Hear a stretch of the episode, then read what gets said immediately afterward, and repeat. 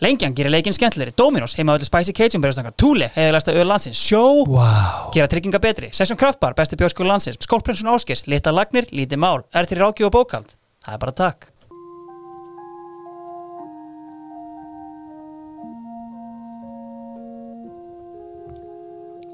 Svona var sumarið er fótbolta hlaðavarp sem kafar hún í hvert knatspilnu sumarið og fætur öðru, eitt í hverjum þætti. Hverjir sigra?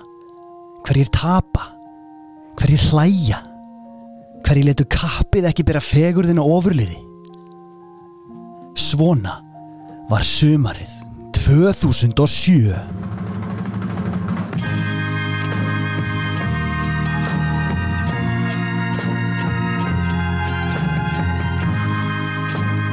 Svona var sumarið 2007 blessarári. Sæll og blessa þér. Erum við ekki léttir það? Jú, þetta er bara gott frí.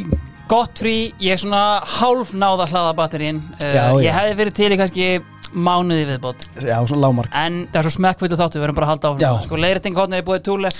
Hann er sá elsti og virtasti og já, hérna hér, leiðrættingarnar, uh, ég er eiginlega bara búin að týna þeim öllum. Þú veist, þegar þú færið svona verkefna lót einhvern veginn, Já, fyrir frí er, já, ég skoði þetta bara þegar ég kem tilbaka. Og sér er maður bara einhvern veginn, þú veist, ég er bara, veist, sikt í gegnum allt eitthvað og það er bara allt, ég verði svona mánu að fara yfir þetta. Já, og sko túlemenn náttúrulega sko, eru búin að vera að móka út jólabjór frá því við töluðum seinast sko. Nóg að gera þar sko. Já. Ég meina bara að la lagarinn gjörsálega tæmdist held ég. Til miður og hérna, og sömulegis leiðrætningarna þeirra einhvern veginn, en þetta hefur einhvern veginn allt komið svona, allt og fljótt og við erum bara að vinna út úr þessu. Og endilega, þú veist, ef þið eruð ekki að fá leiðrætningar til hérna inn, pikkið í mig, takk. Haldið áfram, já. Já, herru, uh, ég fekk hérna fekk sko móla um að ég verði að fara að minna á það í 17. skipti hver júrdallirinn er.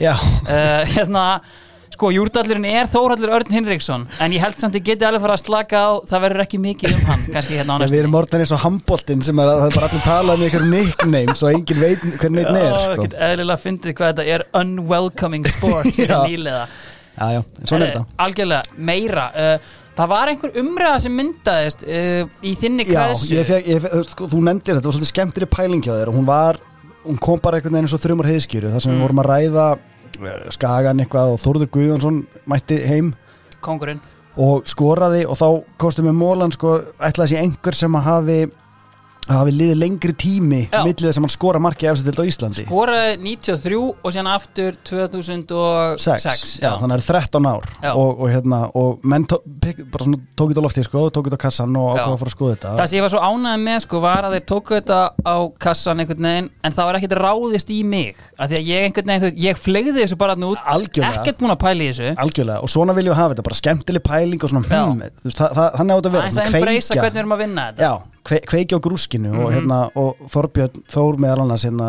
ykkur allsegasti meðaljónin Bobby Þór. Já, hann, hann gróf upp sko Ólafingar Skúlason. Sigast í meðaljónin já, Já. takk, herru, ok. Ástæði fyrir að kalla það er Nei, náttúrulega hvað hann elskar. Hann var ekki bangin og hann læsti klóm Nei, Ólafur Ingi er hérna það besta sem við náðum sem hann, hann kom með hann og það er held Mhm. ég 15 eða 16 ár. Já, 2003 og 2018 átján. Já, mögulega, ég veit ekki hvort hann skoraði hann kemur heim mitt sumar já, já 2018 það er 2000, neða, 2019 Skorar hann 2003, þá? 2019 ok, já.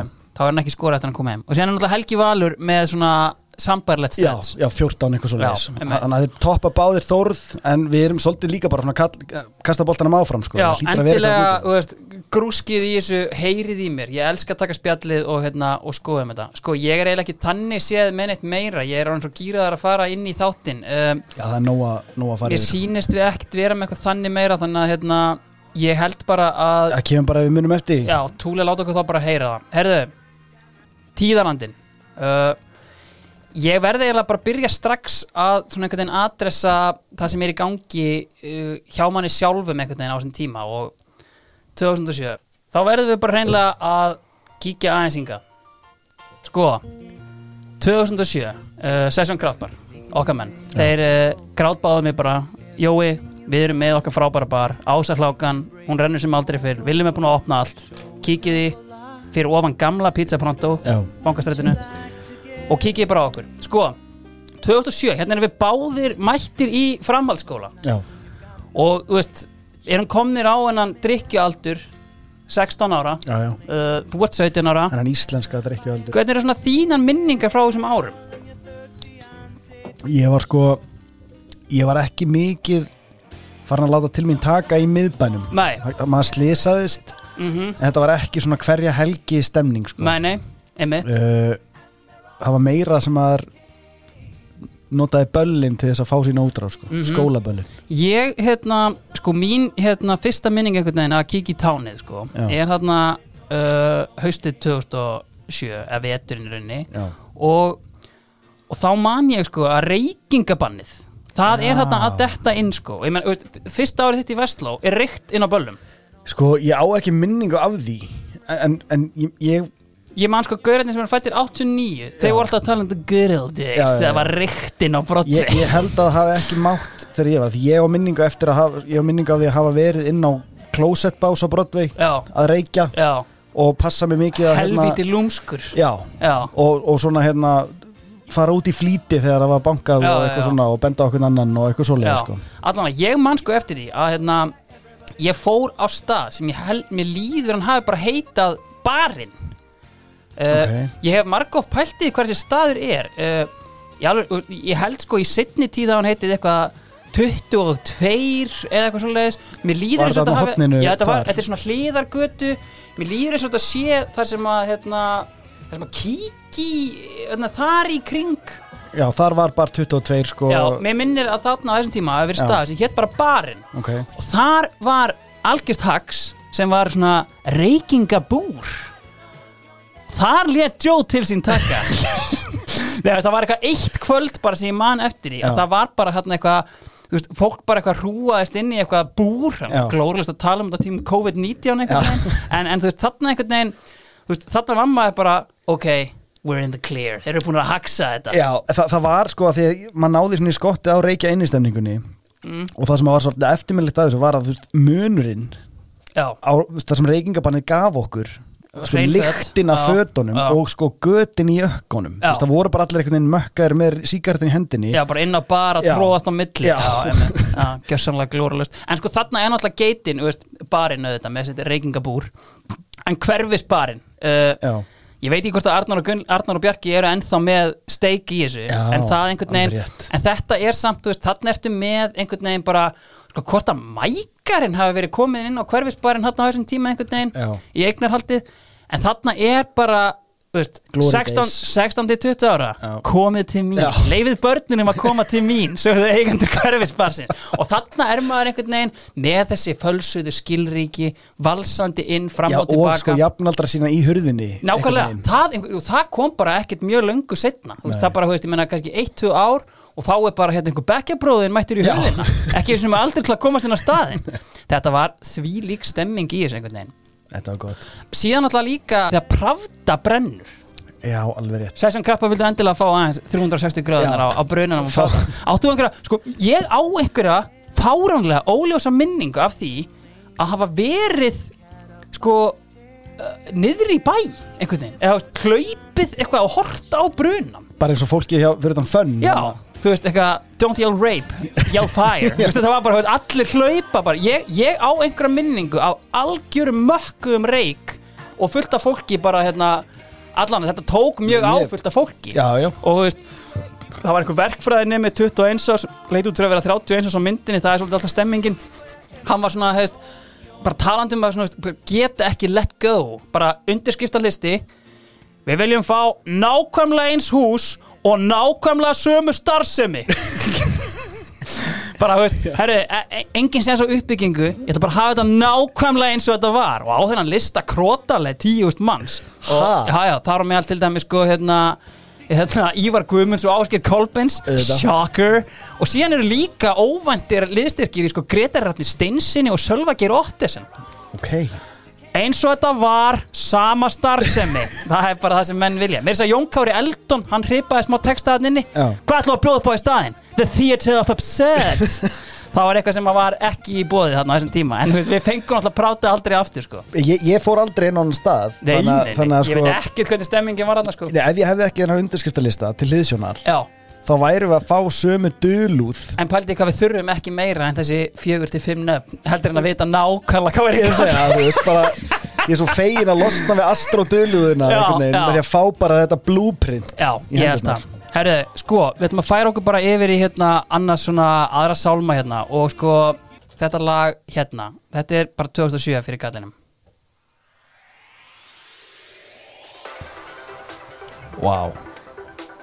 Hérna er Páll Óskar nýskriðin upp úr einhverju andlegu og fjárhagslegu gjaldþróti Já, bara upp úr hafinu gjörsamlega og hann kemur bara ég myndi segja sko totally redeems himself að einhverju leiti hann var ekki búin að vera í rugglinu en þú veist, hann var bara, fyrir mér var Páll Óskar bara gæinn sem mætti þarna í leðurbuksunum á Eurovision og, og var, e, veist, við og við fekk hann einhverja gamla konu til að spila hörpu með sér á jólunum Já, já, hann var týndur. Já, og þarna, þarna sko þessi plata einhvern veginn gera hann að svona Sorry, ég vildi bara fá þetta. Droppið. Já, og það sem að gleymist í þessu er náttúrulega að þetta er ekki bara Páll Óskar því hann fekk bara geitina til liðs við sig. Uh, sko- örlegu smári. Og ég myndi Já. segja, þú veist, ef við ætti að vera með sko Dominos duoið, þá væri það sko örlegu smári og Páll Óskar, því þessir gæjar þeir eru með sko ofnæmi fyrir ekki hits, þeir gefa bara út hits og þe- þessi plata er ruggluð Já. og, og hún verður svona eftir, eftir mörg ára, veist það er komin eitthvað 15 ár síðan hún Já, kemur já. út, en þetta er svona þetta er bara ótrúlegur hún á skilið eitthvað svona remastered 2023, 100%. bara, ný, bara nýtt cover og bara græjum meira, og takk sko, við erum að koma upp úr hérna, grettu stemningun sem við erum búin að vera að tala um Já, og það, það, það er bara búið að feita út og það er ekkert komið í Já. þú veist þarna kemur bara eitthvað popplata. Við höfum aldrei heyrt svona íslenska popplötu. Bara svona algjöra neglu. Nei. og síðan, þarna líka veist, kemur Palli með kemur með það og hérna fæðist líka hinn iconic frasi Palla live. Er einhver hér sem er ástfangin sem er bara það besta sig Palli live bara þú veist, fyrir utan bara performansin bara það sem að gæin dælir út úr sér af svona gýrandi setningum er bara það besta sem ég veit. Og hann Ég- eiginlega- Ég verði eiginlega bara að fá að koma sko, Já. Mitt uppáhast lag á þessari plötu er samt alltaf þetta hérna. Já, Þetta er eiginlega besta lagi sko. Meiri þess að þú veist bara, þú veist Þegar ég myndi að spála með það viðlæginu Droppinu Örlegur er að byggja þetta upp hérna hægt og já, rólega. Já, hann er að kýtla pinnana. Hérna kemur einmitt auðvitað setting frá honum Komin í erlendar tungur. Heilagur andi er komin yfir hann Þetta er algjörlega geggjuplata og þetta er, veist Immo er þetta, top 5 bara sem hefur verið gert á þessari öld sko. já, já, og hann, hann er að verða til þarna því að þú veist. Palli sem að er síðan Palli sem við þekkjum í dag já. hann var ekki til 2006 Nei, nei, veist, hann, hann lítur nákvæmlega eins út og hann gerði 96, það skiptir engum máli sko. Veist, er, hann er bara að finna sig færtur og það bara verður hann til en sko þetta er svolítið svona stemmingin í þessu og veist, árið er 2007 og ég, held ég sé ekki að spoila neinu að þetta ár er ár þetta er Þetta er leikhús fáranleikans. The Theatre of Absurd Já. er í gangi hérna eins og Björgum Páll myndi sennilega orða það og nafni hans náttúrulega Björgólfur Guðmundsson hann hérna fær með sér í lið. Hálfnafni hans. Já, Já, hálfnafna Björgólfur Guðmundsson. Hann fær með sér í lið Kongin og keksinu, Eggert Magnússon. Alveg Eggert, rétt. nú kaupum við knattspyrnufélag og sást hvernig gekk með Stoke? Það er 2007, það er enda þetta november 2006, já, já. gerum þetta bara á einhverjum allt öðrum skala hvað með Vestham og Eggert er ekkert eðlilega gýraður og til í það. Og það sem að gera, þeir kaupa Vestham íslenski fjárfestar Björgólfur orðin sko lífstíðar heiðurs forseti Vestham þetta var rosalegt og bara þetta var svo stórt. Já, og ég meina, þú veist, sko, förum bara aðeins yfir þetta, er náttúrulega- þetta tímabil vestam er þetta algjör sorgarsaga, en hérna, þú veist, ef við byrjum bara á meina, þeir- koma þarna inn uh, í, sko, seint í november uh, 2006 já, uh, þá er félagið gjörsanlega í skýtnum þeir eru með svona lala leikmannahóp og þeir eru hérna með tvo litla argentínumenn sem einhvern veginn engin skilur af hverju er ekki að spila. Nei, Kían var búin að koma með hann Já, góða sendingu þarna af Tevez og Mascherano.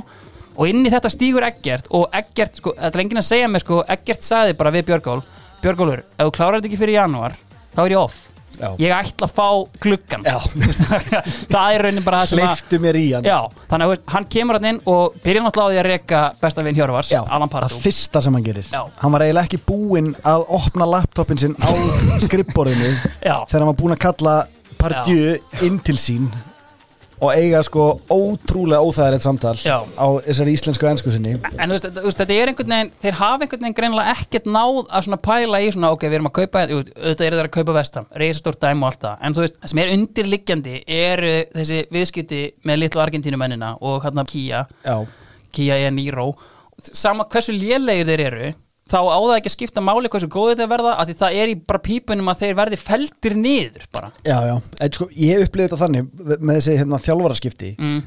þar sem ég minni einhvern veginn að Allan Körbisli sé eitthvað svona smá vestham Já, hann er, já, já, hann er svona, er hann ekki uppalinn í hömrunum Jú, eitthvað leikmaður? svoleiði sko Já. Þannig að þetta var svona eitthvað hérna, Þetta var svona homecoming Já, Já. Og, og þetta var svona komum inn Já. og sigrum hérna, the fans Já. bara strax með því að gefa þeim það sem er búið að vera svona í loftinu einhvern veginn. Einmitt. Körbisli er búin að gera fínustu hluti með Charlton eða hvað það var, þú veist, Já, það sem já. var búin að vera í langa tíma Já, þannig að þetta var svona að það átt að sigra hjarta hug og hjörtu já og hérna, og svo færa náttúrulega hann geggjaða glugga Já, förum aðeins yfir gluggan, ég meina hann byrja náttúrulega á því, hans fyrsta verk einhvern veginn er að hérna, sko, hann náttúrulega hérna, hann náttúrulega segir bara, maður sér án, ég hef ekki tíma fyrir þig, ég ætla að selja þig til Liverpool, þú ert ekkert minn maður, uh, bless. Ekki þú það að gera Herðu, í staðinn fær hann auðvitað Nigel Quasi inn á miðina. Já. Reynslu, reynslu Við þurfum menn sem þekkja þetta, ekki Já. einhverja fancy leikmenn hérna.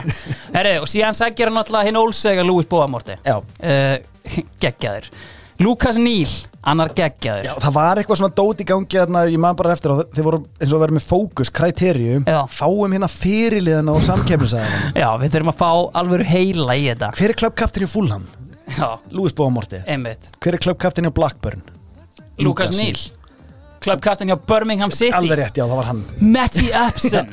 sem að var andar, þú veist, á blaði góð kaup Já, ég meina þessi gæi, hann var í landsliðsóknum hjá Englendingum sko 2010 eða hvað hann setna mér sko. Þannig ég meina, Já, já, og, ég meina eins og ég segi, á blaði er þetta allt í lagi en það gengur ekkert. Það er svona þetta geðið eitthvað punktur sko þeir eru með, og veist, sko talandi um vorum farið þetta sko, litli stóri. Já, þú veist take your pick. Þú veist með sko Teddy Sheringham Marlon Harewood, Carlton Cole Já. Allt gæjar sem getur tekið Bobby Samora allt gæjar Shit. sem getur farið í good shit litli stóri með Carlos Tevez Já. og meiri segja í Carlos Tevez og hérna Teddy Sheringham sem er reyndar fertugur þarna þá gætir verið að vingsa í svona þessu sem að breytin kallar svona veist, Premier League Siggi Raggi Veigarpál það var veist, einhvern veginn þannig dæmi sko. Nei, og mér þessi leikmannahópur er ekkit, hann er ekkit galinn, ég meina, þú veist Þetta er líka Jossi Benajún, er ekki ísraelska stálið þarna? Ég held er það. ég meina, hvernig viltu hafa í hægri bakinu? Maður bjóði Jonathan Spector eða John Pansil skilur þú veist, bara Takk! Það er hægt að velja hvað sem er, viltu George já. McCartney eða Paul Konserski í vinstri bakinu Já, og síðan náttúrulega er fyrirliðin þarna er náttúrulega Nigel Rio Coker. Og sko, þú veist, þarna er alveg hlutabrifin í Rio Coker mjög há. Já, Ég, get að klárlega. sagt í það, ég rakst á grein þar sem að hérna, er sitt.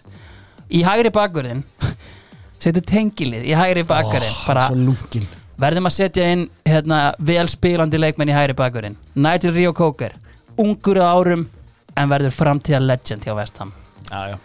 talent spotting heimir aðeins að hérna, átta sig þarna en hérna allavega veist. en Já, þetta, bjargast á endanum. Þeir fá ekki nema hérna, einhverjar 500 miljónir í sektir hérna, og hérna, hérna sluppuð það ekki við hérna stiga þeir fengu ekki point deduction Nei. og þú veist, ég held að sko Neil Warnock Neil. Warnock, þjálfæri Sheffield United þarna, hann er ennþá að hérna, bara taka Blóta. píluspjaldið með ekki Magnusin á bara hérna, fuck maður Uh, sko, eigum við ekki einhverja meiri tónlist hérna? ég er með bara, sko, þú veist, þetta er alveg svona minningar tími fyrir mig og þú veist, það er eitt hérna sem við getum kannski komið inn á sem að líka svona fangar aðeins hérna, sjá, erum við ekki fara bara í sko, ef við fyrir maður svo rólegun hérna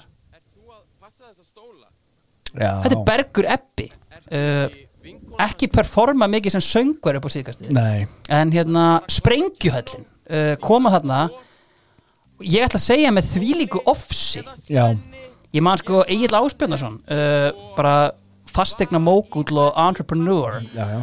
Hann var alltaf að fara með þetta. Það var alltaf sama hvað var í gangi eitthvað, ég, veist, bara kom allt í hennu bara upp að manni afsakið, er þú að passa þessa stóla? Þetta var svona þannig dæmi sko. Og enda þeir alltaf á að koma- taka allt lægi þetta var orðið mjög þreytt sko.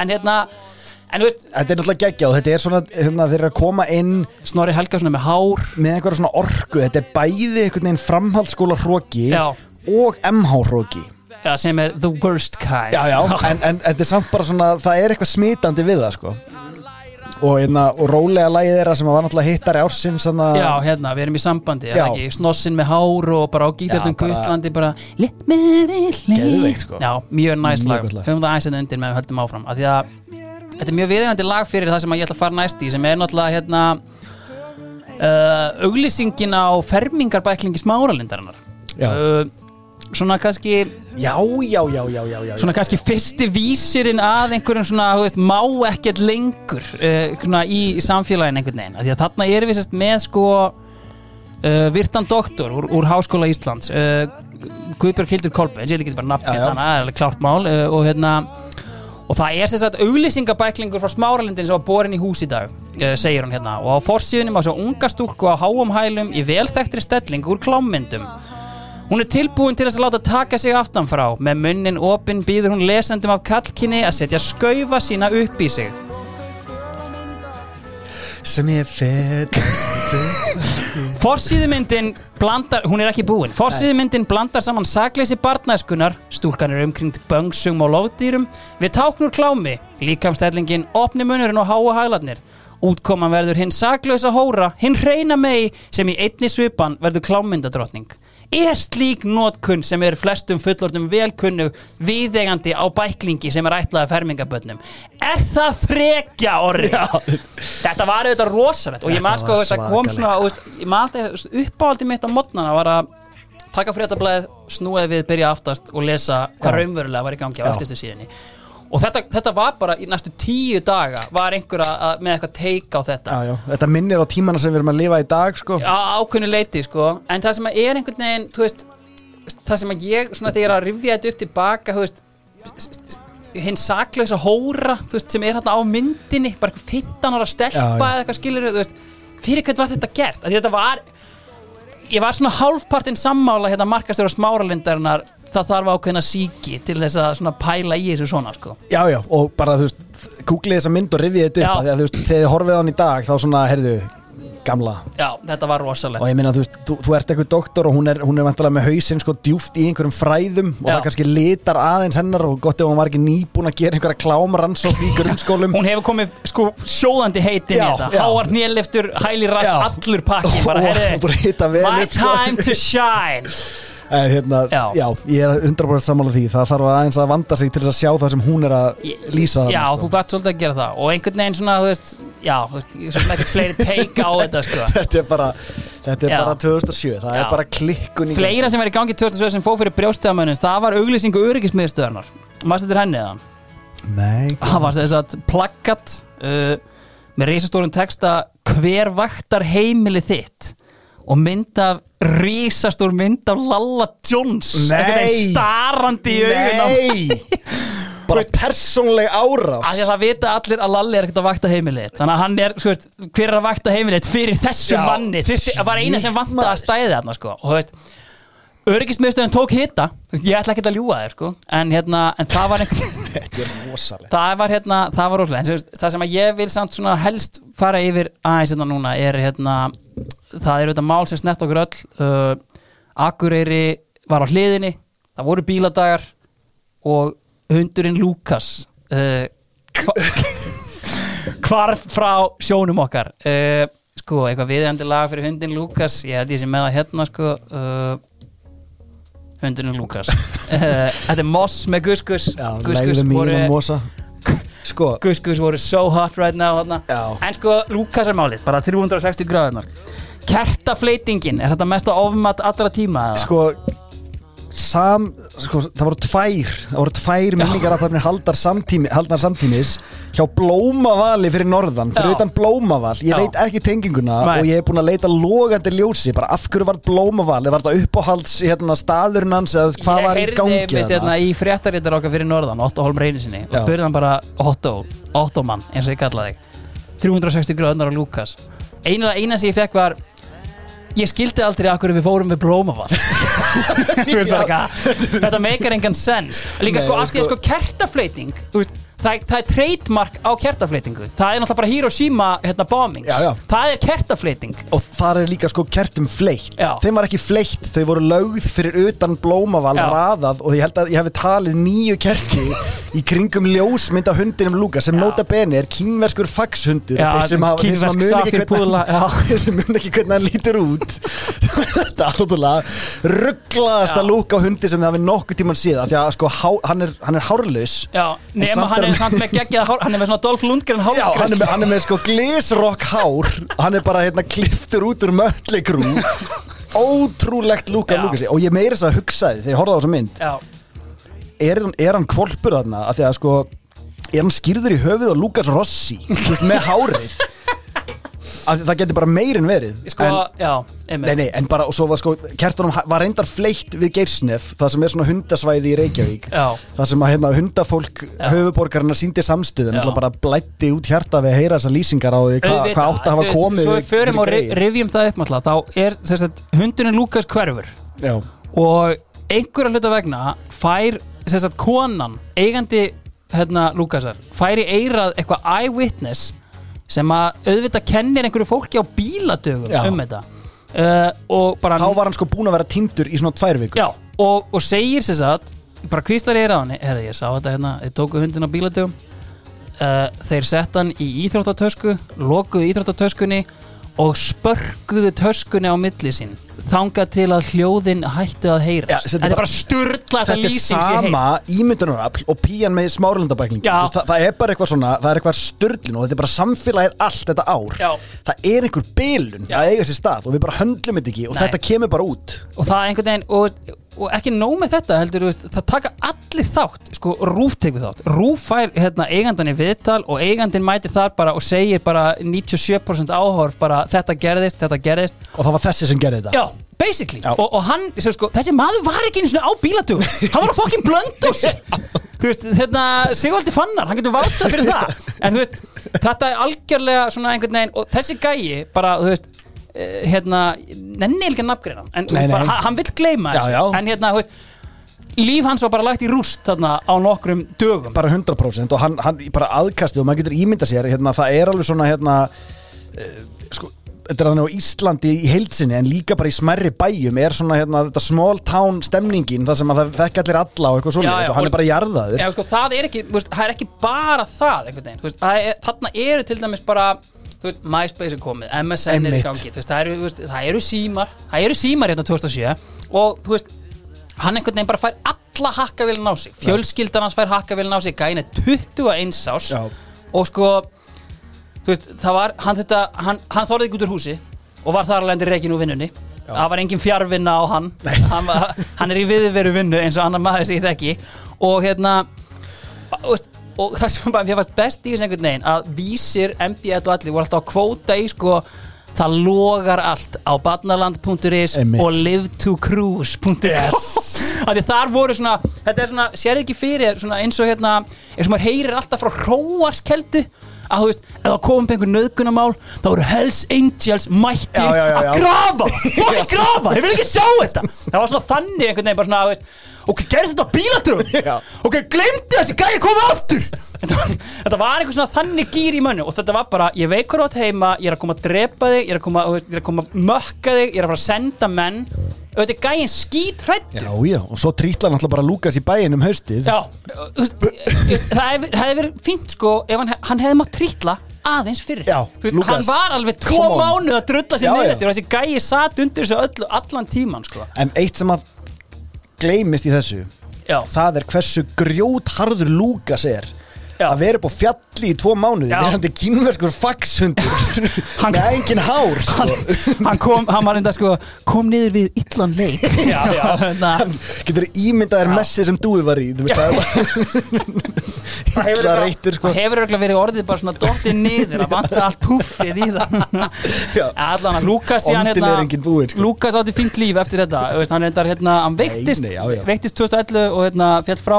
Já, uh, hérna, já, við skulum ekki hérna, bí, blípum þetta eitthvað. Hann hérna, hann sést að hérna hann, hann fekk fekk alveg svona bót meina sína. Hann er bara held ég á fínum stað Já, sko, en ég meina samt ekki það, er, Það var fólk til, og það, það er nú það sem eftir stendur er hann er gau, Lukasenmálið er rifjað upp sko árlega. Ég held ég að sé svona Ándjóks. 15 fréttir í COVID bara muni eftir Lukasenmálinu Já, og alltaf þegar týnist hundur þá er þetta tengdar fréttir já, já, já, og síðan meiri segja sko þú veist, eitthvað, þegar, þegar Lukas dó úr veikindinu sínum þá var ringt í helga.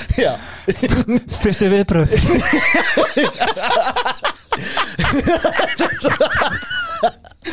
Þetta er svo mikill farsi Já. ég, sko, og, The Theatre of Absurd já, sko, það sem, sem hefði átt að gerast já, og og það sem hefði átt að gerast er náttúrulega við hefðum átt að fara í sjálfskoðun um leið og að komi ljósa að hann brokkaði bæ Já, já. það hefði átt að vera riðið alla bremsur, Já. bankar, slakið á allir, chilliði það var ekki neitt að gerast með hennan Lúkashund. All, og sko 2011 það sem átt að gerast þá er að hver einasti maður sem mætti í þessar kertafleitingar Já. var þvingaður í fokking jarðaföruna þegar hann actually dóur þessu veikitum það er bara að þú mætir Já, og, og sko fólki sem bloggaði og allt þetta Já, já, bara já. þið mætið og þið vottið fokking virðingu. Hann fór líka í sko hann fór held í einhver 70 meðilamál og bara hótanamál og eitthvað svona. Ég held að veist, hann, Sko, hann ég- fyrir það sem hann sagði sko var bara eitthvað veist, hann fór, veist, þarna, uh, hann sagði bara sko þú veist, já, þú veist fólk var ekkert að gangast við þessu einu sinni. Það bara, þetta var ekki ég. Bara, internet er ennþá þannig búbla skilja, það tekur svona tvö ára að reykja IP-tölu þarna. það var ein manneskja.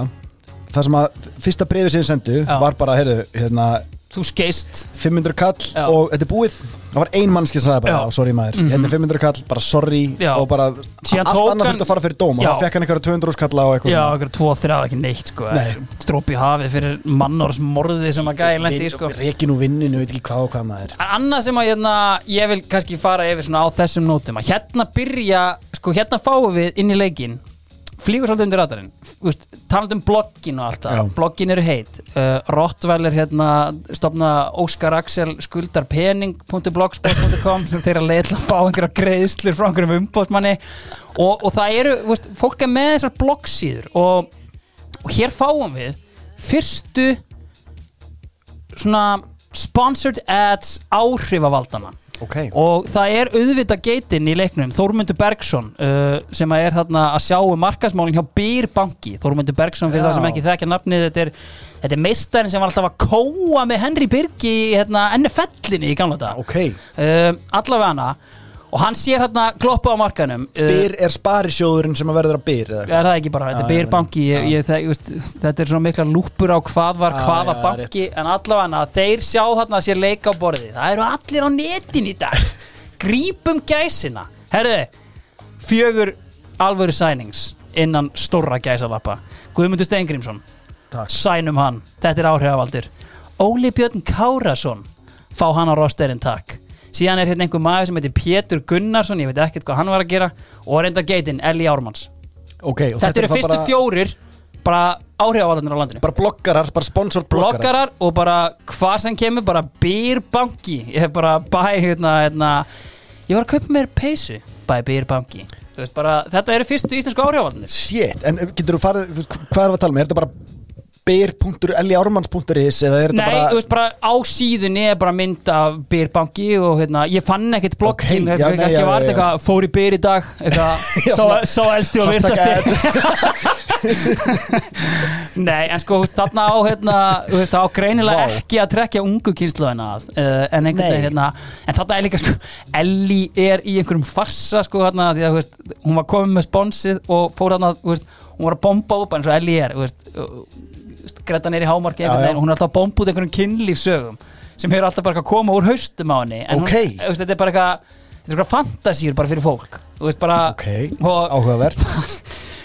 Ein sagan sagt um og, en hún, þetta, er aldrei, þetta er aldrei sett upp sem er ég skrifaði hérna sögu hérna þetta deila smásögum, skáldsögu með ykkur. Þetta er bara, já þá var ég að koma úr kaffibóði og það sem að ein vinkona mín á færtugsaldri uh, eða þú veist, um færtugt hún, hún skrifar þetta bara eins og blogg úr sínu lífi í rauninni. Já, já, er sett upp þannig en, en hún, sérst, síðan í Aftermath segir hún bara það vita allir þetta eru sögur, ég, er bara að bulla hérna og þessi saga Er það ekki um- bara eitthvað baktrygginga því að það hefur eitthvað sagt bara, heyrðu, hvað er það Það er bara, þetta er svo mikið lega saga Það er Já, engin ok, ok. átt Þetta er fertu vinkonunnar sem á að hafa farið bara út í hérna garð og basically bara svona hérna Gabriela úr hérna Desperate Housewives Já, já, já. táldreið 16 ára starfsmann garðlista 16 ára? Já. Elli! Já, og sko, nafngreinir garðlist.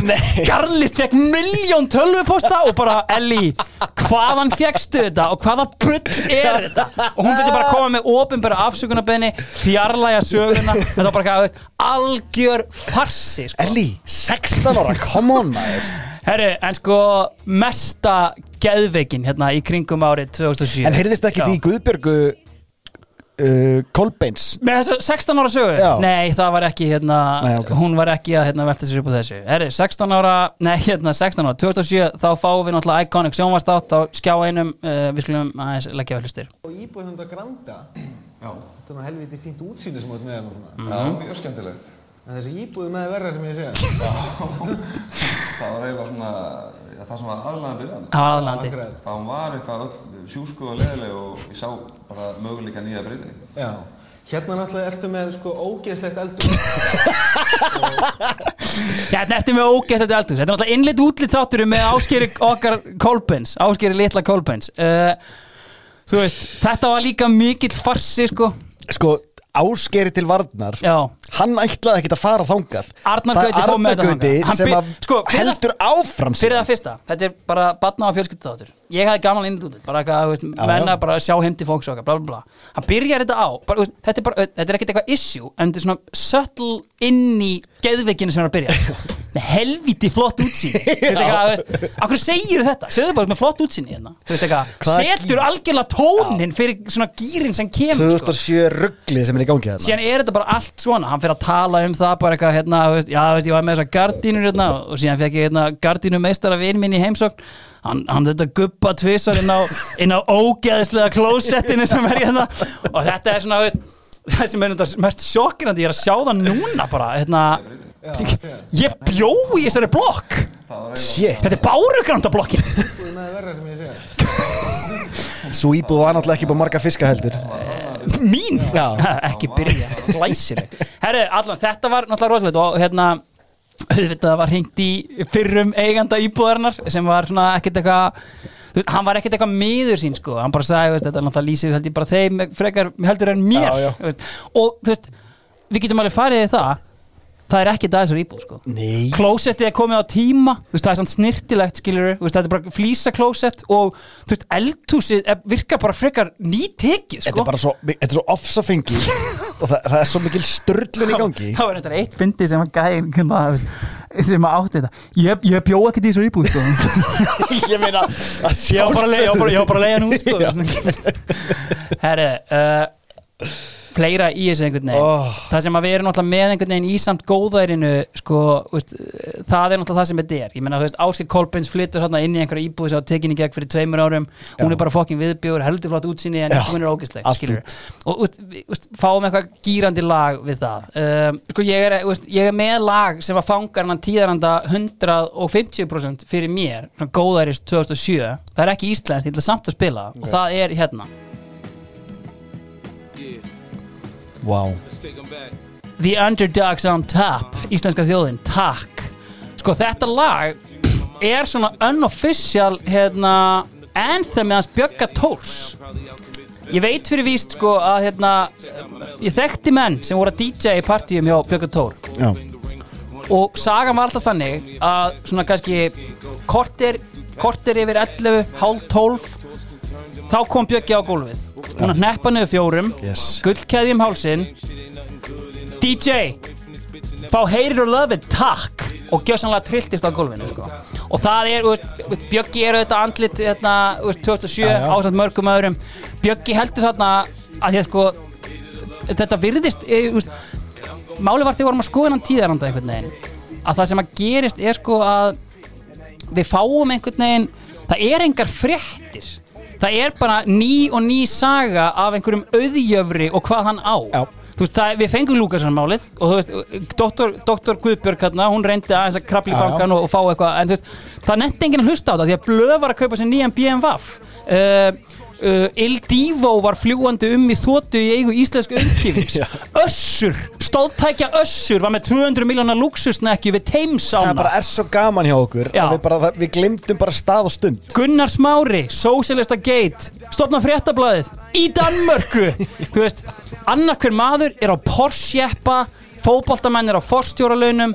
Þú veist, það er áramótapartí í London það sem að Ármann Þorvalds er með allt í gangi syngjandi með Tom Jones Duran Duran eru fengnir.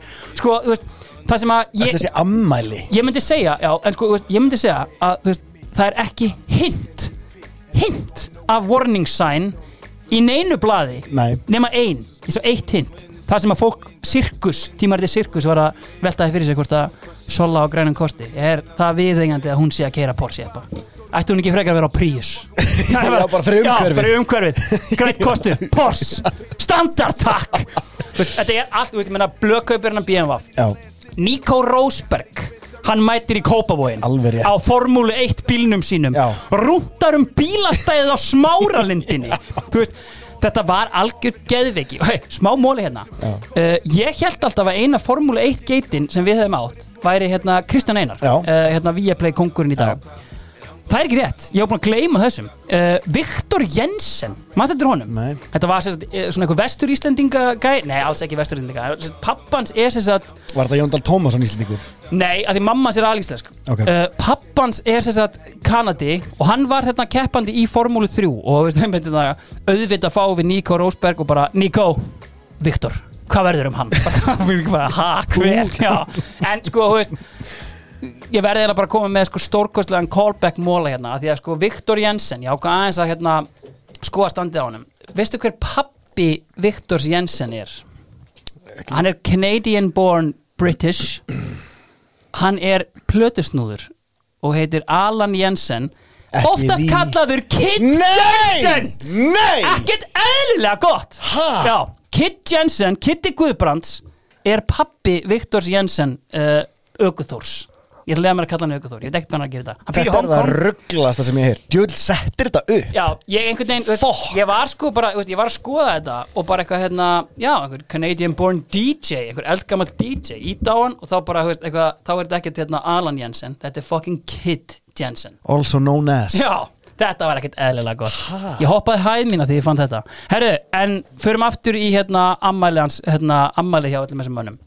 Því það er svolítið þeim, þarna eru menn virkilega að sína skella, titling, mætt, ti- sko, skella já. titlingnum á borðið Já. góðan daginn, hérna er minn titlingur, Já. hvernig er ykkar Já.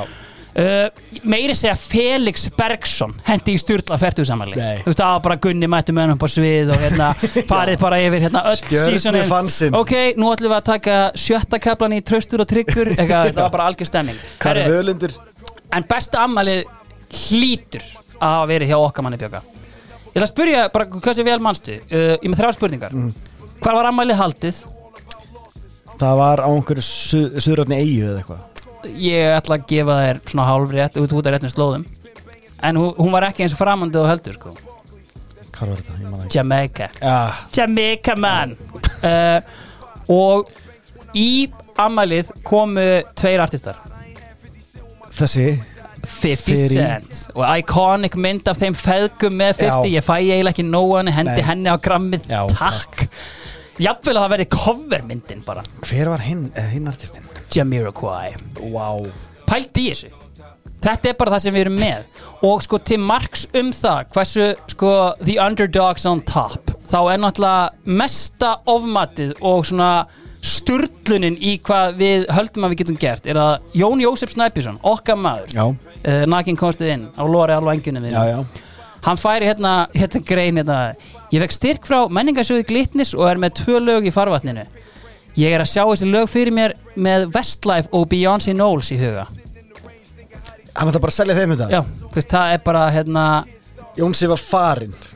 Pældi, segja þeir náðu meiri segja Jónsa.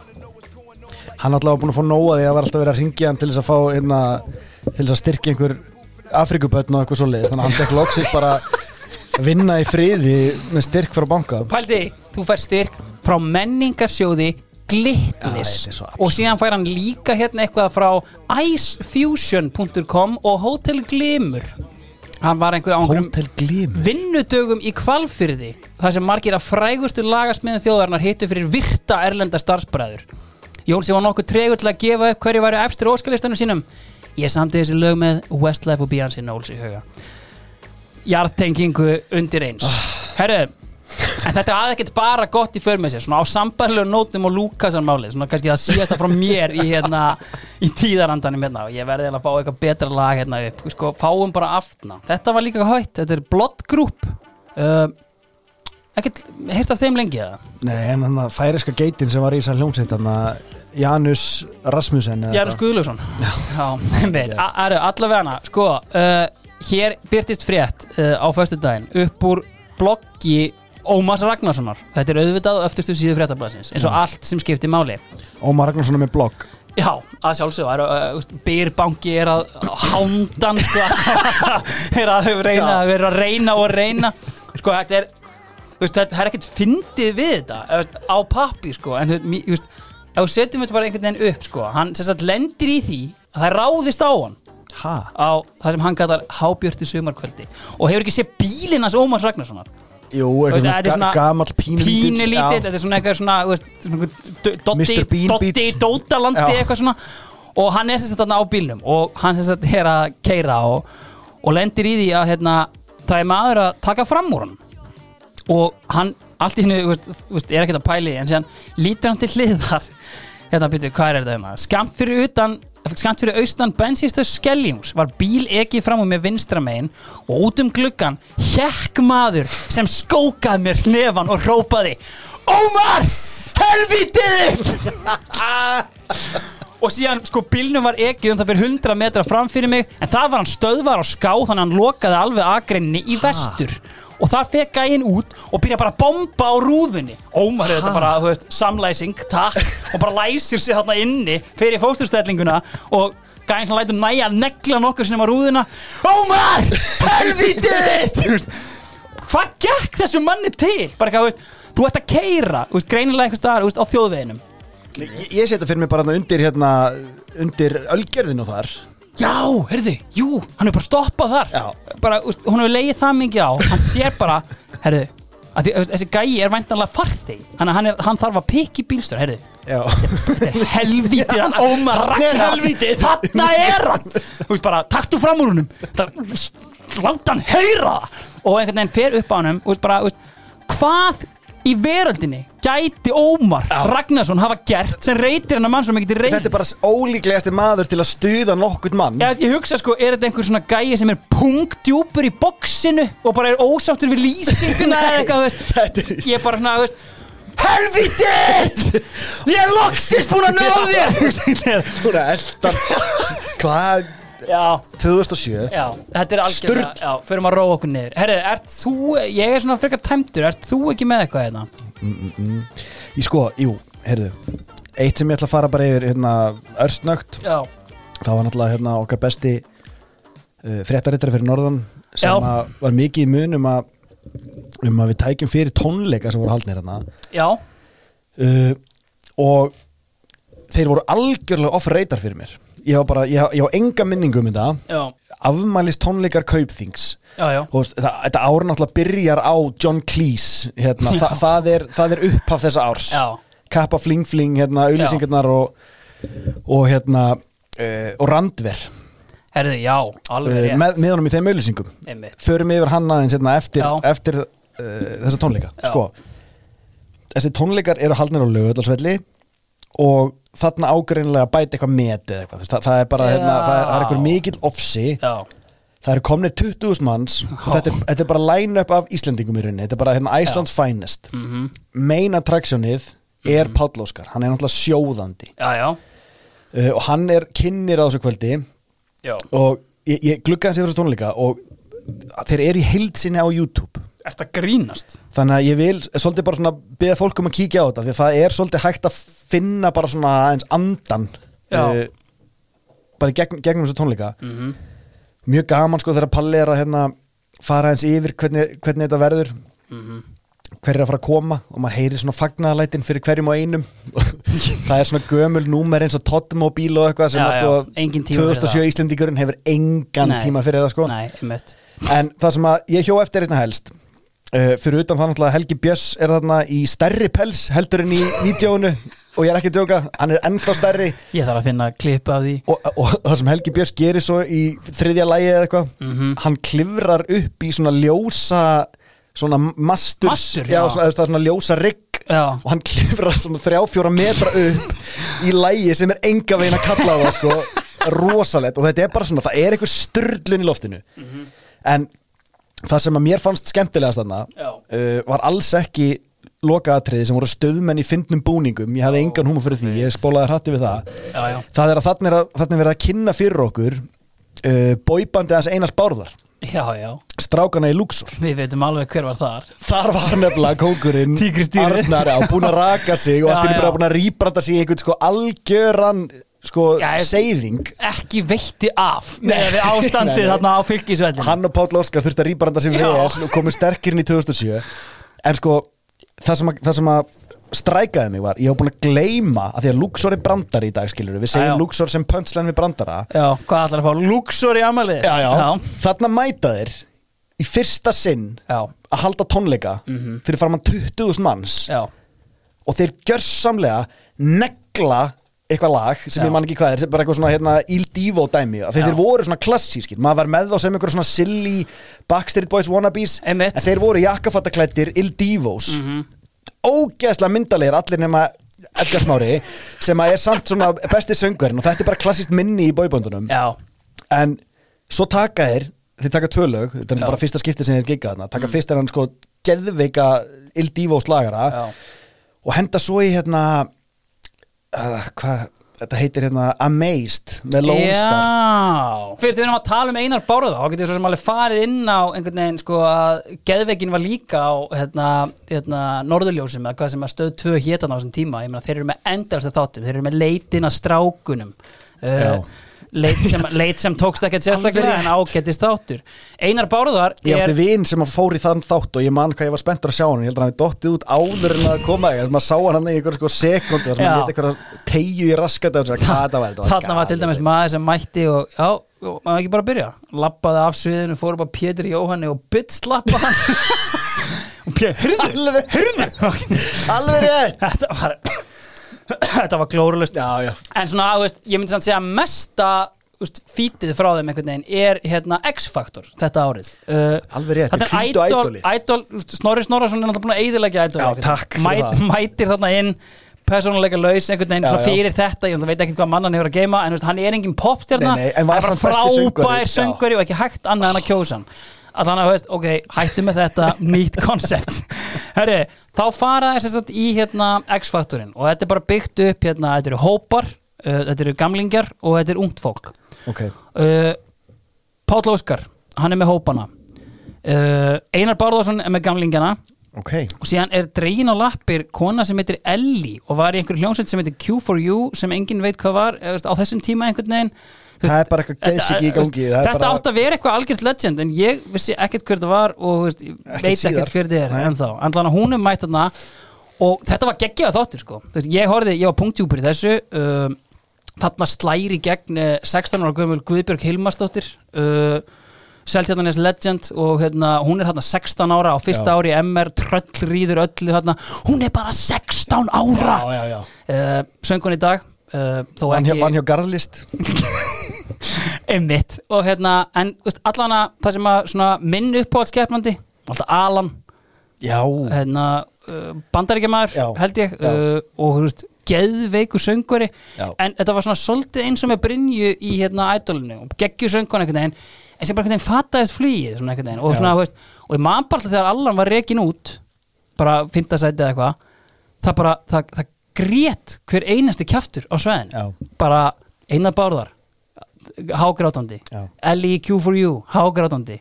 Halla Vilhjáms gat ekki klárað síðustu kynninguna tárin streymdu niður þarna. þetta var ótrúlega dæmi. Sigurvegarinn er síðan auðvitað uh, leikmaður sem er alveg verðt að minnast hérna á uh, er að gera allt vittlaust í hérna verbúðinni um þessar stundir. Það er auðvitað Jeggi. Egi Hansen. Sko þetta lag já, hann er sitting on a hvað ég var rooftop búin að gleyma þessu. Kemur örgulega út sko veit ekki hvað árið þetta kemur út en veist, þetta er svona Þetta er minn 2007. ég, ja, þetta er minn jeggvann slagari sko. Og ég meina, Er, er þið fleiri? ég sé nú að hann er hérna með færisku útgáðan að sofnu ungi ástur minn. Ok, en þú veist, allavega hana þetta er svona, þú veist, kynjað. hann allan að tekur þetta og ég, hann var í gamlingjahópnum. Ég hafði enga trú á honum. Var hann í gamlingjahópnum? já, og sko það var sko, veist, færegar voru á hliðinni, bara þannig maður hann er að sigra Íslendinga. Getur verið að hafi- hann hafi verið þeirra megni já, og þau eru að vaka hérna fram eftir til að kjósa í einhvern veginn. Þið getið geti, sko farið inn og hafa ætlumann til þess að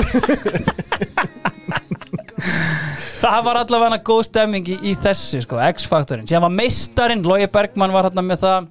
En segðu mér eitt samt. Já. Is to run away. Ég ætla að tala í viðlum, hvað er með það? Sitting on a rooftop, laughing my head off, singing every silly song. já, og þú veist Þetta er að fara að ræta á playlist að Hás Eriksson getur sett 100% það er endar eitt sem við erum að gleyma hérna mjög mikilvægt Þa, atriði. Það sem ég ætla að segja sko, Þáttakandinn í X-Factor e, í gamlingjahópnum Já. er þetta Inga Sæland.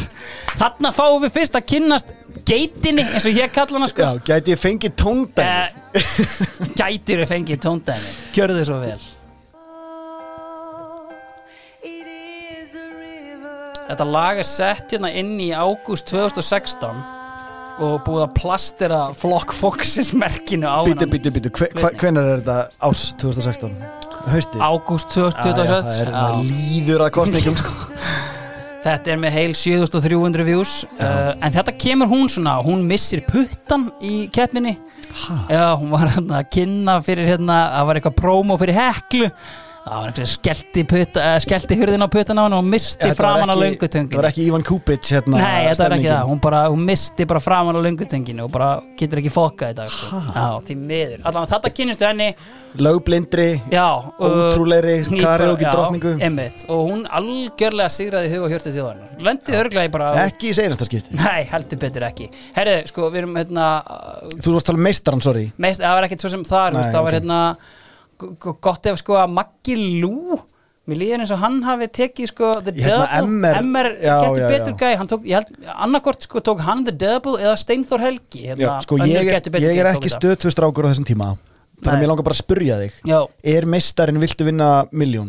nei, þetta er keppni Þetta eru tveir gæjar. Já, hitt var Eh, keppni. Já, menn er keppni milli Já, já, já, já, já, Þú veist, ok. það, er, það er bara spurningakeppni og það er bara verið að finna meistaran Luigi Meistarinn? Bergman ætlar að finna meistaran Þú mistar Hvaða Var, var það meist- komið í slangurinn? hver er mistarinn já en það hérna veist, það var, þetta var alveg skemmtilegt dæmi sko, en Já. veist, það var samt svona veist, það var samt svona veist, sem ég finnst of pyrrandi og mér finnst quiz aðeins að var svona náða svona, ég þóli ekki þegar menn fá mismunandi spurningar. Að því oft var Já, bara menn styrkleika- annar aðilin að Já, fá já, bara já. miklu erfiðari spurningar ég hefði smátt verið meira makandi þar.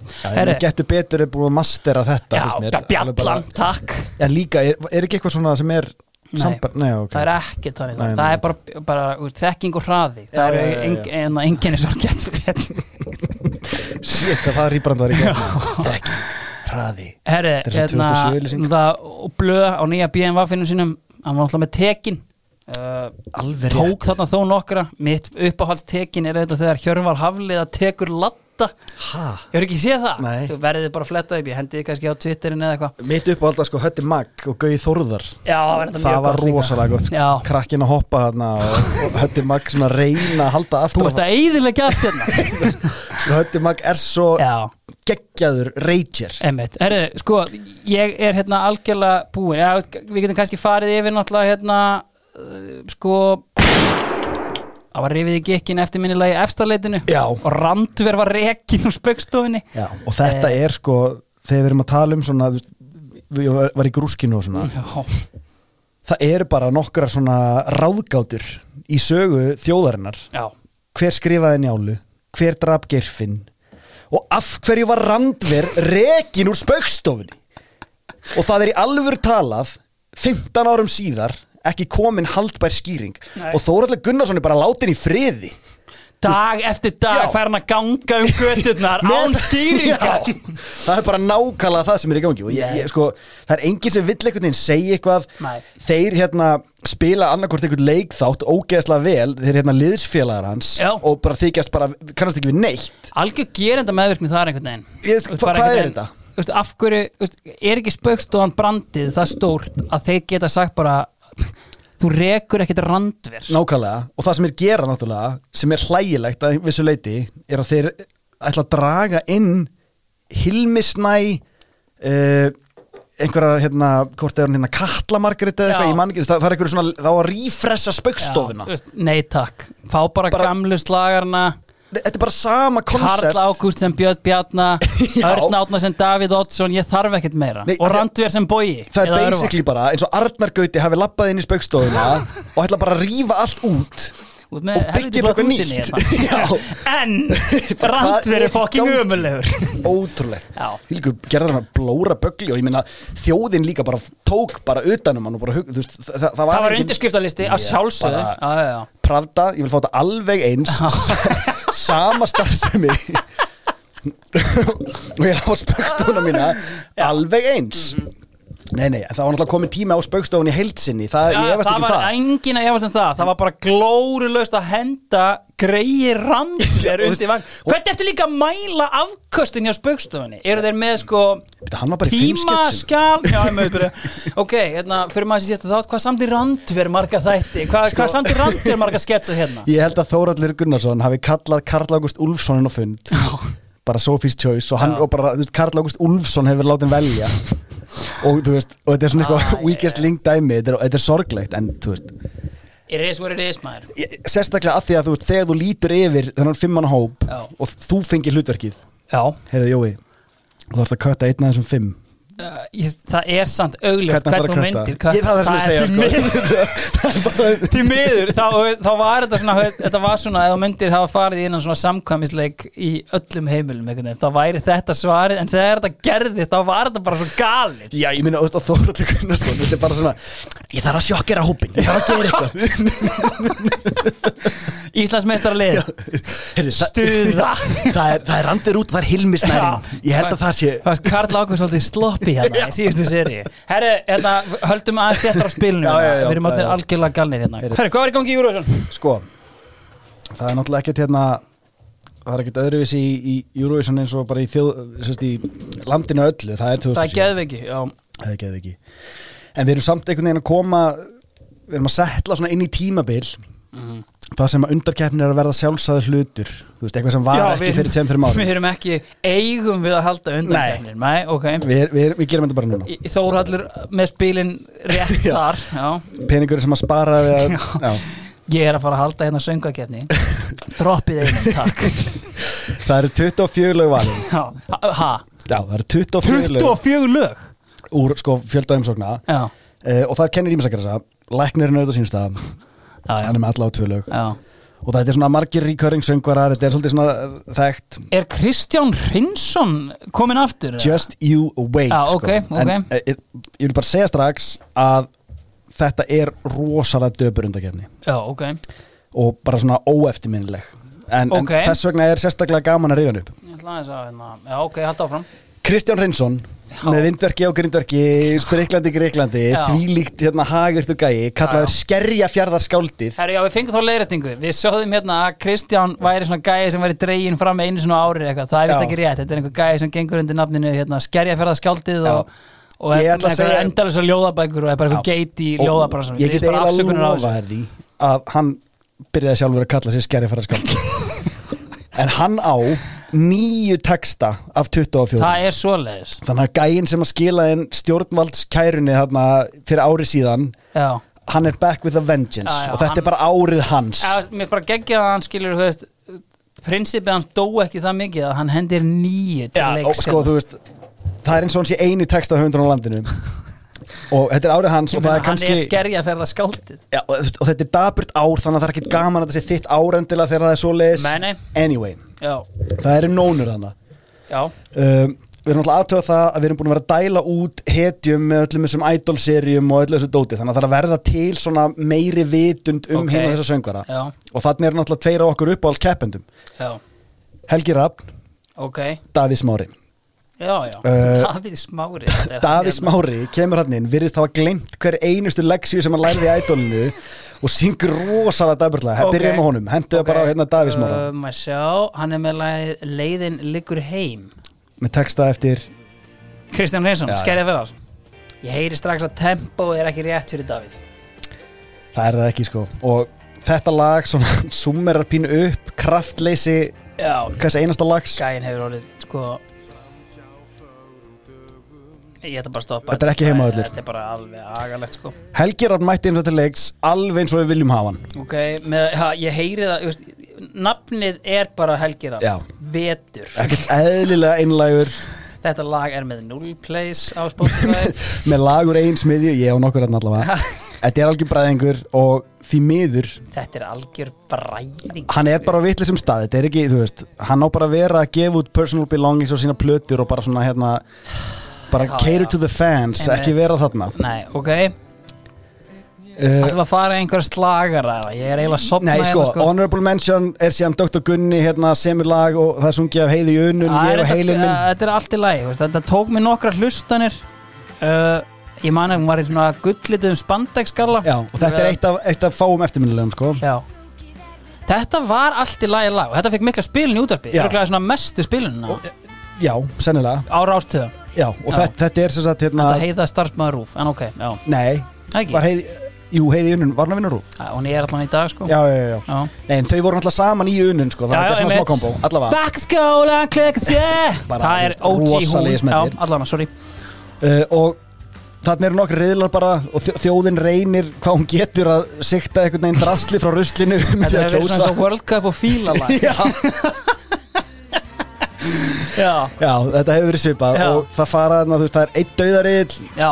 Það sem að Friðrik Ómar Jónsi Eiríkur Haugsson, Hera Björk eru saman þarna. Se, Sorry, ég sónaði út. Sko, Hera Björk, Eiríkur Haugsson. Jónsi. Já, Friðrik Ómar. Ok, ég er sko búin að fara yfir keppendurnar. Það er galið að setja þessa flytjandur í sama rið Já, já, það er það. Hvað gekk mönnum til? Eitt og- lag upp eða? og, Nei, þrjú, henda Richard Scópi þarna með. Fyrirgeðu, þrjú lög upp Þrýriðlar, þrjú uppu hverju og við erum með nýju laga úslit Hversu sárt fyrir liðið í fjórða sæti? Sko, ég skal segja það Í grúskinu Það var augljóst Að við vorum sem þjóð Já, Of cool fyrir Eurovision hana Já. Og fólk keftist við að urða yfir undakefnina Mhm. Og ég frankly er ekki hissa miða við þessi lög sem við erum að fá þarna. Nei, nei. Þetta, er, þetta er í alvörunni shocking Já. og ég held að það hafi bara verið einhver smá klikkun í gangi í dómnefndinni. Þau, þau hafa bara svona ekki nefnt þessu. Það er bara partí einhver stað þannig að halda upp á ammali sitt og Felix- Elton John er að fara að Felix mæta. Bergsson er með fertugsafmælið sitt. þú veist, Gunni er að mæta upp á svið eftir smá. Og já, það er svolítið stemningin. Ok. Uh, Matti Matt er þarna kem, kemst í úslit Sko ég sé nöfnin hérna og ég bara þekki eiginlega ekkert sko. Nei, það er fullt af gríni þarna þú veist, af Þetta er hverju- af hverju- hérna, er þetta ekki það sem að Hérna er fróma sinn sko? Já, sko, þe- þetta er Jú, þetta er fínt lag. Já, Þetta er þetta, fínt þetta er lag. an, annarsættislagið Já, og bara svona til þess að taka aðeins stemningunum sem er í gangi þarna. Uh, við vitum hvaða lag er að fara að vinna. Það er bara eitt lag sem að ber höfuð og herðar yfir önnur. Já, og það er uh, Læknirinn, Já. Mhm. Kristján Hrinsson sungið af Eiríki Haugsinni ég les í lófa þínum. Og það, þetta var bara svona þú veist já, í þessu sultu hérna, úrvali sem við höfðum Já. þá var þetta bara skást því miður fyrir þetta svona, þessa stemningu. Já. Það sem við hefðum geta gert hins vegar Já. er að fara svolítið aðra leið af því að sko lag þessar undakefni fyrir mér er Þú trillir mig með já. Þórólsinni Sonur, sorry Sonur Þóróls nokkurs Guðnasonar. Takk. The Chancellor. Já. já, uh, og þetta er kóngurinn sem átti Gaypride-lagi 2003 eftirminnilega já Gorgeous tökum þetta lag aftur og eftir Já, ok. förum yfir Förum trillir mig Þe- þe- Þetta var náttúrulega mitt lag Ég, Já. sko, Já. ég, ég get sagt þér það Ég lobbyaði Ég Já. var sko á MSN Það var bara, herru Hafstein takk Og Þetta er þarna- geðveikt lag sko Þetta er, ge- þetta er geðveikt lag Já.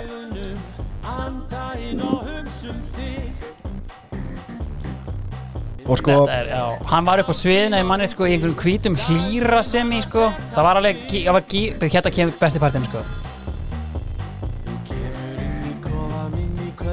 callback. Þetta er bara mín uppáðsetning í heim ég mun sjá um kampavínu þú um jarða ber og svo. Yeah, yeah, yeah singalong fyrir þig. Já, Nana kabli þetta er geðveitt lag, sammála því. Já, og sko það sem að, sko, gildran sem við svolítið föllum í þarna. Yeah! Þetta er sko alæturnar hafa getið gildran sem við samt föllum í að því að þarna erum við sammála um að við vorum með alternativ, þú veist, það, voru tvö lög í búði faktíst þetta, þessi leið eða Eiríks Haugssonar leiðin. Já, sem við höldum að sé eitthvað get safe að því hann er búin að ná einu 16. sæti. Já, og sko, önnur kenning er svo við vorum búin að tala um það uh, Vigvam Já, já, lögðu þeir, þeir, þeir gengu svo lorti gæti Einmitt. það var það sem við sögðum. Uh, það sem er að gerast hérna er klassíst Ísland og við munum heyra það síðan í, í síðara keppnum. Já, þannig er í rauninni það að gerast að Vigvam er að leggja brautina. Já. Lordi er að gunna brautina. Svo mætum við með Eirík Haugsson erum tekin fyrir ofhraðan akstur erum bara einhvern veginn of sein Já. með rockið einhvern veginn. Og það er bara hérna það er bara staðan. Já.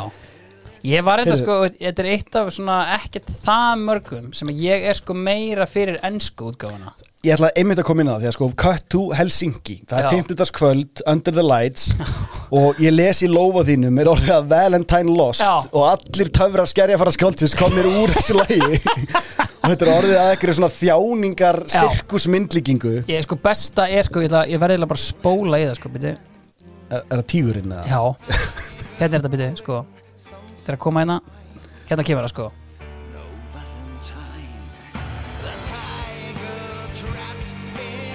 Það er tígurinn. Arnar Jónsson er trapped inside a cage. En sko ég get alveg komið með það sko Þú talar um læknirinn sem er þetta. Hann er með eiga upp á sviði. Ég held hann sem er Ryan Giggs hérna, úr, hérna í svörtum fötum á trommunum. Og síðan er hann með sko svona hálgert svona boyband af gítarleikurum og bassaleikurum svona, hann er með fjóra gæja sem er að taka þetta veist, slammið. Það eru bara, Það það, er það sko- eru læknanema frá Slovakíu sko staðfest Já, þeim er bara bróðir hans Magga, virtast að fjármála rínir þjóðarinnar Sko ég ætla einmitt að koma inn á þessa menn sko og, og ég er ekki alveg sömu sína út af þú sko Ok. af því að performansin á Eiríki Já. er alveg spot on Já, og sko, svo að sé sagt, hann er fighting a losing game veðbankar eru bara hérna, Já, já. gleymið þessu, hætti þessu kæftæði sko, Já. það verður 17. sæti í riðlinum, Já. það er það sem er að segja uh, Under the Lights hann, hann negli lægið Já, já. en ef þið farið og skoðið performansin Já, svona hérna hindsight 2020 stemningunni þá er þarna trommarinn Ryan Giggs já, hann er í gír eða Rodri Giggs, Já. eins og ég kalla hann uh, hann er í góðan gýr Já, svo ertu með fjóra læknanema eins og það segir. Já, Eitt þeirra er alveg eins og Magni í útliti Já. ég held að það væri eitthvað sem þið var að reyna. Hann hafi bara skafað sig fyrir performance til þess að reyna að skora eitthvað stig. Já, en það sem að trublaði mig já. uh, þessi fjóri einstaklingar eru sennilega ekkit geggjaði gítarleikara sko. En spytu, skiptir ekki máli af því Já. að þeir eru ekkit pluggaðir inn þeir eru að nei, þykjast. Já, en enginn þeir eru að spila á bassa þetta eru fjórir gítarleikarar. Er það fakt? Já, já, fakt. Og þe- þetta er sko fjóri gítarleikarar að gera allir sömu múvin þannig að þeir verða sem svo synkronæst dans. Og það er ekkert eðlilega asnaleg og sko elsku Eiríkur sem er sko hann á svo skilið að fronta alvöru rockljómsveit er þarna alltaf að fronta eitthvað augljóst grín. Eitthvað sem hann fólk hefur hugsað bara já býta nú við. Hann er Magni, wow maður. Þetta er gali, hann er með sem sama gítar og Magni var með þegar hann tók fægir í hérna Já, já, já. Og sjáðu sko taktana. Já, þetta er eiginlega ekki bóðlegt sko. Nei, sko, eða, sko máli er líka bara að hérna Já, er, þetta er galið, þeir eru náttúrulega aldrei að spila þetta sko. Þetta er alveg Nei, og, og bara svona líkamstjáningin og hvað þeir eru mikið að gera það sama þeir eru allir að spila einhvern veginn svona sama hlutin af sömu þú sér það líka bara sko hvernig þeir spila að það er enginn að það spila á bassa sko. Það er enginn sem lemur svona á Nei, nei. bassan sko. Nei, og veist, ég, ég hjó eftir þessu, ég horfði á bara þetta er allt sex strengja gítarar sem verða að spila þarna og svo kemur eitthvað svona gítar solo partur Já. og þá er bara, verður upp í fótur og fýt og allir bara, er það ég eða er þú hvað að gera þetta Já. og þetta er mjög pínlegt, þannig að ég held að það hafi ekki hjálpað til, en Eiríkur náði einhvern veginn að að hérna er gera heið ótrúlega og, og enda í 13. sæti í riðlinum Já. en ekki 17. Djöfull eins og hann er. Rodri á miklu rönni að það, hann er eiginlega algjörlega að halda þessu uppi, það er að henda honum bara fremst Já, já, sem ég sko Já. En allavega, En sko, mér- mér- ég pældi alveg í þessu Ég veist, ég elskaði það að bróðans makka var þarna mætur upp á sviði. En ég hugsaði Hver er hans reynsla? Hún er null er, Þetta eru bara, þetta eru bara læknir Þetta eru bara dansarar, þú Já, veist, þeir eru bara dansarar með hald og gítar Og væri þetta þá ekki alltaf læg að fá bara gítarleikara? Þú veist, einhverja menn sem þekkja það að vera á sviði? Er annar performance. Já, þetta sama kvöld ok, frá uh, Swiss ok. Þar sem að DJ Ó, Bobo heyrði Vampires, Já. come alive. Sko DJ Bobo er sko 90s hetja. Með sko algjörlega hérna, legendary svona Ibiza dæmið eitthvað. Þetta er geðveitt lag. Þetta, Hérna- þetta voru mínir menn og sko þið verðið að hlusta eftir bestu nótkun á orðinu hens sem, sem er útleggast sem þar af leiðandi Já, í sögunni. Sko veit að þetta geggja lag? Þetta er We'll never come undone And we will be forever young. Svo mætir Bóbóin hérna. Come alive. Ok, hlustið núna eftir orðinu hens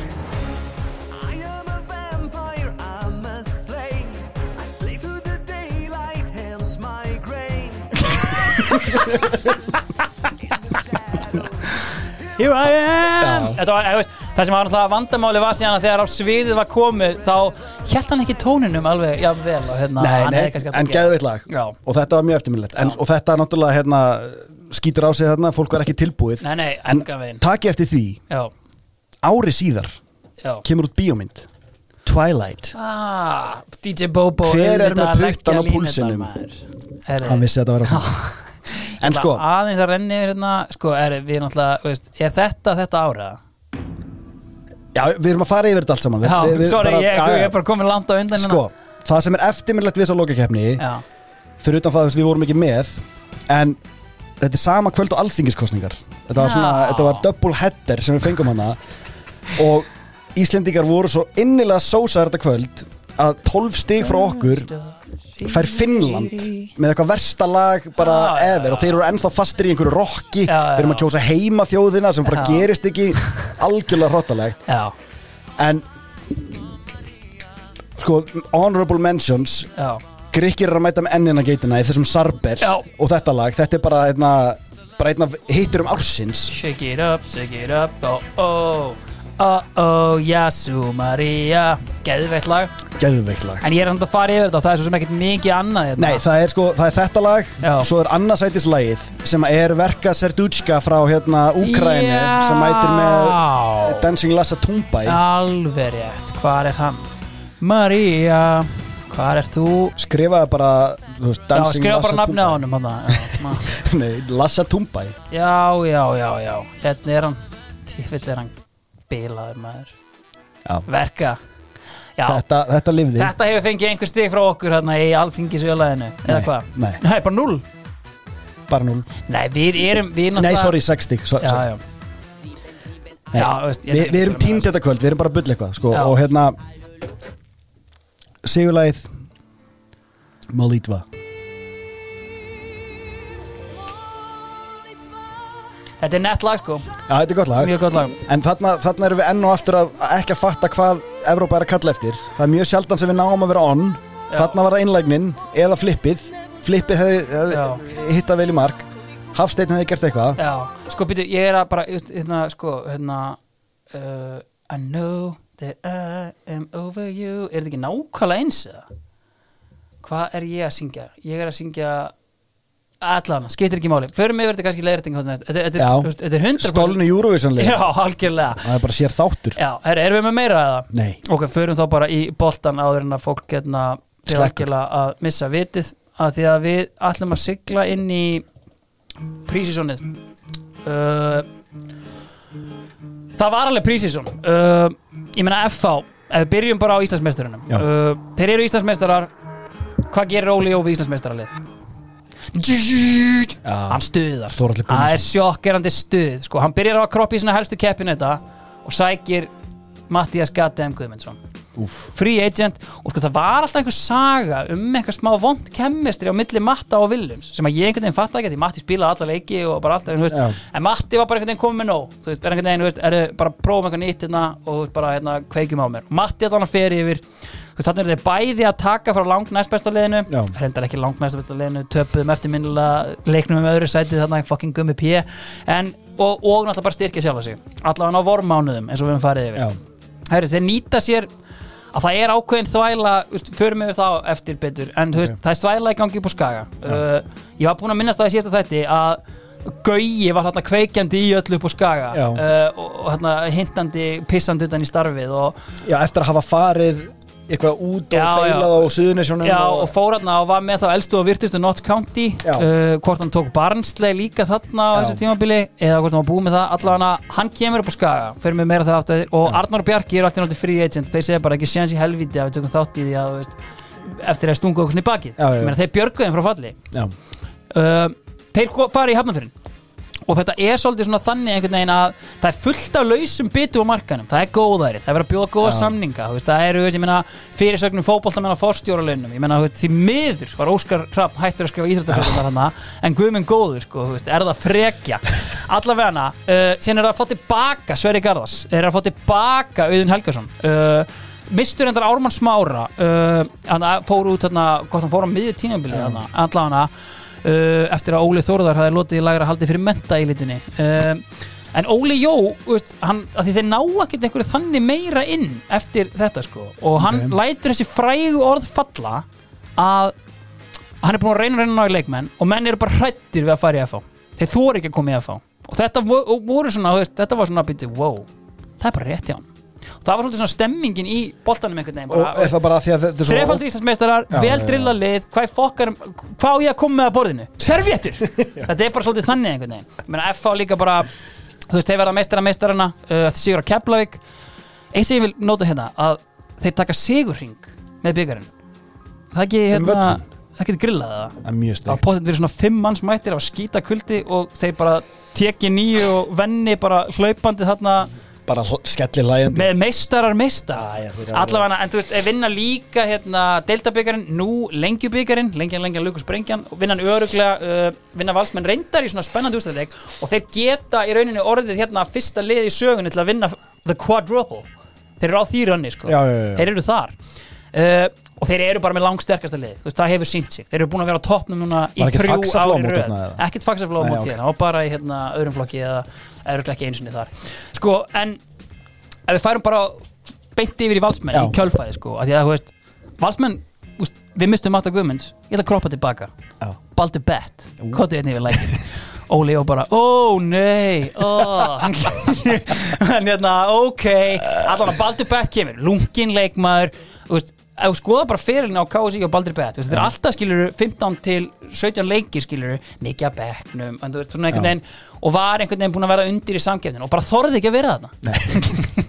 Nei, nei, en hérna en það sem að gerist alltaf helst upp á hlýðarenda er, það er alvöru transfersaga uh, þegar hérna þegar Helgi Sigursson hafði ekki farið til vals árinu áður Nei. uh, var bara búin að gefa hérna, fram vilirði, ég ætla að koma heim ég ætla að koma fram, hann bara stóð við það. Velgert, markakongur, kom liðin upp besti leikmaðurinn, ekkert mál. En þarna segir hann bara, ok, ég er búið með mitt leiði mér að fara, please, Já. þú veist bara gerið það fyrir mig.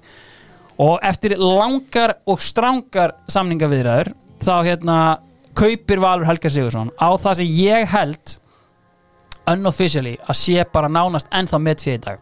Þetta er held ég ennþá topp 5 félagskipti milli íslenska félaga það talaði um 5,5 miljónir þar af hafi Helgi borgað þó nokkra miljónir sjálfur að eiginsögn Ok. Eða ekki beint að eiginsögnin í gegnum aðra. Ég keipti mig eins og Gummi Fenn sagði eftirminnilega sko, uh, allana, Helgi Sigur komin upp á toppin Hafþór Ægir Vilhjámsson hann kemur af skaganum. Uh, Habbo hafði verið Habbo, með. Habbo hafði verið með sko samning inn í klásúlu inn í samningu sínum.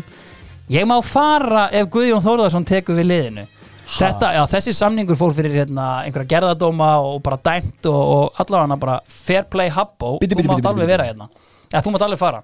Klásúla í samningi Já. sem tilgreinir með nafni. ekki bara, ekkert subtle bara, Guðjón Þórðarsson ég er farin, djöfull er ógeðslega fyndið að hann hafi bara haft þennan varnagla. Algjörlega. Og veist, ég hugsa helst, sko, þú veist, Ha- Hafþór Ægi Vilhjámsson, sonur Vilhjáms Birgisson Já, auðvitað Vá. Ég meina, verkalýðsgeitin Ég Vá. meina, veist, Gauji og einhver verkalýðsgeit Ertu að sjá þá eða samleið? Ég held að sé eitthvað þarna, veist Þetta hefur verið eitthvað þú enni enni stemning Já, og Habbo, þú veist, hann vill hlýjan fað Vilums á, á þessum hérna, tímafélagferðin Habbo var líka, þú veist, hann var hot property hann var reynslu hjá, hvort það var Nörsjöping eða Midtjúland eða eitthvað og, þú veist, það gekk ekki upp, ok, fyrir val. Býtu þannig að hann næra rifta þess að þetta fara yfir dómstóla var Já, að eða þá gerðadóm eða eitthvað, þetta fór allavega þú þetta fór allavega leið sko. En það var allavega- við hefum farið yfir sögunin glimti þú fer ekki frið kallið minn. Þetta er allt eitthvað svona. En, en þannig að þetta gerist á prísísoninu þannig að hann er mættur bara veist, hann spila allt mótið. Já, og bara er nær þetta er klára bara í februar og ok. bara hann er komin og klár. Ok. Herri, þeir taka tvo dani. Uh, Dennis Bo Mortensen an absolute unit striker og René Lilli Karlsson geggjaður vinstri bakverður Ok. með geggjaðar hárgreðslur og bara veist, slottað inn að því að Steinþór Gísla var í einhverju brasi, hann spilaði ekki 2007 meðslaða dæmi eitthvað já, og síðan sko Var hérna það ekki sagan hans svolítið? Jú, því miður sko var þetta ekki eitthvað svona yngri landsliða legend Jú, eitthvað og svo Valur kaupir hann frá Vikingi þá er hann sko U21 starter nánast Já. sko. spila, na, ég spilaði hann ekki með hann hann kom í KH, flengd okkur upp á Já. geggjaða leikmaður kongurinn hjá Öllu sko, þeir sækja síðan það taka hérna einhvern dag þar sem að er, veist þarna er, kem meir inn á það eftir sko en þarna er búið að vera allskis bladamannafundur og tilkynninga með allt og, og þeir hafa mist af hinum og þessum leikmanni. Síðan er bara alvöru dagur. Leiknismadurinn, rapparinn og bloggarinn get ekki, Daniel Hjaltason Já. skrifað undir, takk. Free agent Gunni Einars frá Káar skrifað undir, takk. Jóhann Helgason frá Káa skrifað undir, takk. Þetta er bara fjóri menn á einu bretti mættin eða þrýr held ég. Börkur bara Börkur er bara doing work, bara ég mista þessum, ok tek þessa, þetta er reyndar ekkert eitthvað sterkustu nöfn sem ég hef hérst í heimi. Allavega hana, góði leikmenni på hópin ég held að Jói Helga í engan leik fyrir val. Því miður, skemmtilegu örglega sko þeir spila áfram á laugadalsvelli sem var auðvitað algjör akkilesar hætt þarna árið áður. Unni bara fjóra leiki Já. á heimavelli. Við erum að byggja veldið. Já. Eh, þetta er alltaf koma og Vodafone. Já, og Vodafone vellirinn. Heldur betur. Sko, káeringar hvað maður að segja? Ég meina þeir, veist, ég meina káer veist, ef þú horfir bara á pappirinn skilur, horfir ekki í markatöluna Já. annars þetta í deild, annars þetta í byggar. Lúka bara vel eða ekki? Vantar bara bara herslu mun. Fleiri æfingar, nei, eflust ekki allan að þeir enda samt bara með einn í markatölu eða eitthvað líka er bara, veist, Já, bara- þeir eru bara í algjöru brasi Var sko. það í fyrra sem er tapa stórt í loka? Nei Nei, nei, nei. unnu eða gerðu játtöfli og algum með bíð Já, já, já, já, tríðum, já, já. tríðum annars þetta allavega Teitur, eins og ég kom inn á í markatölu öðru seti Já, mér minni það, Já, bara já. Bara eitthvað algjört Ertu grín allavega í tveggjast á tölu? Já, sko Teitur hendir Gunnar Einars eins og hverjan er í kúkablegu hann er bara farin og, og kemur aftur heim í val. Uh, þeir fara í stórar viðræður við Rey Antoni Jónsson. Ná honum ekki við línuna Ok. því miður. Uh, en þeir láta ekki degan sig á og tala við annan leikmann úr falliði Grindavíkur og í Vesturbæinn trítlar a goddamn goat Óskar Örn Hauksson. Vá. Ég get þér það uh, 2007 uh, þess að 2006 eftir tímabilið. Ég, þarna var ég einsti koppur í búru á hliðarenda Já. 15 ára, valsandum, rífandi kjáft Já. Ég sagði, Byrjar að drakka kaffi. að drakka kaffi. Uh, ég, svona, ég tók með kaffi bolla, drakk það ekki. Já. Ég var mikið að hérna, hræra Já, í því. Óskar Örn Hauksson taka hann takk ég sagði við hérna, Óttar Edvardsson Já. bara Bróðir. Burks, bróðars Burks sagði bara Óttar pappi, Edwards. Já, að sjálfsög ég sagði bara, herri, þú þarft að taka hann hann er potted free agent hann er úr falliði grindavíkur. Þetta er geitin, horfðu á mig. Nei nei, nei, nei, ég veit ekki hvort hann var búinn að reyna og gekk ekki, en hann, var allan að þarna á þessum tímapunkti er hann samfærður. Nei, tökum hann ekki. Og sama degi, þetta er rosalega tilkynningaglöggi og sama degi taka þær úr öðru falliði allir litli jó þarna eru bara tveir svona úst, þannig séð ungir, Já. hot properties. Börkurinn búin að reyna að tala við að báða einhvern veginn og Káar er að taka og þetta eru eitthvað tveir heitustu bitarnar á markanum og Óli var að skjóta á þá tvo. Já. Þetta voru leikmennir sem þorðu ekki í FH basically mætti hérna og tók kjúklingin bara út um allt. Herru, nokkrum dögum setna annar blagamann að fundur Tilraun 2 Jói Þórhalls Kottu heim. Við þurfum að fá þig hérna aftur í Vesturbæin Já. Búin að skora auðvitað tíu Heim, er hann? Nei, hann Já, kom var- að það ungur já, 19 já, ára eitthvað og gerði ekki neitt sko. Allavega hann er komin aftur í káar uh, og ekki nóg með það, þá sæna þeir fyrrum leikmann Bayern München Stefán Lóa Magnússon Vá Hvernig var þessi kynning? Herðu, allavega uh, sko, þú heldur kannski að hérna, þessi blagamannafundur uh, sé búinn Oh, no, no, no, no, no. Heard about one more.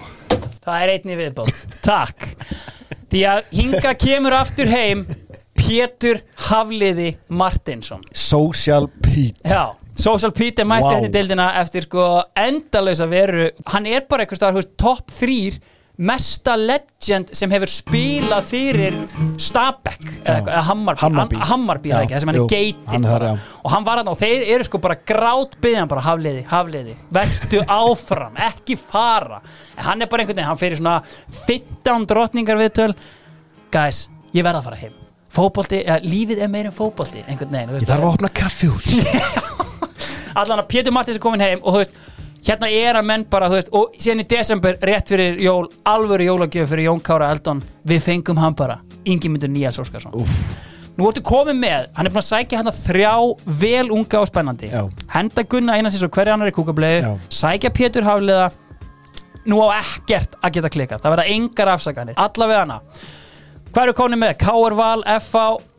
þetta sem er brjálaðast í þessu er upp á skaga Gauji mætir heim. Já. Það er homecoming og það sem ég heyrði einhvern veginn var Virkjar þar með ákvæði í samlingi og við það einmitt virkjast ákveði samningi Hafþór Sægis og Hafþór Ægir er farin allavega uh, þetta eru bara bílar deilur sem eru aðna út af þessari ráningu gauja. Um mitt sumarið árið áður þegar Óli Þórðar er reygin, mm. fekk þetta beint af skaganum þá var þetta basically þannig að hérna, þeir basically kvörtuðu yfir hérna, hvernig við orðuðum þetta. Þeir sótt ekkert basically Arnór og Bjarka. Það var veist, algjört last choice og veist, en það voru þessi menn ekki búin að þjálfa neitt Nei, nei. Þegar heyrðu fyrst í Pétur Péturs. Ég heitur En djúvöld er ég með spennandi projekt í gangi hérna. Þriðja flokk breyðabliks Getur þú ímyndaðir svipin áskilur Helga Danielsinni Góðsögn upp á skaga bara. Þriðja flokk breyðabliks Honum til varnar þá eru þetta algjörða geitur skilur Það voru, þú veist, bara hérna Kitty Steindors, Kitty Jóns, uh, Gumi Kristjáns Alfred gæjar. Meirum þá síðan Já, En sko, hann allavega síðan töluðum einhvern einni viðbót það gekk ekki. Og síðan koma bara Arnar og Bjarki inn og bjarga því sem bjarga var, gera það.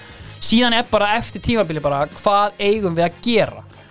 Og þú veist, þarna er stjórnin ég man ekki alveg hver á formaður en þú veist, það skiptir eiginlega engu máli hver er formaður að nafninu til þetta er svolítið bara eins og í Rúslandi, Putin ræður öllu Já. og sko, þú veist hlustundu sjá það ekki en núna er ég haldandi til höndunum mínum á lofti Já. að leika eins og ég sé brúðustjóri að því að bakarinn stjórnar auðvitað öllu þarna Sko, ég og sé- bakarinn, hann ringi bara í stjórnina eru geðveikir eða ráði ekki gauja bakarinn er búin að reka hann tvisvar sko. hann er samt bara, hann er með eitthvað hönds fyrir Sko, því að gauja á unfinished business Sjá þetta hérna. fyrir þér Hann er, hann er sko með ógeðslega mikið kveita á borðinu Hann er að hnóða eitthvað deig Þetta er eins og þegar að hérna Örn Gunnarsson, þú ert geðveikir eða ráði ekki gauja sko. Já, þetta er, þetta er hérna þetta er, Þegar hann er að slæsa hvítlökin geðvitt þunn Já, Þú veist hérna, hérna Goodfellas.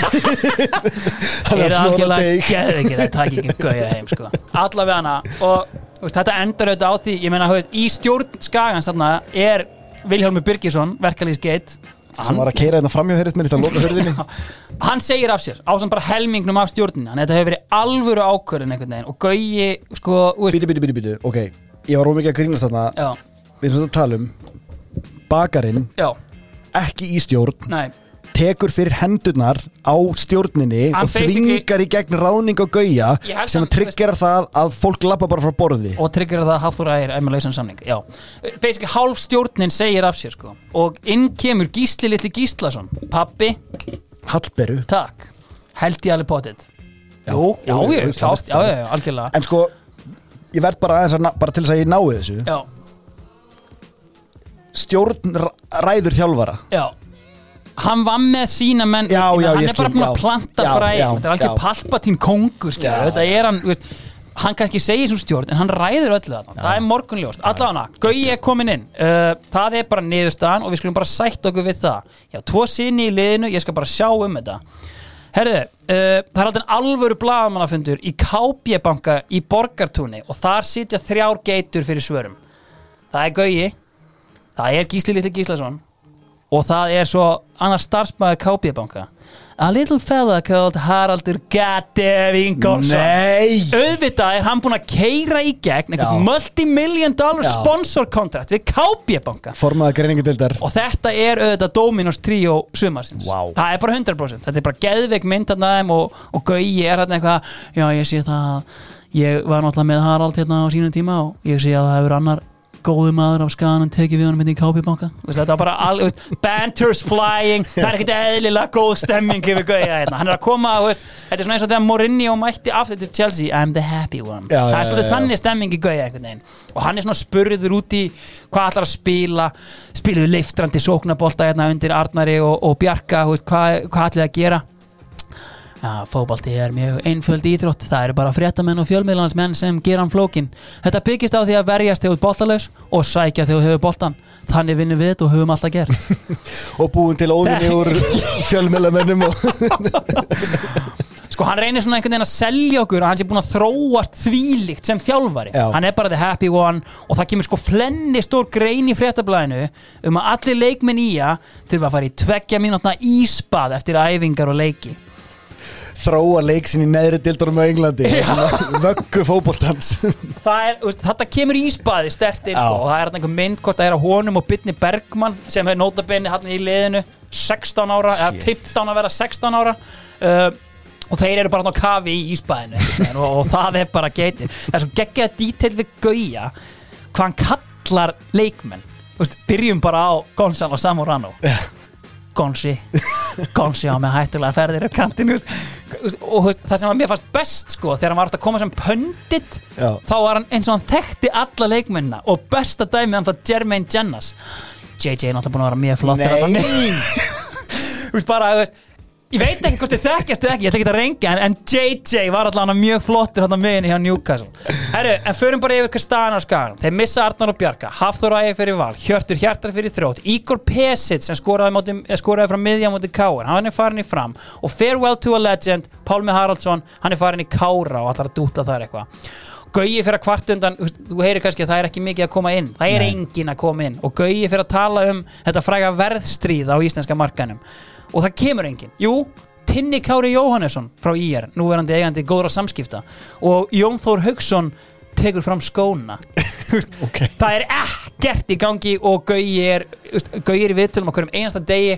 Skagamenn eru alltaf eitthvað að hnýta í önnuli já það er hefði fræga verðstríð sem Já, að geysar hérna um íslenskan marka og Gauji er bara farin til útlanda. Herðu, gefðu mér hérna einhvern góðan júka og Já. bara ég get unnið eitthvað með þetta Neglum á nokkrum boltum. Og það er sko, veist, ég held áfram að það er algjör hundur í skaganum. Skæin brings the death to innanhúsmótið Ha? þeir segja bara að Gauja er mjög tíðrætt um aðstöðun upp á skaga, þeir eru náttúrulega komni með Akarneshöllina og hérna er ekki, er ekki ennþá hlaupandi hann á langasandi eitthvað, þó að ég veit ekki, veist, það er svipað hittast yfir Já. á báðum stöðum. En sko, veist, bara Gísli Gíslason mæti bara þú veist, við notum parketsalinu okkar í annað. Tökum ekki þátt í þessum fíblaskap við erum hérna með höll stoppum þetta núna takk. Og bara þeir mæti ekki í Íslandsmóti í Ok. hérna innanúrsbolta Gamla góða Íslandsmóti með stórumörkun Já, þeir bara takk ekki þátt í því. Uh, En það er auðvitað mögnu saga varandi hvernig hérna, strækjarnir þeirra uh, Björn Bergman Sigursson Já. Hann er 15 ára. Hálfbróðir, Þórðar og félaga. Joey. Joey. Já, og Bjarna. Gjörsanlega iconic fréttamynd sem byrtist á honum undir fyrirsögninni hafnaði Manchester United til að spila með ía Hefur séð hana? Maður eftir henni? Nei. Þetta er hann, þetta er andlit, þetta er portréttmynd á honum Hann er með eitthvað svona potlok á haustnum og hendin á honum hangir í svona grindverki Þetta er, ég veist, ég verð að posta þessari Er mynd, þetta sko, svona brandur enni Basically, þetta er eins og að Plötucover. póster á einhverju plötukoferi sko, þú af einhverju svona, þú veist, ekki bóiband heldur hann er bara einn og það eru bara coverlög á plötunni einhvern veginn, engir strengir en allavega hann hrúar inn útlendingum fyrir mót uh, sendir það svo aftur heim einhvern veginn. Ok. hann, veist, hann er, það er allt í brasi sko, uh, nokkri kerfisfræðingar sem þarna Rodney Perry það er einhver fyrir um Hafsend Burnley sem mæti þarna Ok, hann var að leita þangað. hann var bara að leita út um allt. Hann, bara, Ok, okay, ok. hann vantar bara leikmenn hann, Já, bara, já, já. vantar hálft lið Jón Þór Haugsson er bara þarna á æfingum. Algjörlega, herri, ef við tökum fleiri lið hérna, þess, förum bara aðeins yfir þetta. Sko, hérna, myndist á á hann að hérna, framarar uh, rústuðu hérna fyrstu tildinni Já. með Helga sig hérna, leading the line og bara markaðistur bestur og bara allt í öllu uh, væntanlega verið margir tengiliðir í bakverðinu því að Geiri El Já. auðvitað bombar þeim upp um deild uh, Geiri El hérna ég veit ekki hvort hann var bara ekki endur á henni eitthvað, hann fer allavega hana í hérna í uh, IR held ég alveg potið á það Já, og hérna fellur frá þetta ár. Já, hann gerir það. Og þú veist, við getum bara kannski farið yfir það hérna. Og bara farewell to a goddamn legend. Já. þú veist, bara svona reyta bolta kongur og bara hérna maðurinn sem setti tengilið í bakverði Já, já. og þú veist, bara elskaði að fá hérna nýja menn á æfingar og hérna talent scout og hérna Rosalegt legacy. algjörlega. Og bara hérna kongurinn, allavega. Hann er ekki með fram þarna. Þeir byrja áraði við Heimi Guðjóns. Þeir vildu fá hann til að taka við þessu. Hann fer undir felt. Næ, ég er eitthvað í loftinu, ég veð áfram í kriganum. Já, Því næst ringja þeir í eh, næsta þjálfara sem hafi nýlega hafnað að taka við þrótti og hann ákveður að slá til og mæti upp í Sámýri Óli Litli Þórðar. Ok.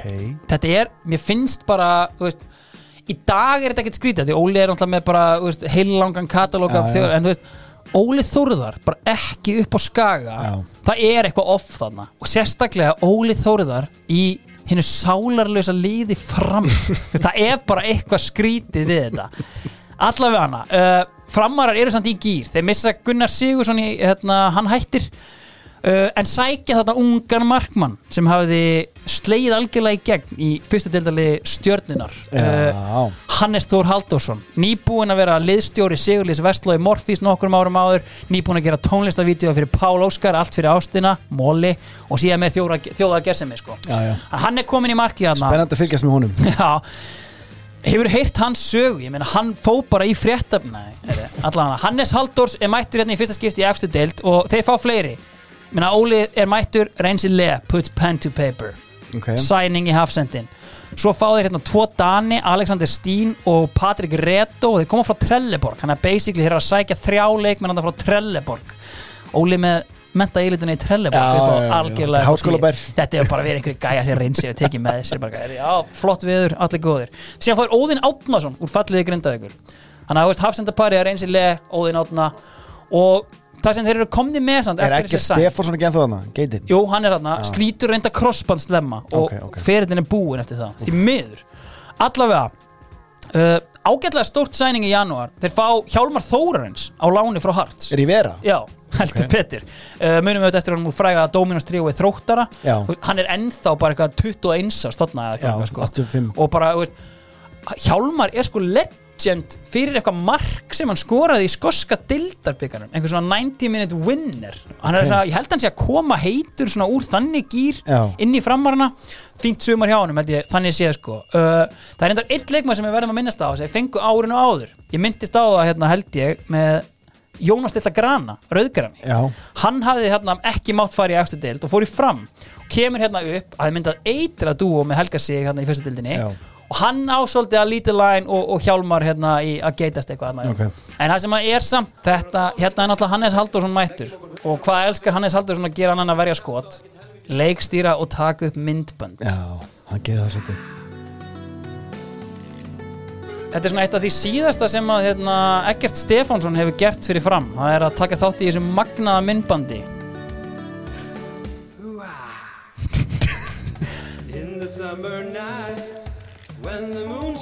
Já, Þetta er bara sami texti Já, já. Já, það er ekki eins og verið að leggja í það er ekki verið að Hvað er skerja fyrir textanum. skjáldi? Eggert Stefáns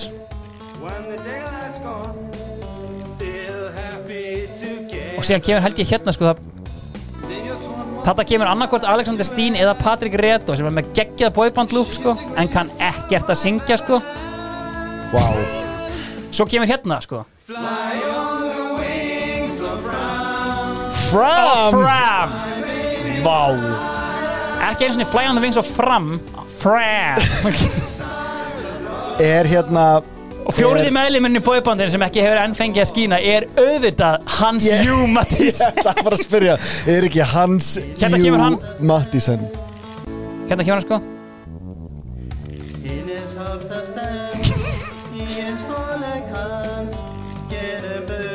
Hann kemur auðvitað með dönskuna inn í þetta Þetta er ekki hægt sko. Allana, Smoke eh, Summit. Já, fá Hannesinn greinilega fyrst og fremst að létta lundin Ja. Bara, herru, Óli Þórðar hugsað Hannes getur ekki búið til smá myndband? Helviti líklega Það er hérna lag með Olsen bræðrunum sem ég fannst alltaf mjög gott. Ég verði að fara að fá Hannes bara hérna í draumalið. Spurja hann bara, veist Var þetta ekki hugmyndin hans Óla Þórðar? Allan tíma Herru, allan að framöru nýlegar uh, Annar lið kannski til að taka Eru hini líðanir, nýliðarnir, fyrirgeðu Það eru hákáingar, þeir hafa komið svona Fyrsta skipti í efstu deild Sem að háká náttúrulega er bara stopnað þarna Hvað, 91 eða eitthvað og upp úr eins og fugglinn Fönix upp úr rústum IK uh, taka þarna yfir kennitölu handkæðisdeildarinnar og HK eru mættir upp og þeir eru að keira á einfaldri hugmyndafræði. Það er annars vegar kakkamás hugmyndafræðin Já. youth og svo er það bara gulli gull Já. það er bara það eina sem þeir eru með gulli gull er hérna búin að vera einhverjum geðveikan gýr fór bara yfirgaf the spotlight of Premier League Já. í bara neðri deildirnar fekk að hanna sína eigin markmannsbúninga Já, og bara já. er bara búin að vera Kamposinn. hann er búin að vera í the theatre of absurd þetta bara í geggjaðan tíma og hann er bara endalust bara eitthvað að- geitast að þú veist, vinna hérna leik í lengju byggartum móti K.R. gulli með sneiðar ver fjögur víti og skorar úr einu í vítakeppninni þú veist, þannig að er alvöru hann er að koma svo rejuvenated Já. og hann er engri átt styrkilið ekki mikið, herru, þjálfari uh, Gunnar Guðmundsson Gunni Þíski, eins og Gunnar Hilmar talaði um. Sko hann er náttúrulega íþróttafræðingur að mentur Universitet Hamburg. Uh, Sprenglarður frá 1998 með knattspyrnu, frjálsýþróttir, handbolta og krafttjólun sem aðvalgrein og sálfræði sem aukafag. Býtu, býtu, býtu, býtu hann er með bara basically Förum aðeins yfir aðalgreinina. Já, knattspyrna, frjálsýþróttir, handbolti og krafttjálfun Hversu margir tímar var hann í á viku? Hvað viltu meira?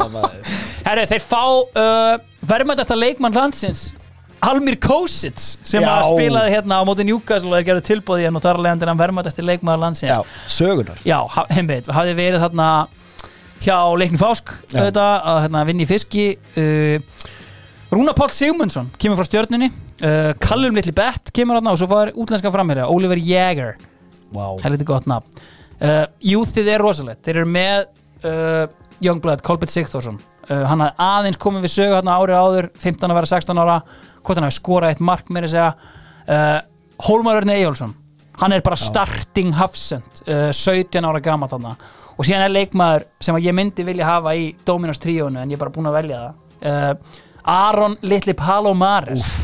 Voru það ekki hrein gæði eða? Jú, vá, ég bara léttur svona Aron Lennon Já, það er vel sett, sko. Endalus hraði, pínu, pínu lítill.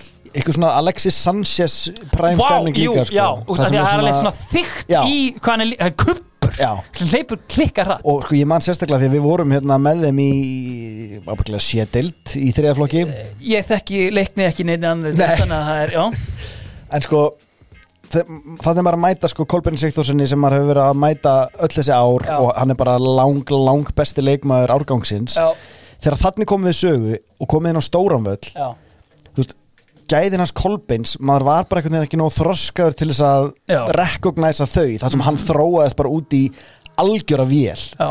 Og þó hann skoraði fullt af mörgum á mótimanni þá var maður ekki einhvern veginn svona mann fannst hann ekki vera að gera það sem hann var að gera þegar við vorum yngri Hann sem var að basically- sóla fjóra og skora hann skilurðu. basically hendi þrennu í grilliðar og spurði are you not entertained Já. og þú sagði bara "Nei." Nei, bara Aron Palomares, það er sá sem ég hrættu í þessu liði, skilur bara á meðan var hann að raðaði minn sko. Já, það er alveg rétt. geðveikur árgangur sko, eins og ég segi uh, þeir fá síðan líka náttúrulega a little fella called uh, Money in the Cloud Jón Þorgrímur Stefánsson Já.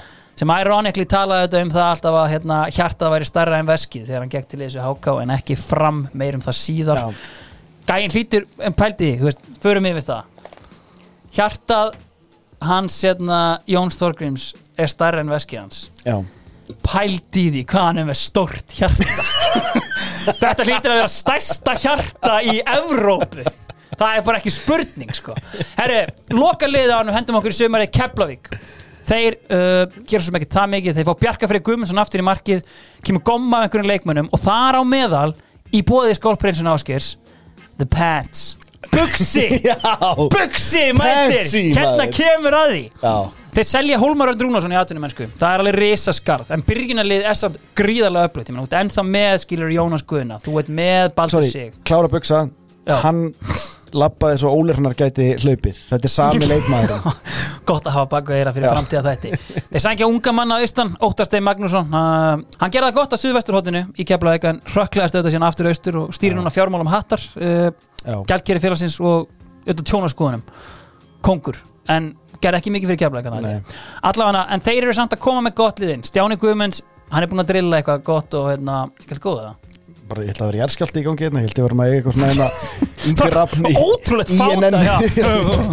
INN moment. Yngvar Rafni, já já. Herri, það er eitt mikilvægt sem við þurfum að muna áður en við förum í sumarið sem er auðvitað í bóði sjófá Hekla sprungin, sorry. Það mun bara eitt lið falla. Já, já, já, já. Við erum að fara í fjölgun Það er verið að fjölga liðum upp í 12 fyrir næsta ár.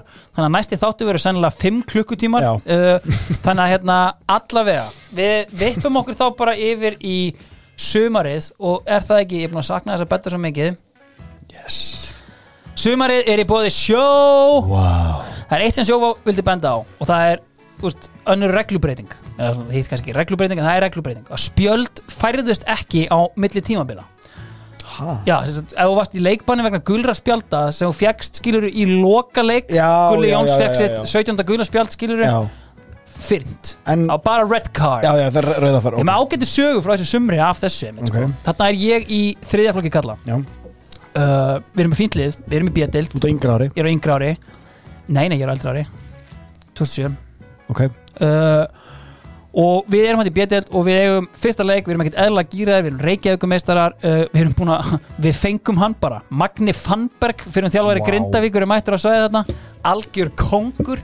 Og ég, sko, við, ég hef aldrei upplegað að vera jafn vel drillaður Já. nokkru sinna á æfinni kom hann inn í fyrsta leik, mætum IBVF uh, sem hefði kannski verið smá bóki tíma einhverju leiti en en mér leiði aldrei vel eitthvað að fara til eiga við algjörlega völdum yfir það uh, við erum komnir í hérna, 4-0 eftir hérna, eftir korter eða eitthvað. Hverjir eru kongarnir í eigum andan 91?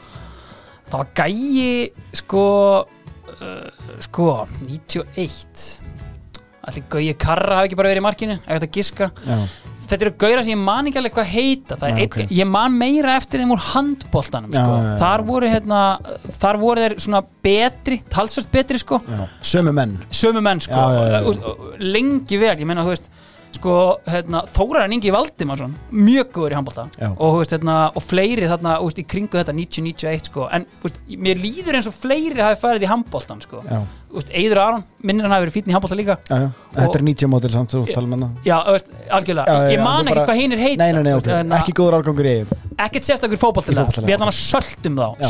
7-0 Já. uh, það sem er verðt að minnast á hér er að í þessum leik uh, fær Arnar Sveit Geirsson raut spjald, Já, beint raut spjald í stöðinni 7-0 hann var ágöðlu spjaldi, fekk samt beint raut spjald fór að rífast við foreldrana þegar hann var að lappa út af og var nánast sko eggjaður upp á flugvöll. Já, við tókum flugvél. Uh, 2007 Já, við tókum tvær flugvélar í útileiki þetta pælti nei, geðvikinni Við flugum sko norður á móti káa sko eins og við værum bara að fara að spila Champions League leik allavega hana. Einu skiptin sem að leiknismenn hafa flóið einhvert var á ég. Já, sko, það sem er náttúrulega sagan hérna er að ekki nómið það að hann fái rautspjald í þessum leik heldur áttan að vera í leikbanni að því hann fekk rautspjald líka í síðasta leik. Hvað gerist? 7-0 sigri er breytt í 3-0 tap. Og þetta er eiginlega svona bara rústaði sumrinu sko. Arnarsveit, er, það er bara takk frá mér. Hvernig er samt magni að klikka á þessu að spila leikmennin sem er í banni? Ég get alveg sagt þér það. Ég held þetta hafi verið eitthvað mix-up út af svona strókuninni Já, já, já, það, það Var er það sem ég er fyrsti að koma inn á. Þetta var fyrsti leikur í Já, mótinu, ég sko. skil, ég Það skil, var ég skil. þannig sko. Og, og sko, ég meina Arnar spilaði ekkert fyrir ný sko Júli eftir þetta Því hann fór bara í endalust leikbann út af rauðum spjöldum sko Allavega. Honum til varnar í þessu tilfelli Já, það er alveg For, klárt mál. Nei, bara foreldrar út á landi. Erfiðir. Eh, Þetta er alveg svona þekkt minni allavega. Já, það er alveg klárt mál. Og hérna, en þú veist ég held samt að hann geti ekkert skilt sér á bak við það. Þú veist, hann Nei, hefur nei. rifist við foreldra út á landi hann hefur rifist við foreldra erlendis. Heima hann, hjá sér. Þú veist, þetta er algjörlega bila. Herðu, hérna, allavega við, hérna, þetta voru hremmingar en veist, bara svona smá minningum um reglubreitinguna. Það kom ekkert meira um þetta, þetta var bara hann í þriðaflokki Herðu, uh, já, þetta var sem að sjófa vildu fara yfir. Þetta var með bestu tryggingarnar og hérna, Imbus Kasko, uh, takk. Sko, fyrsta umferð, hún hefst upp á Skaga. Uh, alvöru leikur, við erum búin að fá þessa dead boring leiki alltaf. Skagin FH Takk. Þar fáum við alvöru leik. Uh, Mótið byrjar endar erfilega fyrir F-fáinga Sko, við förum bara hvernig F-fáinga byrjuðu þetta. Byrja, Arnar og Bjarki er að mæta bara skagi fyrsta leik. Já, Vá, ok. sko, mér minnir að Bjarki Jú, Bjarki er í byrjunleginu uh, Miðjan, Sigurvinn, Davíð Viðars Bjarki Gunnlaugs. Óli Jó alveg að grenja yfir að hafa mist baldur bett þarna. Hann er grenjandi úr hlátri. Byrja, Heimir er hættur. Heimir er hættur, já, já, já, bara assistent og bara í geggjum gýr Framlínan, Matti Guðmunds Arnar Gunnlaugs, TG9 Gamla bandið, aftur til 5 Já. Þannig að, þú veist, óárænilegt lið. Uh, Skæin, allir bræðunni byrja ná Páll Gísli Jónsson er komin í markið. Uh, Og svo sem ekkert meinum það að segja. Átni Þór, Átni Tór Já, Skeppmann, Já. hann ákveður að láta reyka sig í styrtu í fyrirháleik 0-2 undir. Þannig að það er brekka en einhvern veginn uh, náður að krabla sig inn í leikin þetta fer sko 2-3 Þórður Guðjóns setur algjörlega sárlasið mark. Uh, bara klippir hann á lofti sláin stöngin inn. Bilað mark, þetta getur fundið á YouTube. Uh, og það er svona bjart yfir gauja einhvern veginn með þetta bara, ef fáingarnir hefði ekki viljað að leikurinn væri tíu mínútur lengri. Það var eitthvað svona svona þannig að allt tekið að góða út úr þessu. Uh, uh, Jón Vilhelm Ágason krækti í vítaspinnu ekki síðasta spinnan sem hann krækti í eins og Nei. fræktir orðið. Allavega, uh, ef fáingar fara vel á stað uh, hafa náttúrulega ekki tapað opnunuleik síðan fyrir landnám eða álíka Uh, allavega, og, og bara ná toppsætinu að sjálfsögðu, þeir missa það ekkert. Öðrum stöðum, uh, fram og valur The Helgi Sig Já. í laugardalnum. Á hlutlausum velli það er auðvitað að skrifa í skíin kort er búið, bang, Helgi er komin á blað. Uh, Valur er algjörlega með leikin í höndunum ég sit þetta í stúkunni, ég er skellis lægandi það eru þrýr punktar á leiðin í hús.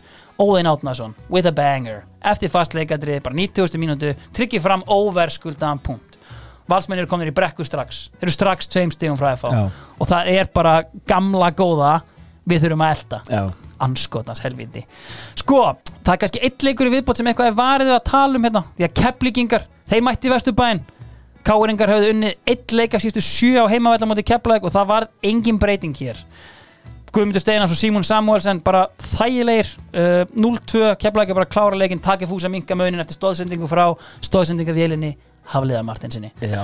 en Hver er aftur að þjálfa keflingina? Kristján og Teitur, veist, Teitur mætir í vitul Já, og veist, sönglar eitthvað og, og hvað er leiklegin eða whatever sko, en veist vond byrjun einhvern veginn veist, og, það var, svo, það var líka geðugu gýr í miðjunni. Þannig að veist, var, að vesturbærin var alveg gýraður, þannig að það var mjög erfitt einhvern veginn að fá bara heimaleik. Það eru pulsur fyrir krakkana Já. það er Róló, kaldur, kald, bíkórólóin. kaldur fyrir byssuna, bíkórólóin allir léttir, tap. Herru Uh, lítið að frétta í öðrunleik, fylgismenninu blika uh, 1-0 mark frá Kristján Kristjansen fylgismenn, Leifur Sigfinnur Garðarsson hann er áfram með liðið, það var þetta vombrið árið á 2006, ég skildi ekki alveg af hverju allir voru eitthvað að hæpa eitthvað, þeir eru með flott lið, eitthvað, endur held ég í sjönda eða áttunda sæti, það var ekkert að frétta þarna. Var, var ekki, senasta ár var hrunið eftir hrunið þessi svona almost jú, endanlega já. var í fyrra. Mér fannst það sko, algjörlega. Herru, þeir hérna, þeir fá Val Fannar heim frá Val Ok. uh, Hann lendi hérna í einhverju launastappi uh, 2007, hann fekk einhver fyrirfram greitan bónus sem auðvitað stóðst ekkert og hann átt að borga hann tilbaka fekk hann ekki tilbaka, ég veit ekki alveg hvernig það endaði alltaf hann nefndi ekki að vera hann lengur og fór aftur heim í fylki feit pæling sem gekk ekki upp, Valur, þýlgur toppmaður Já. með honum í hafsendin sækja þeir David Hanna ekkert skildur Röggvaldi Geir Hanna ég vil koma því aftur á Já. framfæri hann kemur frá Grindavík, annar leikmaður frá Grindavík snýr heim, Kristján Valdimarsson við að stoppa vel upp í göttin í vörninni Já. Síðan fáir Haldur Hilmis frá þrótti lungin spilari uh, og einhvern Dana, Mats Bæjerholm sem ég held að ég mun ekki ræða meiri í sem þætti Fylgir er ekki droslega góður í dönunum uh, minna Gráðsson Já. hann er ennþá hérna Kristján Kristján sem var að skora hérna? Já. Já, ennþá hérna, já, já, já, ég held að Nei, hann, hann er laungu farin sko, en hann er ennþá hérna í skjalinu Já, mínu já, já, sko. en hérna uh, og ég meina Kristján Kristjánsson er að setja inn hérna Are you not entertained? Já, ég, ég er að hugsa um Döring, held ég Hann fór þarna eða ekki? Getur verið, meirum það síðan Já, já, já. Herru, uh, þeir missa Sævar Gísla en hann har náttúrulega ekkert spila árinu áður uh, vegna krossmannslista, hann er farin heim í Selfoss og svo fara Eyjó Hjeðins og Raggi Sig í atvinnumensku Ok, og þar hefst þarna náttúrulega ótrúlegu feril sem Ragnar Sigursson sem er núna búin að leggja skóna á hillina hann er sko einhver algjör góðsögn í Gautaborg, ég held að hann bara var, verið valinn bara besti leikmaður deildarinnar á þessu tímabili sko. ok. Skora er- frá miðju, er það þetta tímabil uh, segjum blikana. Uh, við erum svona helst hér bara með blikana. Það er verið að drilla. Ok, prófessorinn. Hann er mættur. Hann er mættur. Uh, hann hafði þetta mætt hann eftirminnilegum hálft síðasta mót. Frá því er hann búin að Já, missa já. Marel. Hann er búin að senda Peter Potsemski heim. Stíg Krón Holland slítur crossbönd og hann fer bara í útlendinga. Hann sækir uh, Nenad Petrovic uh, serbneska miðjumann. Síðan kemur hérna einhver skemmtilegsta sending sem bara öll þjóðin hefur fengið. Hann er með Dominos tríóið. Hann tók tvær pítsur þannig. Nenad Sivanovic og Nenad Petrovic. Já, hann vantar Spicy Cajun marineringuna yfir bæði bröðstangirnar og pizzuna og fær það í einum leikmanni. Prins já, Matilda já. Rækoman I don't know P Professorinn og Lil Fils hann er í Hann geggjöðingi hefur sko leigið yfir myndböndum. Það var reyndar ekkert sérstaklega góð byrjun hjá prinsinum því hann fær raukt spjald í fyrsta leik. Já, ok. Uh, og fær tveggja leikja bann eitthvað sem var eldheitt setna meir, ræðum það á eftir. Sko svona fyrir mótið uh, Arnar Gretas er náttúrulega komin heim að árinu áður og hann er í löngu viðtali rétt fyrir mótum erfiðleikar sem fylgið að koma heim úr atvinnumennsku og vinna í verbri og lífeyri sjóðstild landsbankans. Æ, hvaða ári er aftur? bara Það er allir, ég já. Gretar Hjartar er með fánana. Harnar er í lífeyri sjóðstildinni, það er bara fótboltadeildin er bara Haraldur sjá Ingóls er í greiningudeldinni Já, já. Allavega, Arnar lofar bullandi sóknarbolta að það er bara eitt lið sem fellir. Nú eru fólk að fara að taka sjensa hérna. Já, Blikarnir eru líka sjóð heiti, það er svona ástæðan fyrir þessu hérna viðtali. Þeir eru með Hjörvar í markinu. Hjörvar hafði reynda gert uh, brotlegu við Agaban hérna, Professorinn algjörlega pakka honum saman í æfingaferðinni Hafði þarna verið að horfa á leik Manchester United og Róma Og hitt þarna einhverja bandaríska hermenn Og aðeins skila sér seint upp á hótel og já, já. tekið drillur daginn Já, eftir á já. æfingarsæðinu Þetta var svona, veist, já, allavega erfitt ár fyrir Hjörvar.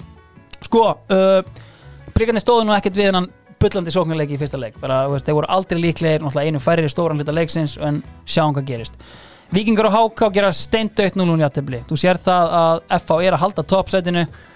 Ríkhaldið í það frá tíundu umferð 2004 báðum þessum liðum var spáð neðstu tveimur sætunum, Víkingum og HK ég held að allir hafi hent HK niður. Uh, það kom svona, veist, það var að vera svona branda hluti.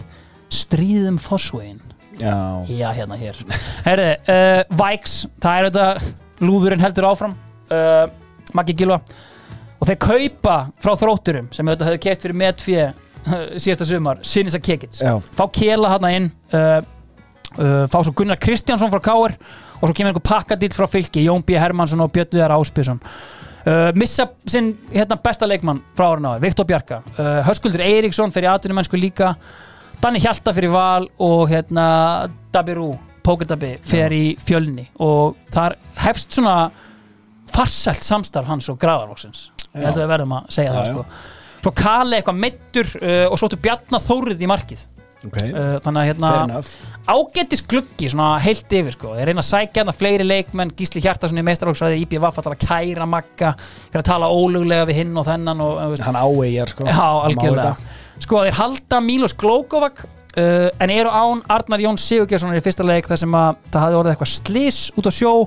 Heitt gámur sem átti að ferja rúlukrægabóli, hann bara fór fyrir borð og Arnar, hann neitaði bara að spila. Hann var ekkert með þarna í fyrstu leikinum sko. uh, Víkingar tóku svo framara í kjölfarið næstu umferð, þægilega í næstu umferð. Star of the show, Gunnar Litli Kristjánsson. Já, bróðir, bara allra sem eru Kristjánsinir já, Krist úr Vesturbænum, Mafían já. heldur betur.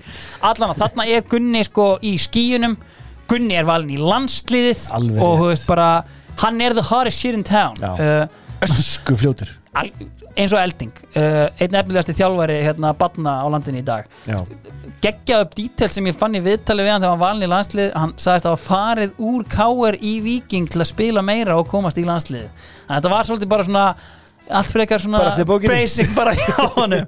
Allavega hana herru, uh, káeringar halda áfram að hérna það að færa sig yfir í viking til þess að Ég hef aldrei heilt þetta sko. Er Allan hérna, gott. síðan þetta fylgdi Bjóstir þetta kannski fyrst við U21? Prófessorinn komin aftur hérna. Já. Fáum hérna fáum sumarið aftur. Herri, uh, aðna sem gerist í annar umferð F.A.engar taka keflinginga uppgjör toppliðana hatt eftir eina umferð. Arnar Gunnlaugs kemur F.A. yfir. Símún Litli Samúlsen jafnar uh, búin skora í tveim leikjum í röð. Já. og það er svo þetta vormaðurinn Mattias Guðmundsson sem skora sigumarkið líka búin að gera tvö í röð. Káringar, þeir brasa áfram þeir fá annan heimaleikin í röð. Birkir Sveinsson er búin að gera allt. Já. hann er búin að gera allt fyrir þá, stilla þessu frábæla upp. Sigmundur Kristjánsson. Hann er ennþá í KR Já. og hann kemur KR snemma yfir. Uh, en smám saman tókst Arnar Geðast og profesortum að taka yfir leikin og Magnús Páll Gunnarsson a little fella called Magnús Páll Gunnarsson eitt af andlitum players kynnslóðunum myndi ég segja, Já. heldur betur hans sumar. Uh, oft kallaði skítugur Páll Gunnarsson af hérna, kallandi.is Já. það var svona kallandi nikki hans hann jafna leikin uh, hann er hérna komin í byrjunarlið fyrir prinsina, því prinsin fyrir bann. Mm. uh, fyrir maður meira yfir hann á eftir. Sko, valsmenn ná að harka inn sínum fyrsta sigur Hve- Hvernig endaði þessi leikur? 1-1 1-1. 1-1 jættibli Valsmenn ná að harka inn þessum fyrsta sigur hérna upp í árbæ. Uh, 0-0 í háluleika í mann rétt. Sko, hérna verðum við eiginlega bara að fara yfir söguna. Joe mana allt hérna. Já. sko, það var ömulegt veður. Það var gjörsamur stormur og Helgi sig var vægast satt slagur að mati Joe Ok. og þarna upplýði ég svona veist, ég var þarna veist, ég var í stúkunni, ég var hraunandi veist, ekkert á hann ég var bara óskæfti standard Já. við mennina sem voru með mér í kringum mig og sér um, þegar hann tekur enn eitt þungatötsi og missi boltan ég er bara guð minn almáttu Já. þá fæ ég á How mig much? þá fæ ég á mig, það er bara reality check bara. hann er að gera sitt besta frá görnin fyrir fram að mig og ég er svona já, þú veist, kannski er þetta pappans veist, bara, veist, að haga sér í stúkunni. Jákvæðni. Þarft ekkert, ég þurfti ekkert að vera láta, veist, það var engin eftirspurn eftir þessu sko, ég var ekki að koma með neitt annað en servjettur á borðinni í þessari umræði en allavega Helgi kveikir aðeins á sér og hann fyrir að keira upp geðegina við lendum reyndar undir þarna en inn kemur Dennis Lilli Bó Mortensen. Uh, og hann jafnar leikin uh, þegar kort er eftir 8.15 mínúta. Við fáum hotspinnu, valsmenn fá hotspinnu G-litli beðan neglir á djebúan Rene Karlsen danskir dagar í árbænum. Sigur Mark. Leifur Garðar sagði að fylgismenn átt að fá meira skil út úr þessum leik. Viljum sagði, já hvað er sangjant í þessu fótboltalífi? Oh. geðveik lína. Vá. Sko valsmenn fengur líka alvöru sendingu eftir þennan leik því það er tilkynnt Homecoming. Bjarni Ólafur Eiríksson. Ok. Get in line, kottu með. Uh, Var enda ristabrotin Spilaði ekki tangilega í júli uh, Já, ok. Kom þá vel þéttur inn uh, Og dútlandi mikið á miðjunni Já, Þegar já. Reni var það bara Já, geitast í ég- bakverðinum já. Þannig að hann einhvern veginn kemur hann inn uh, Og bara alvöru sæning hjá Val Sko, F-fáingar Loka leikurinn sko. Prófessorinn verður að hætta að koma hérna inn Sko, sko Hvað erum við með hérna? Uh, loka leikurinn í annar umferð Hann er í kópúinum HK fær Skagan í heimsók Fyrsti heimaleikur HK í efstu deild Og þeirra reynslu mestir leikmaður Með stærsta hjarta Európu Jón Þorgrimur Stefánsson með eina mark leiksins. Í viðtalið til leik Já, ég skora alltaf á ammælinu mínu. Ég fór að skoða þetta. Ég lagðist yfir tölfræðina. Þetta er bara rétt hjá honum. Sko ef við gefum honum svona ammælis viku sem Já, að veist, já, menn er svo blöð hafa svona treytmarka og bara er leifilegt Hann á sex mörg í ammælis vikunni sinni Þetta er ótrúlegt Og það er þrjú á sjálfan ammælis daginn Af 27 mörgum Sko, þetta er smá svona Hvar er Óskar Ófegur? Já. Þú veist, af hverju er hann ekki að koma með þetta? Ég hefði mitt viljað bara fá frá, úst, að ég hugsaði strax bara úst, er það, skorar alltaf Já, á já. ammælinu ég held að þetta var eitthvað eitt mark en síðan bara hann er alltaf að skora í kringum ammælið sitt með sitt ógeðslega stóra hjarta sko skagamenn, þeir eru í algjöri þvælu uh, og Gauji nær loksins að opna veskið og sækir tvo leikmenn uh, Eftir þetta tap hann að já, Já. Eða, sko, þeir eru ekki klárið samt fyrir henni fjóruðu umferð það eru Króatar Vjekoslav Svatumovic og Dario Singel uh, sóknarmaður og hafsend respectively uh, Gauji auðvitað gaf hákangum kredit fyrir vinnuna sína. Það er enginn sem ber meiri finningu fyrir vinnu heldur en Gauji og dómarinn fekk svo þetta fallengun og hann skoraði á Hörð Magnússon að fara yfir leikin bara hérna í Vitali Yes. Ég veit ekki alveg hvort það varða því uh, það verðist vera frekar borðleikandi rautspjald sem Bjarni Guðjóns fekk í leiknum. Uh, hann er að fá raut annan leikin í röð. Það er híti í skaganum, þeir skilja ekkert í þessu. En við sjáum að hérna að það tók F á tvær umferðir að ná toppsætinu outright stigalega. Já galið consistency, þeir rúla svo yfir háká í næsta leik, uh, heilaga þrenningin öll á skotskónum, Vormatti með mark Tjeki nýju með tvö, Arnar með eitt. Hvað á að stoppa þetta? Já, þetta er sko vél keirð á peningum, keirð á passjoni hvernig á að stoppa Já, þetta? já. Ég skil það ekki. Þeir eru með sinna eigin bakara þarna líka baku tjöldin sko. Guði minna álmáttur Missar enda Sigurvin Ólafs og Bjarka Gunnlags í hérna, meðsli og þeir koma ekkert aftur fyrir um mitt sumar. Uh, Það verður til í eitt Baldur Beck kannski á Beckin þarna. En ég meina tannlækninin kemur bara inn og það eru allir Já, létti já. með þetta. Sko, fylgir vinna Viking, blika gera 20 og játtabli við Keflavíka sem að kallandi.is Þeir eru allsirðandi uh, Kristján Óli kemur blikunum meður til stóðsendingu frá Nenad Sivanovic. Sigurmarkið Magnús Páll Gunnarsson. Nei, ekki Sigurmarkið Því að Guðjón Átni poppar upp með skalla og jafnar á 9000 mínútu. Það auðvitað að gera hlið á leiknum í fyrirháleik því að hljóp köttur inn á völlin í hotspinni hjá Keflavík og honum leist ekkert uh, sko, gárungarnir. Það hafði verið léleg dekning hérna og svona áran í kringum hjörvarinn á tegnum kötturinn var bara komin til að hjálpa. Hann ætlaði bara bröndóttur högni síndist mér, hann ætlaði bara að bomba þessu frá. Uh, stórleikur umfærinar er samt Reykjavíkuslagurinn, Valur Káir Teitur og félagar er í brasi, það er eitt stið eftir tvo heimaleiki þeir mæta í laugadalinn sem er náttúrulega ekki heimavöldu vals. Og stöðnismenn eru ósáttir. Geta þessi leikmenn ekkert. Ætlum við alveg að reyna að vinna deildina með þetta lið Oh, no, no, no, no, no. I've heard about one more. við ætlum að sækja einn í viðbót. Homecoming Rúnar Goddamn Kristinsson. Wow. alvöru sæning hann hann lendir basically nýbúin að bjarga lókurinn frá falli. Hann er 30 og hvað, 7 að vera 38 hann á að bjarga öllu þarna. Miklar vonir bundan við hann við kvöttum Rúnar auðvitað með símtali hérna 94 þegar hann held til örgríti uh, komin aftur uh, 13 árum setna uh, og er bara að fara að geitast hérna. Uh, hann er á bekk í fyrsta leika mútið val. Uh, Mummi, marka Mummi Mummi Messi, kemur káir yfir og það er glatt á hjalla í stúkunni. Já. Bissan er að léttast öll og, og það er bara kortir í gleði þarna. Ekki lengi í uh, Paradís uh, því að Joe var búinn að senda Helga sig pillur, hann svaraði. Skora tvö mörk eftir hotspinnu og annan leikin í röð eru valsmenn að harka stíin inn. Það skiptir ekki Föst máli hvernig leikatriði. þau koma þeir elska först leikadriði það þarf bara að koma þessum stigum yfir línuna og bara, þú veist FH er þarna fyrir ofan og þeir einhvern veginn skrýða og halda í við þá og halda lífi í deildinni. Rúnar kom inn að bekknum í hálfleik.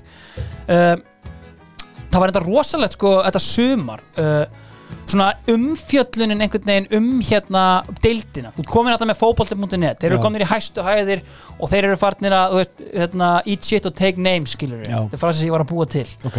eat shit og take names. Punkti þetta niður hjá okkur. Allavega uh, sín, uh, sko það eru pislaskrifarn á .net sko Gunnar Jarl og Sigurbjörn Reyðarsson Já. byrja með útvarstáttin fótbolti.net Já, þetta er svo gott heimi sko. Geggja teimi en er þetta ekkert galið þú veit með fyrirliða vals að bara fjallum ég að veist, þetta er eitt sko og síðan er hitt sko að ég man það er einhver óljós minning hjá mér á sín þegar ég voru með, þannig eru Pepsi-mörkin ekki byrjuð Nei. þarna er bara veist, valtýr eða einhver bara að fara yfir hérna, mörkin Íslensku mörkin. Já, og ég man eftir þætti þar sem hann er bara með Tryggva Guðmundsson við hliðina sér. Og Tryggvi er bara að tala um bara hvað blikarnir er að gera varnarlega og Já, bara sem pöndit, ekki til að segja skoðun sína á ekki, FH ekki viðtala svona. eitthvað. Hann er bara að fara grundigt með valti yfir leikina. Já, kannski skríti hérna, ég veit ekki alveg hvað er í gangi hjá blikunum með þetta úst, talandi um bensínið sem Gulli Jóns hefur verið að bera í liðin sín, Já, skilur. já, já. pældu í þessu en það skipti engum Gauði Þóruðar mættur dildina, hann hefur sko, verið bara lært að klippa vídeo En þetta er ótrúð og ég mein, þú veist, skemmtilegt þetta sem að rúfa með Hrafkil Kristjánsson þetta, blessu sér minning hans Mhm. uh, Brónans Óla Kristjáns, þeir voru með fans í settinu og ég man eftir hennan K.R. Valleik það var sko Freyr Eyjóls kættur hérna eins og trúður í einhverjum K.R. lottobúning skilur eldgömlum eitthvað og er bara eitthvað svona, já, já, eitthvað og bara það, ég er að rúnar algjör að breytti leiknum eitthvað, svona algjör svona góma yfirferð einhvern veginn á þessu sko Sokkar eigum eitthvað svona. basically, en þú veist samt alveg stemming að Freyr Eyjóls geggja þessi Jakob Fríman allan herru, sko, innkomur Rúnars hjálpar Káur ekkert og þeir tapa á heimavelli fyrir vikingum í næsta leik og þar eru, skal ég þeir segja hnífar á lofti Gunnar Kristjánsson leggur upp fyrsta marki á Jökull Elisabetharsson uh, nei, Gunnar Kristjánsson leggur upp fyrsta markið og Jökull Elisabetharsson leggur upp setna markið.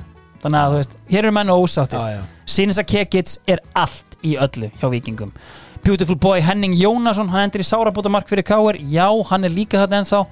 Bara sangjart sigur hjá vikingum sem eru komin í sjö stig eftir fjóra leiki. Bara, út- jú, jú, bættu við einhverjum leikmenn en bættu samt ekki við einu þannig. Nei, nei. fá Kekits, skilur sem er sem eina- gömulgeit, eldgömulgeit En það er eina svona nafni sem er voru að sækja þetta. algjörlega sko. Uh, og Kári rugglinu, eitt stið eftir fjóra leiki. F.A. halda áfram á sigurbraut uh, vinna fram og það er bara sama Matti og Teki, þú veist, bara ekkert eðlilega þægileg og sama tíma, veist, valsmenn þeir geta ekkert verið að harka endalust það er markalast jafntöflið blika. Í það sem er endar uh, verðt að minnast á síðasti leikur Hjörvars Hafleðarssonar þarf að leggja hérna skón á hilluna í aðgerð sem á bara að vera einhver liðþófa aðgerð Já. sem endar í bara retirement aðgerð. Þeir kalla inn í staðinn Dana uh, Kasper Jakobsen uh, profesorinn með tengslanetið upp á tíu hérna uh, en ég meina Hjörvar klárar þetta á clean sheeti. Uh, fæst ég á í viðtal eftir leik uh, veitti eina af svona, sínum síðustu viðtölum sem leikmaður. Uh, og hann var bara með pillur Doctor's Orders á mótanemnd KSI á hraðmótið hann sagði bara bull að vera að spila svona þétt hvaða fáranleiki er þetta þetta er the theatre of the absurd Já, og sagði bara F.A. eru orðnir Íslandsmeistar mótið er bara búið þetta í mæ ok svo sem alveg hárið rétt þannig að F.A. eru komin þarna með einhver 12 stig og, og það er engin nálætt þeim Nei, nei. allavega hana fylgir og skæðin gerir jafntefli Vjekoslav Svadumovic hann er komin á blað sem er jákvætt en skæðin er manni flirri frá 20. mínútu og komast tvísvar yfir Jón Vilhelm, svonur Áka Bakara með markið, en veist þetta er svona óbræðs jafntefli einhvern veginn. Ég hefði viljað þrjá púnta þarna.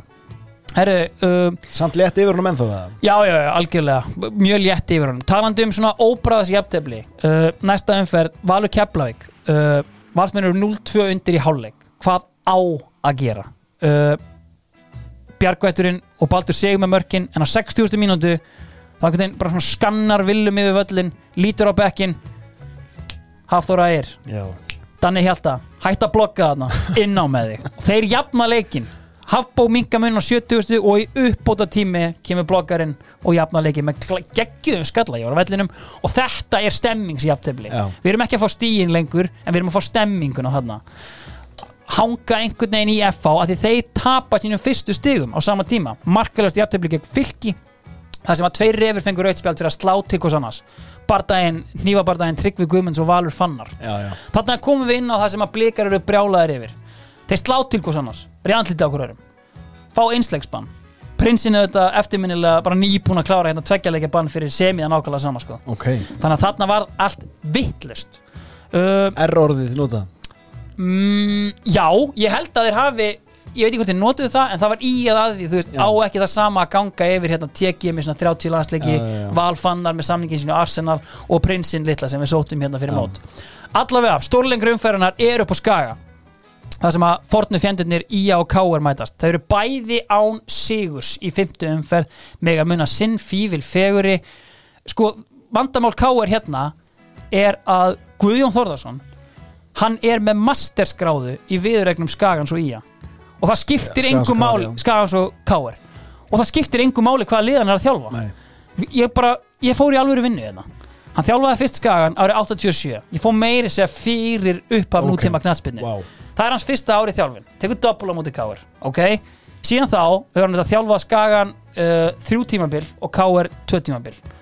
All in all 13 leikir, tvö jafntefli tvö töp, nýju sigrar. Í kríunni? Já, ef við tökum byggar með 16 leikir, tvö jafntefli, þrjú töp 11 sigrar. Vá. Klöts! Já, já. Og það er við auðvitað að vinna þennan leik. Uh, BG4 er með hrósin á lofti Dario Singel og Vjekoslav eru algjörlega búin að gjörbylta öllu.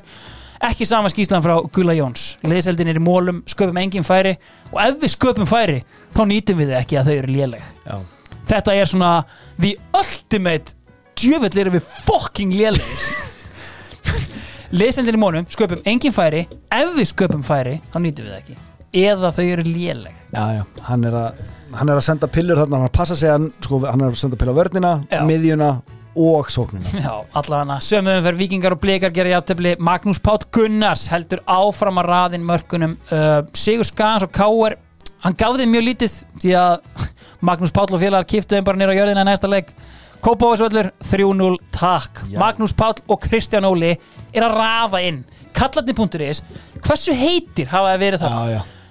Geiturnar í deildinni, Kristján Óli og Magnús Pál Hjörvar hann on the side eitthvað uh, hlaupandi um að koma köttum út úr vítategum uh, Gilsarinn er á DFF láta gammin geisa.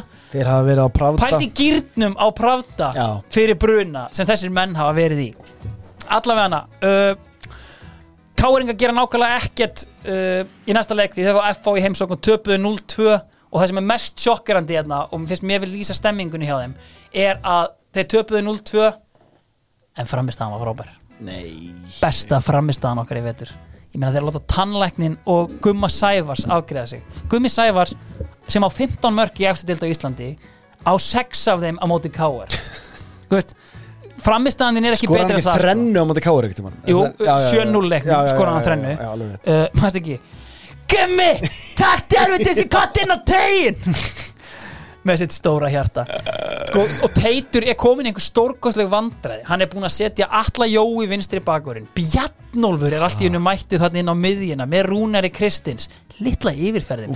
Hann tekur svo Bjarnólf út á í hálfleik og setur inn á í sinu fyrsta leik The Man-Child, Eggert Ratn Einarsson Ok. Og hann spilar bara helling hlutur 17 ára. 17 ára þetta tímabil. Á sama tíma vinna valsmenn vikinga þægilega. Uh, Helgi Sig ég er búin að algjörlega kveikja honum. Hann getur ekki hægt að skora. Setur tvö í grilli á sínum gömlu félögum og Pálmi Rapp með þriðja markið. Kekið auðvitað lullarinn einu.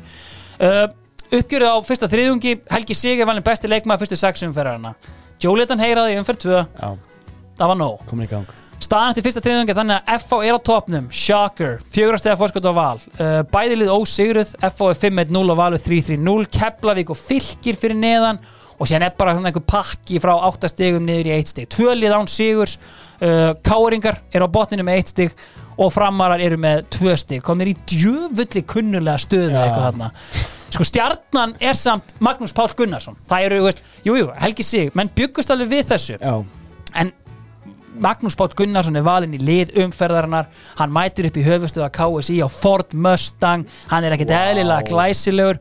Og þú veist, mér leik bara forvitna á að vita Magnús, uh, ég veit þetta er búin að vera kannski erfið fæðing en nennir að veita okkur smá viðtal erfið fæðing en ég er hérna loksins kominn og alveg til ég að veita viðtala. Sko Magnús, ef við byrjum þetta bara á uh, sjálfu, þú ert búin að vera hérna nokkur árin á undan svona inn og út úr breyðarbyggsliðinu, ég held þessi rétt hjá mér að þetta mót 2007 þá byrjar á bekknum en þú veist, hvað er það sem smellur hjá þér allt í einu þarna þetta sumar? Já, ég var bara þólumáður, já, samt ekki þólumáður. Ég, hérna, þetta var í fyrsta skipti sem ég næ heilu undirbúningstímabili með breyðarbyggsliðinu. Ég haf- hafði verið í fimm og hálft ár í háskólanámi í bandaríkjunum og, og misti alltaf að fyrstu og síðustu leikjum á hverju ári frá því ég var tvítur árið 2000 og það var aldrei hægt að reyða það var engin þjálfari að reyða sig almennilega á mig eðlilega kannski þá. Ég náði aldrei að láta kannski ljósmett skína á þessum sumrum. En þetta undirbúinistímbili fyrir 2007 þá, þá sko það var svolítið skrítið. En ég fylgdist með reynlega af hliðalínunni af því að ég tóknaði aftan í læri mjög snemma hausti til og ég noti allan veturinn í að taka til hjá sjálfum mér í mataræði og sveppvenjum og, og æfingarútínu og ég var í gimminu alveg eins og óðum maður og ég mætti til leiks þarna í aðra umferð vegna þess að prins Ægum að fekk rautspjald og þá opnaði sklufa en þá var ég mætti tíu, tíu kílóum þingri og, og komin í nýja stöðu vegna þess að Óli Kristjáns hann treysti mér fyrir því að, að henda mér fram og sjá hvað ég geti gert fyrir klúpin þar og það reyndist bara að vera algjör líkil algjör líkil atrið fyrir mig og, og líka liðið þetta sumari vegna þess að það virtist allt bara smetla. Algjörlega og ég veist, það er svona skemmtilegt svona, hvað ég segja, það er svona buss aðeins í kringum blíkaliðið, þú veist, uh, það eru þarna, þú ert í liðinu, Kristján Óli er í liðinu, Hjörvar er hérna viðlóðandi og hérna stöðningsmaður blíkanúmer eitt, Egil Einarsson er skrifandi á DFF alla daga og, og það er svona skemmtileg ára í kringum blíkaliðið þetta sumar, er það ekki innan Jú, sem utan vallar? Jú, þetta var eitthvað skemmtilegt að suma sem ég man eftir. Það var náttúrulega sumarið, þetta er náttúrulega sumarið fyrir hrun Já. og þarna kostaði bensinlítar en ekkert og maður var bara öllu sínum trilltustu græjum einhverjum bíl sem eitti 30 og 100 og það skipti engum máli og, og hérna og, og Egil var al, mikill penni og mikill stuðnismæður og, og, og það var mikill stemning og, en það var bara gott veður einhvern veginn líka allt sumarið og, og hérna, en, en sko triksið mitt, það var bara að láta ljó, ljósmitt skín á vellinu, hlaupa úr með lungun, vera í góð formi, fórna með liðið, gera allt sem ég gæti og, og einhvern veginn dagtuðran fyrir mig á réttum stöðum inn í Vítateg og, og breyðabliðliðið var svona, já, hálfgett spútninglið voru við á þessum tíma. Algjörlega. Saltir vera, jójólið úr fyrstu deild og upp í efstu deild og loksins eru við að gera eitthvað að viti. Þetta er einmitt svona upphafið að kannski svona, ég meina árið áður þú veist, hafi verið fínt þegar hérna Arna Grettars og Óli Kristjáns kom inn á miðið tímambili síðan tekum við hérna þetta tímambili og þetta er svona, það er aldrei neinn svona alvöru fallbarátta og það eru, veist, það eru mjög flottir sigrar á tímabilinu og kannski svona leggur grunninn af því að því að þarna er að koma inn leikmenn eins og Kitty Steindors og Kristinn Jónsson og Arnór Sveitnir þarna orðin algjör fastamaður og, og svona leggur grunninn rauninni að því sem kemur eftir síðar. Já, þetta var alveg rétt öður og hérna var rosalega gaman að fá ungt og fest blóð í klefan og sjá allega þessar ungu strákar sem voru vittustur að tilbúinir þegar tækifæri gafs. Það er bara óbúðslega flott og eðlilegt eins og, og klúpar eins og breyðablík við horfum á í dag, þetta er eiga hreinlega og þurfa endur nýja sig reglulega og kannski mest styrkleiki breyðablíks bæði karlabottan og kannabottan það er að breyðablík hefur alveg af sér alveg rosalega góða úrvald knasputnu menn og konur og, og gaman fyrir okkur eldri blíka í dag að horfa upp á það ár eftir ár. En þarna er eins og að verða einhver vendipunktur 2007 Já, og það, það bara byrjar allt þar. Naut mjög góðs að því að fá þessa fyrirgeður frá Arnóru Sveini og, og, og hérna og Kitta Jóns náttúrulega. Og, og ég læriði heilmikið af þessum útlendingum sem voru mikið þarna. Þrý serb, þrý, kippa af serbum sko. Og, og prins Rækoma náttúrulega Já. sem er náttúrulega eitt litrikasti leikmæður sem við bara haft hérna í, ég veit ekki, ég man ekki eftir svona Nei. litrikum leikmanni Nei, ég held að það sé alveg ljóst sko, en svona hvernig hérna, úst, margar sögurnar sem maður hefur heyrt af prinsinum og ég hef sjálfur talað við hann og svona þetta er maður sem tekur lífin ekkert allt og alvarlega, en þú veist en, var hann góður á, þú veist var gott commitment á æfingum og annað, þú veist, var hann algjör var hann, þú veist, fagmaður Já, já, hann, já hann, mér fannst hann skila sínu inn á vellinum alltaf í leikjónum en, en hérna, hann hefði svo sem eins og við allir aðrir geta kannski hugsa betur um sig og tíminn sinna undan valla og, en já, já, bara karakter og kentilegur og einlegur og en, en við hefðum allir geta verið bara mikið betri hefðu við bara svona fatta hvað við værum reynilega góðir og, og æft okkur að kannski aðeins betur og, og spila upp á betur styrkleikan okkar allavega. En við þetta var bara allt í mótun. Já, einmitt og svona, veist, Óli Kristjáns er einmitt að þjálfa þarna og hann alltaf er með liði næstu 7-8 árin, þú veist, eh, góða hluti að segja um hann, þú veist, hvernig hann svona kemur Já, inn í virkilega. Já, já, ég hæli bara Óla Kristjáns í hástert. Fyrsta lagi fyrir að taka mig, Já, þennan var 27 ára gamlan Varnar Jaksl eða miðju, miðju trukk ef ég skildi kalla mig já, og henda mig fram vegna því ég var komið með ákveðin leiða á fókbalti, ég var ekkert að mér fannst ekki gaman að vera að gera mistök sem djúpa miðumæður og tafa bóttanum að hættulegum svæðum eða gefa mörg eða vítaspilur eitthvað, af því að ég var það sko. mhm, já, og, og hérna á móti alveg á slutum samt en e, samt. Og, og hann sagði bara ég, hann hendi mig fram treysti mig fyrir og þá fekk ég algjört frelsi og frjálsræði og, og ég var bara það var bara endur tímarnir endur nýðust allir inn á fótbolltafellinum og hann framlengdi raun ferili minnum já, einhver sjö ár. Já, þannig að hann er, hann er algjör professor og, og, og ég hæla honum bara fyrir hvað hann gerði og fyrir mig og klúbin Hvernig er þetta þegar þessi strákar hérna fættir í kringu 90-89 er að koma inn í liði, þú veist, þeir eru náttúrulega ekki nema 16-17 ára og ég meina þetta eru, veist, tveir, þrýr, jafnvel fjóri leikmenn, þessi kannski ég væri til að velta eins hérna upp við þig, sko, að því að veist, það tala mikið um kannski blíkalið dag er, svo veist, þetta er náttúrulega alltaf, alltaf frábærir tæknilega séð, en það er alltaf einhver svona, það vantar kannski meiri svona einhvern veginn ef við sletti bara böll og einhvern svona, einhvern svona, veist, eitthvað svona ég er mættur kassin út, en það er kannski eitthvað sem að, hérna, blikalið þitt, eh, það sem ég hef kallað playerskynnslóðin hafði. Myndur þú segja að veri kannski fínt teikja á mér að, að það sé eitthvað sem þeir hafa haft mjög gott af að koma inn í? Já, þetta er sko, bara, þú hittir naglan á höfuð þarna, að, að þarna ég, ég sakna þess að sjá svona karaktera í blikaliðinu, ég held að það væri gott fyrir að hafa minnst einn eða tvo, Mhm. svona fætera bara alvöru malarvellis vallagerðis sko, hérna, hvað heitir þetta hérna, reyðhallar æfinga, brjálaðis æfingarnar Já.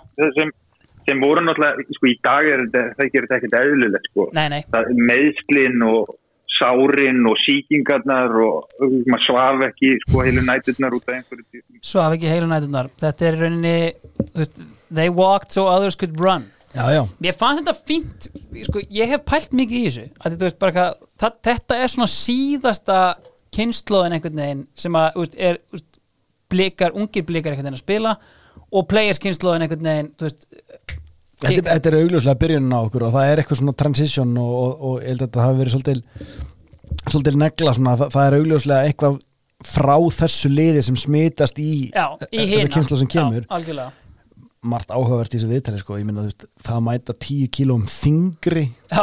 inn í tímabilið það er greinilega rosalegt. bara smekkaður af, og búin að lækka 40% bara. Já, bara rosalegt. En, en sko, að ég man eftir þessu þetta er verið komin inn í það tímabil að maður man eftir, eftir leikjum og svona. Mm. hann er að það númið 10 já, og ég vissi ekkert hver hann var en það var heldur ekkert skrítið endilega maður vissi ekkert hver hann var því að maður var ekkert bleikaliðið var ekkert mikið á ratarnum hans endilega. Mhm. þannig að maður var ekkert neginn með hann bara sem já já þetta er framherji. Já. Þannig að það komið rosalega óvart að heyra að hann hafi hefði verið að- einhver varnar buff Já, bara að prófessorin hafi verið að prófessora yfir sig. Heyrðu, þú tekur tíuna Þú ert að fara hérna. Þú veist, bara hvaðan kemur þetta? Mér finnst alveg bara geggjur saga sko. talaði með þess að kraftmiklu bíla. Þú veist, hann var náttúrulega eins og ég kom inn á hana Ford Mustang, ég glemd að minnast á það það voru tveir teningar hangandi úr baksýnisspeklinum sko. Það er ótrúlegt. Og sko, það, það sem náttúrulega skein í gegn var svona þessi, þessi típa, ógeðslega gott. Það er náttúrulega geggja viðtali sko, ógeðslega gaman að heyra hann tala og bara svona hérna, komur á óvart hvernig típan er sko, ég held að hann verið Þvílíkt, einlægur og náungi. eh, sko, hva, hva, þú veist, hvernig þetta sumar er í minningun hans geðveikt vel já, já, já, þetta er svo geðveikt sumar hjá honum að það er allt, veist, það geta verið einhvern veginn bara að negla ódýru bensin og bílinn. Þarf ekki mikið meira, skil, bara gunna á Mustangnum aðeins, Mörk, Mustang og gott veður. Þetta er bara ógeðslega gaman að heyra þetta Það eru að lið og uh, líka, sorry, snirtilega orðað hjá honum þegar þú varst að spyrja út í sko kúltúrin og prinsinn og eitthvað svona. Fáránlega, fimmlega orðað sko, að það var bara hérna já, já, við hefum svo sem alveg geta lagt aðeins harðað á okkur og alveg svona Algjörlega. mjög gott sko Herru, uh, liðið er Bjarni Þórður í markinu, Sverri Garðars, Barry Smith, Atli Sveitn og Freyr Bjarna, Matti Guðmunds, Baldur Sig, Símún Samuelsson, Magnús Páll Gunnarsson, Helgi Sig og Tjekin í. Þetta er liðið fyrsta þriðungs já, og komin á hann fram og káur án Sigurs, hvað er þessi lið sammeilegt? Jú, þótt, þótt, þótt. Óli Þórður og Teitur Þórður er að þjálfa. Skagamenn eru þar fyrir ofan með fimm stig. How the mighty have fallen. Ég er algjörlega að tapa mér hérna, við verðum að taka smá hálfleik. Þetta er orðið alltaf mikið, róum okkur aðeins niður. Tökum smá hálfleik. Hálfleikurinn er í bóði lengjunar. Orrið, þú ert búinn að vera live betting. ég er búin að vera sjóð heitur í live betting Hvernig er þetta að fara? Þú ert alltaf í símanum já, bara. sko, já, í, í appinu Já. og fyrir svona heila eins og mig sem les leikin vel. Þú og Ralf, tveir heila já, já, Þa, þá er þetta svo gott sko því að þarna get ég bara hent hérna eins og en daginn, Wools Leopold já, ég finn bara Origi er að fara að setja hann. Já. og ég bara hendi á minn mann. Þetta er enda geð, ég hef aldrei pælt í þessu svona sko, fyrir okkur the brains, Já. þá er rauninni þú veist, þegar þú ert bara að fylgjast með þú sérð eitthvað, we've been er here before. Við hefum séð þetta alltaf áður. ég er ekki að, ve- ég er ekki að veðja. Fótbolt er ekkert annað en þekkt minni live betting, Já. lengjan, lengjan lukku sprengjan, takk.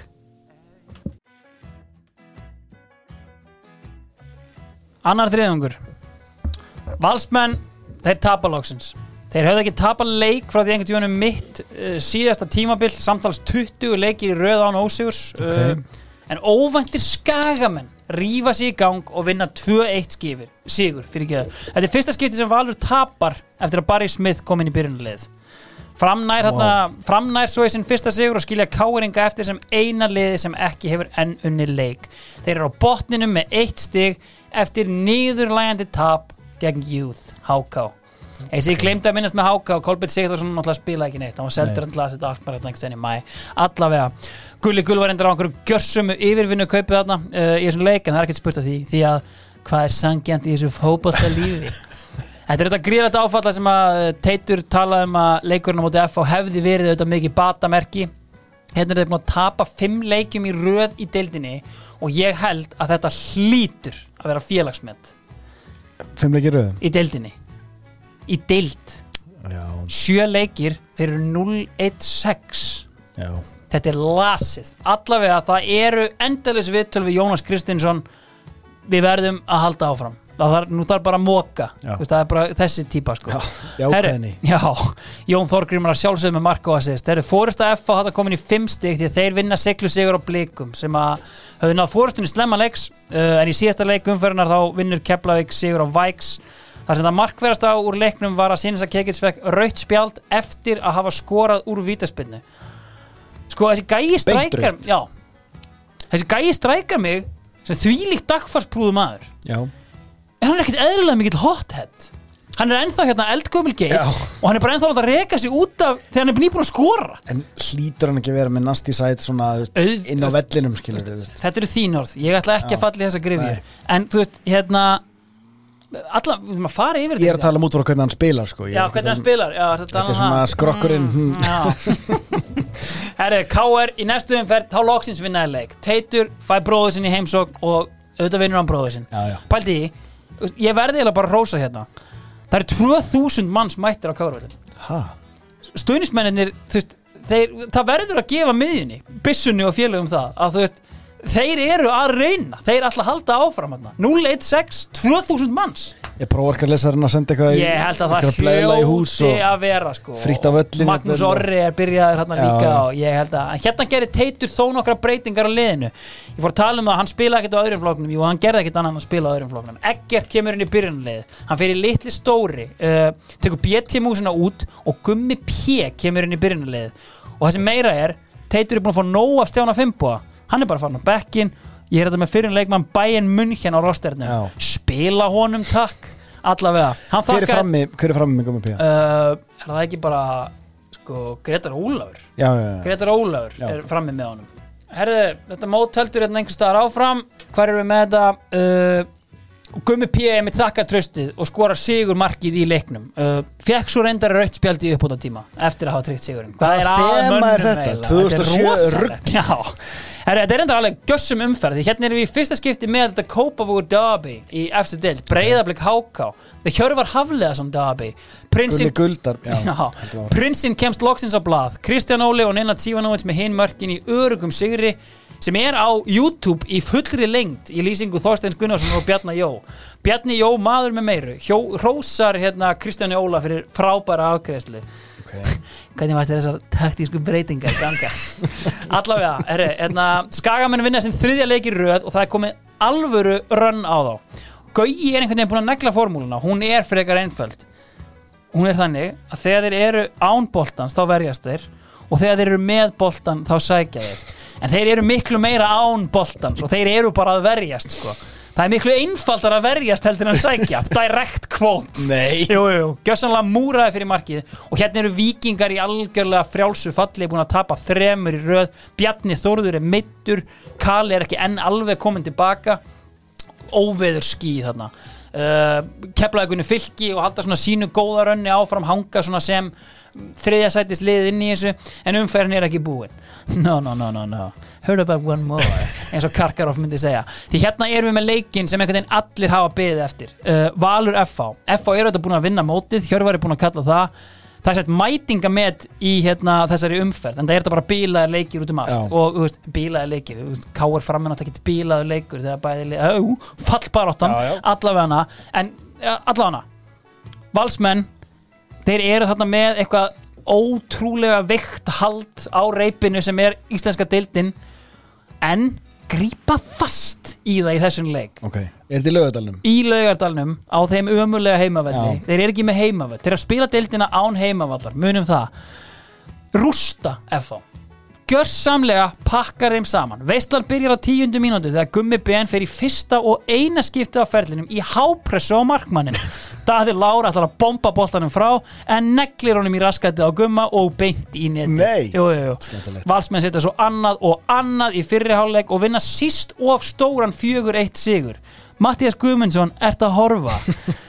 F-fáðingar fóru, þeir tóku illa í hennar leik og það var að kalla til sérsveitina upp í stúku. Það var einhverju gæja með bjóraðna veit ekki hvort að Hardseat var mættur þarna eða jú, hver, sem þá já, en allan að, veist, bara sérsveitin er kölluð til og það er þarna myndefni, hafliði breið fyrir tók hérna myndir af þessu það, Þú ert ekki að ígja með sérsveitina? Ég er ekki að djóka. Tveir stuðnismenn F á handteknir í laugadalunum og kölluð var til sérsveitin menn voru ekkert eðlilega að kunna tapa en þeim svona til varnar þá hafa þær ekkert gert af því undanfærin Nei, nei, þeir kunna Herri, ekki. framarar rífa sér loksins upp og vinna breyðablик í lífsnauðsynlegum sigri. Ígor Petits klúra víti og leggur svo upp sigumarki fyrir hvern annan en Jónas Grana Garðarsson. Hann er byrjaður. Kasper Jakobsen er að verja víti annan leikin í röð. Næstu umferð uh, Valuvinu Háka öruglega og FH Rústar Vikingi báði leiki fara fjögur eitt jari jari. Ég ætla eiginlega bara að pása allt hérna til að ræða málmáluna uh, Akarnesvöllur Bjarni Guðjónsson er allt í öllu og skorar tvö mörg í Sigri Skagans þeirra fjórði sigur í röð. Þeir eru algjörlega á eldi Vekkoslav og Dario Singel geggjar það er búið að múra fyrir markið og þetta er náttúrulega þetta er frábær leikur. Uh, sko, sigumarkið í leiknum sennilega eitt fallegasta mark sem hefur sést uh, í eftir deild á Íslandi. Skagamenn eiga innkast við miðlínuna Bjarni fær boltan með bakið í markið Baldur Sigursson kemur hann í árás bregður sér frá henni og svo neglir hann boltanum með unaðsleiri ristaspinnu yfir Ómar Jó.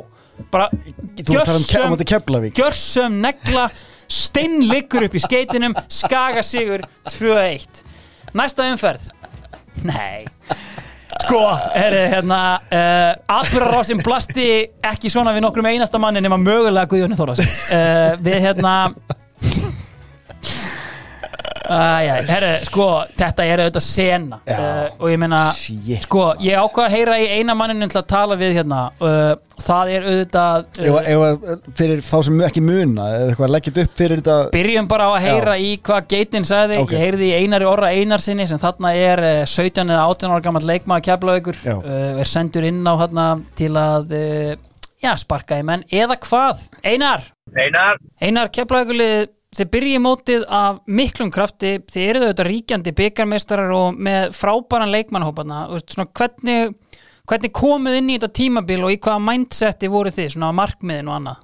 Uh, ég held að kom bara mjög sprækir inn í þetta eins og þú segir eftir hann að byggamestartitilinn og, og kjarnin áfram. Þannig að það var bara svona stemming og, og það var, ég held að reyndar að vera bara síkild að markmiðum að gera betur. Já, en svona það þýtti náttúrulega þá að vera bara komin svona þriðja aðna sæti eitthvað svoleiðis þannig að það var bjartin Algjörlega. Og svona Kristján Guðmunds er þarna búin að vera að móta liðið áfram og svona veist, og eftir að hafa tekið þarna við eftir að Gauji Þórðar hættir og þessi fyrir þennan fræga skagaleik uh, er kerkja hjá leikmunum Keflavíkur og svona bara Keflavík almennt gagvart Gauja? Uh, Já, ég held að mig alveg segja það að hérna, þá hann sem fyrir að fara eitthvað uh, nánar út í að hættir hann uh, með okkur kortir í mót og hann eitthvað skoðanir en, en hérna, ég held að við svona sem keflingingar höfum talið að það hefði verið brotið á okkur því að það var rót spenningur það, það prísísson raunir fyrir uh, komu gauja. Já, emmitt þannig að það var hérna já, þetta keflingu og almennt það liði svolítið að það verið brotið á sér og, og síðan ef ég minni rétt þá þá hann að 2006 sumari þá kemur upp hann að aðvík milli gumma meti og hjarta. Já, emmitt það hérna sem er eh, sem hann er kallaður þarna já, ég vísa bara í þetta, Tyrkja djöfull og verður hann brjála þarna og það voru eitthvað bönn og, og, og, eitthvað fengur fór í kalljósi og það voru læti hann að sumar áður og, og, og gauði þarna árinu þar á undan, þannig að jú, jú, það var náttúrulega það var einhvers konar kerkja í gangi Það er óhætt að segja það. Og sko ef að sko eins og þú segir teljið að það hefur verið brotið á ykkur og, og ef að þið heldur það um Gauja Þórðar hvað þá þegar sonur hans mætti með þrjumu flegin hann yfir allan völlin svona veist, bara ef þú ferð með okkur yfir bara svona veist, hva, veist, hver eru svona fyrstu viðbröðin einhvern veginn bara svona á þú ert á bekknum þarna hvernig svona strækar þetta mann fyrst þú veist, helstu að þú veist, er, þeir skila hlutunum bara að gefa okkur mark eða, þú veist, eða var þetta bara einhvern veginn mayhem frá fyrstu sekundu bara? Já, ég held að það sé meira þannig, ég held að þú veist, það hefur verið það mikil reyði og einhvern veginn, einhvern brjálaði að ég held að menna ekki sem farið að hugsa út, hvort þið gefið mark eða eitthvað, þú veist, það var engin tími í það, já, þannig að ég myndi alltaf segja að það verið meira þannig, að það var bara, þú veist, þeirinn á vellinum að hópa það og verða brjálaðir, við á bekknum verða brjálaðir, það er riflindið milli bekkja og þú veist, ég held að síðan held ég að við komið eitthvað svona moment það sem var svona miðjan og byrju er eitthvað er eitthvað að fara að gera skilur, er verið að fara að lega okkur að fá eitt tilbaka? Já, en þá að mér minnir hef, hef heilt að þá hafi það nú verið stoppað af hlýðalínu ef það hafi verið einhverjum þannig pælingar þá hafi það bara verið stoppað þannig að þjálfara þeirra. Emmett, það er svona svipa og ég fann hérna. Sko, þú kemur inn á í leiknum á 80. mínútu. Uh, Þú ert inn á í 10 mínútur og þú farið rautspjald fyrir tæklingu á Bjarnar Guðjóns Þú veist, ég menna það eru liðin 15 ár síðan cirka, þú veist. Fegst einhver skilabóður nú fórst inn á völlin eða var einar bara svolítið pyrraður hana? Já, ég ég fekk bara skilabóð að reyna að jafna leikin og ég náttúrulega eh, tók þátt í því að hérna 2-1 en hérna ég fekk engin skilabóð um að hérna meiða einnig neitt og það ég held að hafi bara verið þegar þetta moment síðan kemur það er nú bara verið einhvers konar pyrringur hjá mér. Síðan eftir leik þá spretti Bjarni Guðjóns þarna upp í hús. Uh, Kitty svona pikkar í öxlina á honum. Bjarni leikurinn er að klárast þetta taktu smá sprett. Uh, og öll hersingin fylgir á eftir honum. Náður að, þú hefur vantilega verið komin upp í hús þarna á þessum tíma eða hvað? Já, ég satt hérna bara í róleitum og var svona aðeins að hugsa, hugsa máli hann inn í klefa. Já, uh, ég fer nú aldrei fram sko, ég, ég fóð nú ekki fram en ég heyrði sko því líkur lætin og öskrin og, og það var nánast bara eins og að verið verið að takast á hann sko, og, og varður raunin að sprjála og var inn í klefa líka hjá okkur raunin að sprjála þótt að menn voru konin í klefa. Það var, ég hugsa bara ef ég renni yfir hennan feril minn þá man ég ekki eftir slíku ástandi eða slíkri reyði maður er oft lendi að vera tænt kannski eitthvað á mann og það er reyði inn í klefa og eitthvað svona en ég man ekki eftir svona. Var einhver leikmaður eða annar aðili áberandi reyðastur hann inn í klefanum? Eh, ég man það nú samt ekki sko, en, en ég, þú veist, ef ég ætti að gifta þá myndi ég ábygglega henda Bjarka Guðmund undir rútina það er alveg líklegt sko. Já, einmitt. Sko, en veist, það sem að tekur náttúrulega við hjá keflavíkuliðinu er náttúrulega bara algjört hrun. Og þú veist, er, þú veist, ósang, þú veist, Kristján Guðmunds talaði þetta niður í viðtölum og annað yfir sumarið, en ég meina þú veist, það hlýtur að vera frekar fer að segja að þetta atvik bara fokki upp mótinu fyrir ykkur. Ég held að þú veist, það varð náttúrulega alveg, það voru urðu, þú veist, málið var bara ekkert búið, þú veist, það var ekkert sofið og menn voru reyðir um kvöldið og síðan var bara nýr dag og það var ekkert. Nei, Menn voru ekkert að gleyma þessu og ég meina það var bara, það var allt vitlust, ég, þú veist, ég hvort að ég hef ekki bara verið bóðaður í hvort að ég vildi að við, ég og fjölskylda minna, ég og pappi, manna ekki alveg hvernig það var, ég var alltaf bara 17 ára, hvort ég verið bóðaður að mæti í kastljós og mæta þeim eða ræða þetta, þú veist, það var bara, þú veist, þetta var alveg það, já, sem ég reynda að gerði ekki, en, en þú þeir mættu, já. Þannig að ég held að, hérna, ég held að þetta Kristján reynda að downplaya þetta, þá er þetta klárlega haft ykkur áhrif.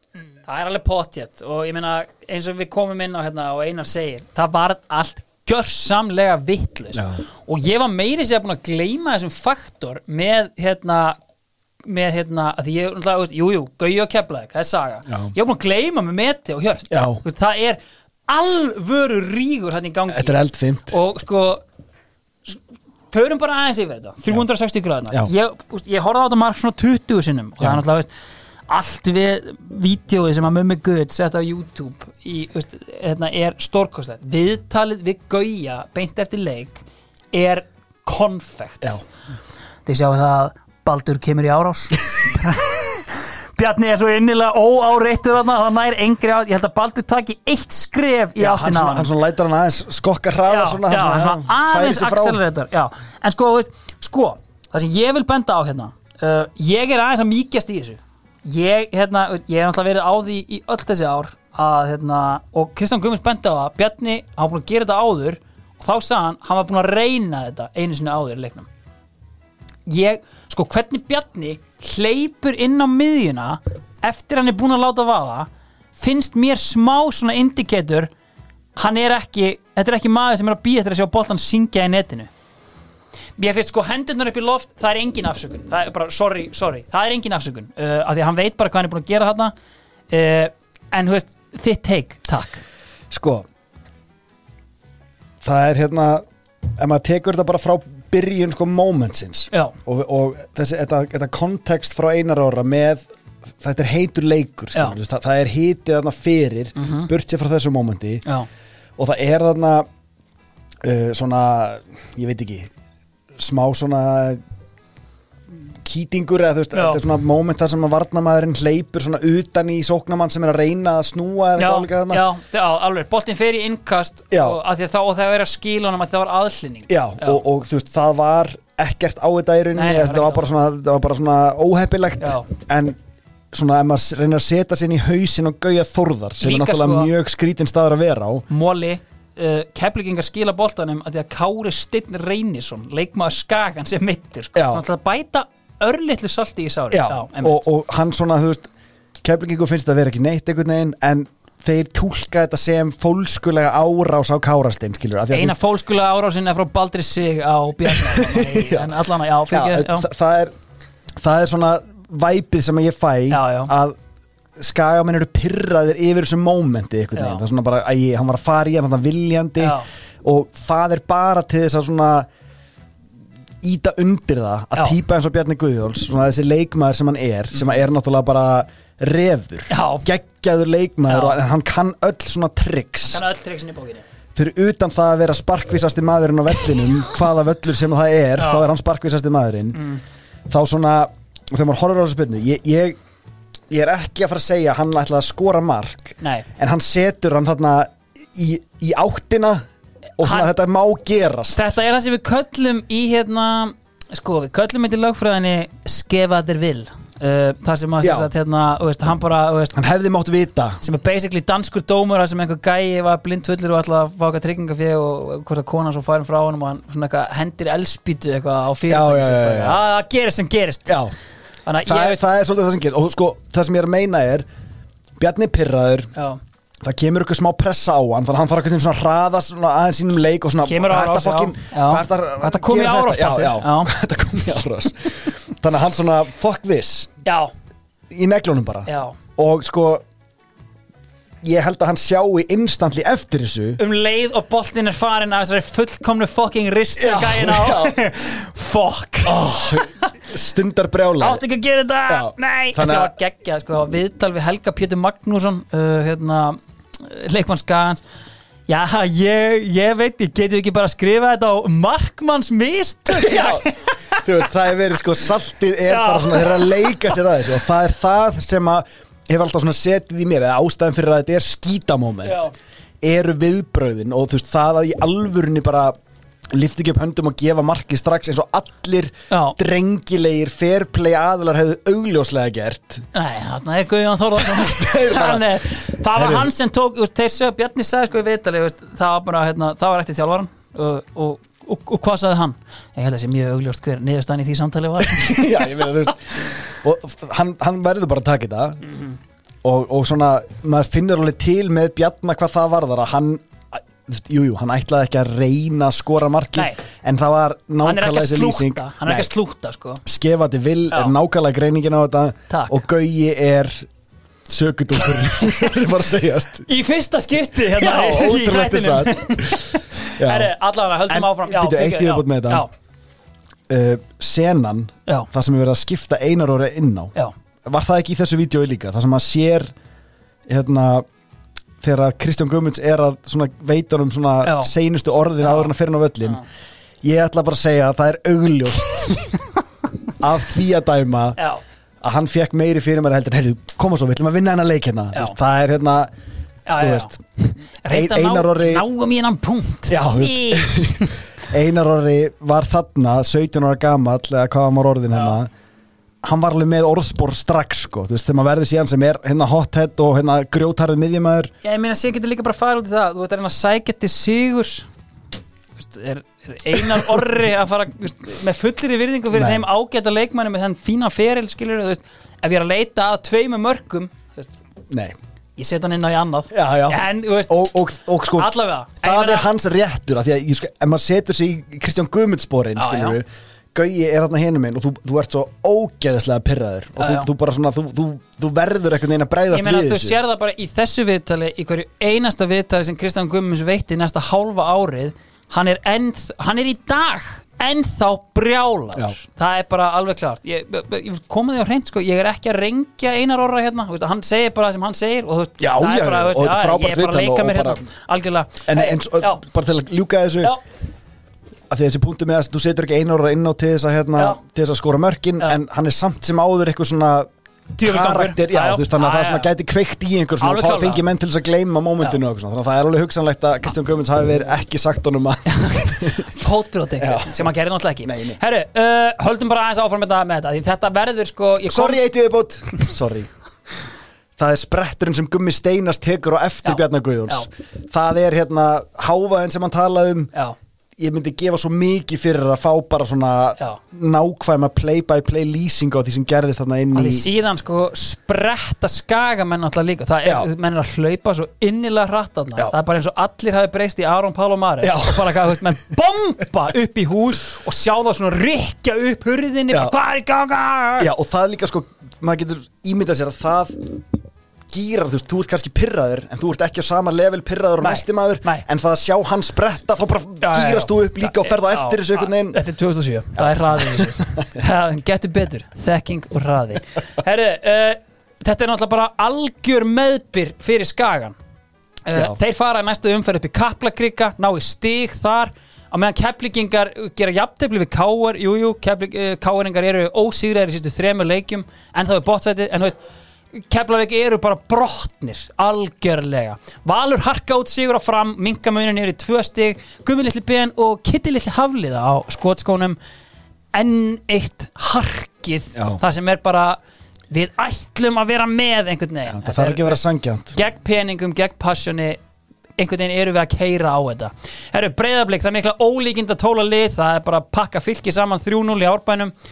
Kannski markvært að vinnast á það að tvö mörk frá Kristni Lilla Steindórssoni hans Ok. okay. fyrstu mörk í eftir del í bara held ég fyrsta skipti í byrjunleginu uh, Kristján Óli og Magnús Páll fjárverandi og það kom ekki að segja profesorinn með svör við öllu sko þú getur alveg samfært mig um litli stóri prins Rækomar Kitty Steindórs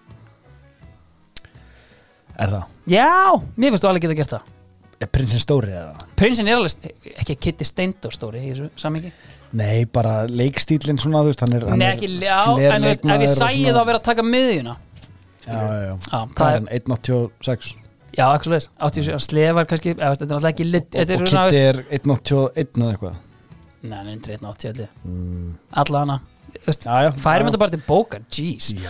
Og Víkingur gerir játtöfli í baráttunum Fossvóin, það sem að kekit sér þetta allt í öllu. Og Rúnar Páll Sigmundsson af geitast þarna fyrir HK með eitthvað markur aukaspinna eða eitthvað. Já, ég tekar það Víkingar er ekki búin að vinna síðan í þriðju umferð og fallflíkurinn veist, við erum bara, veist, það er skítafíla út um allan Fossvóin Eru Rúna Páll Sigmundsson, Já. hann er hákáðan Já, Já, já, já, já. Ég, ég held í smástund allt í hérna hann og Maggi Gilva að í sama klefan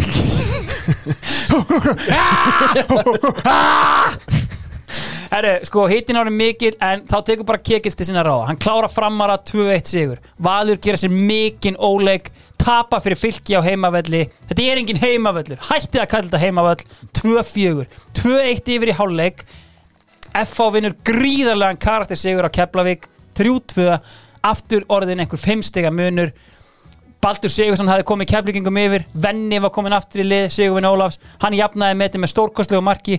Svo kemur a little fella called Mattias Vilhjálmsson til skjálana Já. hann kemur þeim yfir og hann er svolítið að taka yfir frá Matta Guðmunds. Það er komið hásumar, vorið er búið Já. þá sækja þeir annan Mattias til að skora mörkin. Allavega hana uh, Sverri Garðar sér viki að velli þeir eru 2-1 yfir. Uh, keflinga jafna en Davíð Þór Viðarsson setur einhverja sýningu á svið. Óli? Setur á svið einhverja sýningu uh, uh, alvöru Viðarsson framistöða og einhvern ótrúlan hátt náður að jafna. Þegar Freyr Bjarnason ætlar að senda boltan inn á tegin tekur einhverja svona skólalóðar spytnu yfir sig og okkar maður Bjarki Freyr Guðmundsson ennþá með hausinn upp í klefanum upp á skaga missir boltan í netið.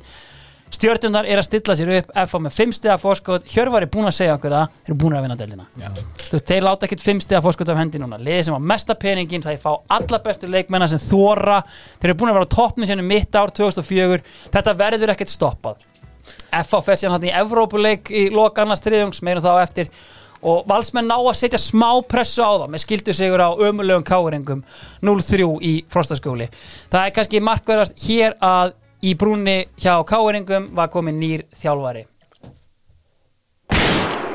Já, þetta var einfallega komið gott. Veist, já hérna hér. Það tók þá 12 eða 13 umferðir þangað til bara, herðu stopp nú, þetta gengur ekki við höfum aldrei verið á botninum jafn lengi, teitur. Við reyndum og reyndum en þetta gengur ekki. Og inn kemur maðurinn sem léttir alla lund alltaf með bros á vör. Já. fjóri, fjóri, tveir, nei, ég hef ekki hugmyndið það. Fjóri, þrý, þrý, Já, já. en þú veist bara, veist with a joy, smile on your face Logi Gaddem Ólafsson. Það er rosalega ráðan hann virtist vera bara komin í helgan stein þarna. Heyrði, talandi um það, já, já, já. Ég fekk hérna móla fyrir mjög lengur síðan. Já. Sem að hefur aldrei átt erindi fyrir nú. Þessi, ég ætla að finna þetta hérna. Sko, frétt frá 8. júli 2007 Hve, Hvenær eru við hérna? Já, eða bara rétt áður. Já, já, Logi Ólafs kaupir sér afdrepp í sveitinni. Uh, Það má segja sé gamall draumur minn að verða bóndi. Nú er ég komin hálfa leið segir Logi Ólafsson. Ég held að sé svo geggjaðu bóndi. Já, ok. Ég hef alltaf verið sveitamæður í mér og hef lengi verið að leita svona stað. Og sérst, kaupir hann að lóð á Arnarhóli þetta er í Flóarreppi Já, þetta er hann rétt hjá já, Selfoss já, Suðurlandinu. Já. og sko hann veit ekkert hvað hann er að fara að gera þarna. En hann, hann er búin að kaupa þetta. Hann byrjar að reysa einhverja akademi einhverja knatsbyrna akademi Já, til að byrja með sko talað um hvað hann er mikill hesta áhuga maður já, já, já. og hann segir sko það er allavega óhætt að fullir að þarna verða hestar. Ekki mikið meir um það að segja. Nema hvað, já. seljandinn á jörðinni er aldavinur loga á knatsbyrnu heiminum? Kristinn Björnsson sem eitt sér þjálfaði val í úrvarsleitinni og hérna erum við sennilega er með þetta skíðamaðurinn? nei! Hlýðamaðurinn! Já. og þarna erum við sennilega með seinast, seinustu innkomu Kristins Björnsson. Aldrei útiloka það samt. Nei, ég skal aldrei útiloka Kristinn Björnsson en frábært að fá Loka orðin og loga. Þetta er samkvæmlega þjálfara jörð Þökkum uh, Erni Þór Karlssoni kjalla fyrir þennan móla Herri, Logi mættur í Vesturbæði Já, en sko, aðeins bara um teit Ég veit ekki alveg hvort hún er meira vorkun eða hvernig það er veist, Hann var komin á einhvern gríðarlega undarlegan stað veist, Hann er bara með leikmenn úr öðrum flokki. Hann er með, hann er með ekkert að spila helling Hann er með Skúlajón, hann er með Mumma Áskjörðarn Ólafsson, svo mikla geit Hann er þetta spilandi.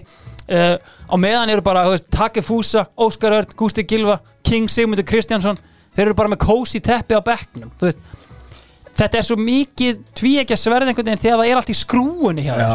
þér farðu þá út skiluru þegar svona veist, auðveldu veist, Mér finnst þetta samt svona Gústa Gilva inn, takk. Bjarnólf Lárusson inn, takk. Hann reyndi það.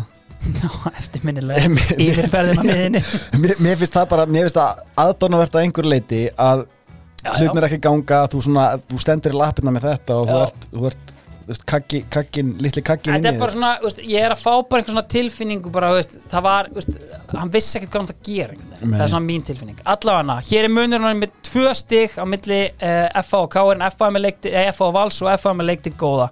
KR eru sem fyrir á botninum eftir jafntefli gegn breyðabliki næstu umferð og eftir tap gegn Víkingi og Skaganum eru fram í nýjunda sæti. Þremur, uh, hérna uh, aðeins fyrir ofan KR uh, og HK eru einhvern veginn á líginni inni saman sko í áttundasæti bara þægilegir, bara búin að fá á sig endalust af mörgum en eru bara einhvern veginn að hanga þarna inni. Bara þægilegir, með einhvern svona stemming sigrum frá þeim þýska. Með krafttjálfunina hann Já, já, og já. sálfræðin sem auka frjálsar. Framararnir uh, fyrir maður yfir þá. Það skiptir einhver máli þó er vinningin eitt Jónas Grani er raðandi inn og Hjálmar Þórarins flottur líka það verðist einhver máli skipta. Óli Þórðar og félaga bara get ekki unni lengi leiki en það ásand háka með lélegustu vördeildarinnar þeir tapa fyrir skaganum höfðu sendt Igor Pesic heim og höfðu fengið tvo útlendinga Henry Nvosu og hinn mikla skemmtikraft Henrik Eggerts. Meira um hann síðar get ég sagt einhver og Óli Þórðar einhvern veginn í þessu volaði veist, komin í álíka mikið bras og bróður sinn. Hann bara, herru, Henry Nvosu þú ert minn maður, Grani tiltuður á bekkin með öll því mörk. Jú, jú, ég veit ekki hvað hann er að gera. Sko, Nvosu gerði volaða lítið gerði volaða lítið, hann sleit crossbönd eftir sjö mínútur. Þannig að Óli bara, Grani, innan með tvö Sorry. Já, þannig að Grani gerir tvö mörk og hérna uh, kemur fram í 2-0 uh, en svo henda Ía í það sem að Gauði Þórðar kallaði þetta er bara glannalega flott comeback. Arnar Már Guðjónsson með mark eftir stóðsendingu frá Bitni Bergmann en sem fyrir þá er Bjarni Guðjóns allt í öllu. Í að vinnurannleik 4-2 Herru, fylgir og breyðablík þeir eru bara í þessum miðjumóði þú veist, það er lítið að frétta. Uh, uh, uh, keflingingar eru eins og ég kom inn á áðan og einar orði kom inn á áðan í frjálsu falli. Þeir geta bara ekki sótt sigra þeir eru að tapa flestu og þeir eru algjörlega Hausinn. en höfðu byrjað svo vel að það er engin fallætta og Ká er svo ógeðslega léleg fellur bara eitt lið þannig að mótið er að bara búið þarna. Helgi Sigur aftur valinn leikmaðurum fyrir hana og uh, hérna mm, mm, hvað er ég með meila hérna já, fyrirgeðu Geitin er besti þjálfarinn Gauði Þólar, búin að drilla alvöru dæmi Ok. kalkar og klækjabröð það var fyrirsögnin sem ég var að búa til akkurat í wow. Framlínan er eiginlega liðið sko, þetta er eiginlega svona þríegi sem ég hefði bara verið mest til í að sjá í deildinni. Og með GBN, með Helga Sig og með Kekits alvöru refa framlína. En þú veist, old man's game maður. Já, já. Jesus Christ.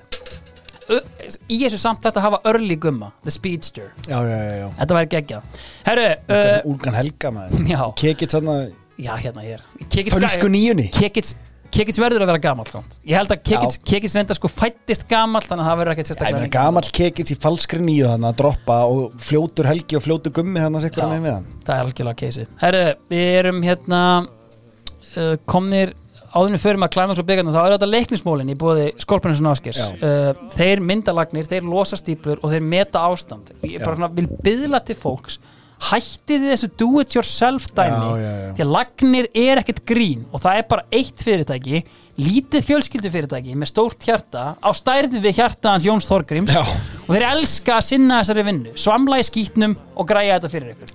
Heyri í Skorpinsson Áskers, takk. Hvað er í gangi á leikni þarna? uh, Uh, Geitin, Garðar Gunnar Áskjörsson hann er hættur. Já, hann er, alltaf búin að skila sínu já, koma leiðin upp í fyrst deild og tímanbili áður náttúrulega svipaður í gangi núna í, í uh, efstu deild. Það var bara eitt lið sem fjall Já. og við rétt slupum við það á líðinni. Og erum núna að fara í okkar annað tímanbil Mhm. og það lítur ekki vel út framan af. Uh, Óli Haldur Sigurðarsson tekið við liðinu. Já. Og það er bras. Uh, byrjum ágætlega en svona, svona fyrir við að síga niður töfluna sko. Síðan kemur buksin alltaf aftur. Já, og það gerir ekki mikið fyrir okkur en ég held að þetta er 15 umferðir þar erum við komnir niður í bottsæti já, uh, reyndar ekki bottsæti því að reynir voru mjög daprir þetta ár, Já. reynir Sandgeri með alla Jónasson með stangana. Já, ég held að hann hafi verið valinn markmaður uh, tímabilsins, besti markmaður deildarinnar. Pittivolt ég bara gæðin fekk á sig 3000 skot fekk á sig 50 mörg já, þannig að það hefur verið ágætis prósenda já, allan að það hefur verið marga TV-vörslur og hann hefur verið í góðum Já, já, og hann var náttúrulega svona hann var ábyrrandi markmaður. Ég Já. bara eftir þessum leikjum á mótið þeim það svona, það fór mikið fyrir honum sko, og, og góðu karakter. En uh, það sem að gerist er náttúrulega ekki með gikka hljóðu á standbæ en það er riðið í gikkin það er rifið í gikk hingrað aðeins fyrir mig, Já, takk. Já, Óli Halldór er uh, regin og inn kemur áhugaveru karakter. Já, Eh, Jesper Tollefsen. Já, það er svo sannarlega áhugaveru Já, og mér skilst að hann hafi verið sko bara að reyna að komast í eitthvað lið hérna bara, þú veist, og senda á leiknir að gemil Já, eða eitthvað já. og við bara svona, já, já Dotti, já, já, til, já, why Já, not why not? og hann gefur og það var mjög hérna það var mjög gott moment af því að ég sagði eitthvað tíma söguna því þegar við fórum og vöktum Steina Gísla Já. hann tók við sko sem Já. var hann setna það byrjaði alltaf Jesper sko og við fórum bara, hann var nýlendur eða eitthvað þegar við tókum við, vorum að taka upp eitthvað svona myndband og Já. fórum og vöktum mannin sko og það var mjög fyndið sko, gæðin var minnsti stuðpinni söguna sko. En, Þetta er náttúrulega sko gæi sem að kemur hérna með eitthvað CV sem reynir síðan bara, ef þú kemur til Íslands tekur síðan við Viking setna sko. Já, og, og þetta CV hans er bara lega saga. Já, þetta er var í rauninni sko. bara einhver gæi sko, sem hafi verið í skóla örgla með Gunnar Guðmunds en hann var bara með handbolta sem að, að ég fekk Halldór Smára í draumalið hann var með hann í Viking, hann sagði bara þetta var handboltaþjálfari. Já. Sem var bara mættur hérna og spilaði bara þú veist, 6-0 vörn. En hann sko, ha, the jig was not up þegar hann kom til leiknis því að hann mætir það er hendar einn leikur hérna sem að hérna, við höfum sko tapað þreim í röð eitthvað, eitthvað um heimaleikjum og eitthvað, það var bara svona það, var, það þurfti að gera eitthvað sko. Já, og stuða hópin já, fá náttúrulega interim þjálfara Já. í uh, Magnús Einarsinni pappa uh, Elvarskeis þarna. betur Já. og hann sækir sko geðveikt krúsjál úti sigur á móti IPVF bara svona hérna rífur þetta í gang Já. og Jesper mætir inn og ég held að hann takir sex einstu leikina eða eitthvað, vinnu þrjá, tvö játtöfli og eitt tap og, og reddar málunum sko. Já. en sko það var ánægja með hann breiðaldi Já. þannig að það var svona shitty move að, Að fara sér bara, að fá bara Já. strax yfir í Viking bara, það Já. er bara þessi sex leikir og, og Já. svo er hann bara mættur í hérna í Vikingana á árið eftir sko. líginni einni hefur hann náða að krista hennan díl út þarna. Já, ég, þú veist hann, hann leita ágætlega út þarna og þetta var alveg svona fólk var að taka eftir þessu, hann var orðað við fyllt að liðum og eitthvað svona, Já. þetta var alveg eitthvað þannig. En, en sagana Jesper er aðalega bara þessi eh, 2007 reddingin, hann, bara, Já. hann bjargaði okkur. Heldur betur. Uh, fyrst og fremst er samt Buxi komin tilbaka. Já, meira um það uh, síðar.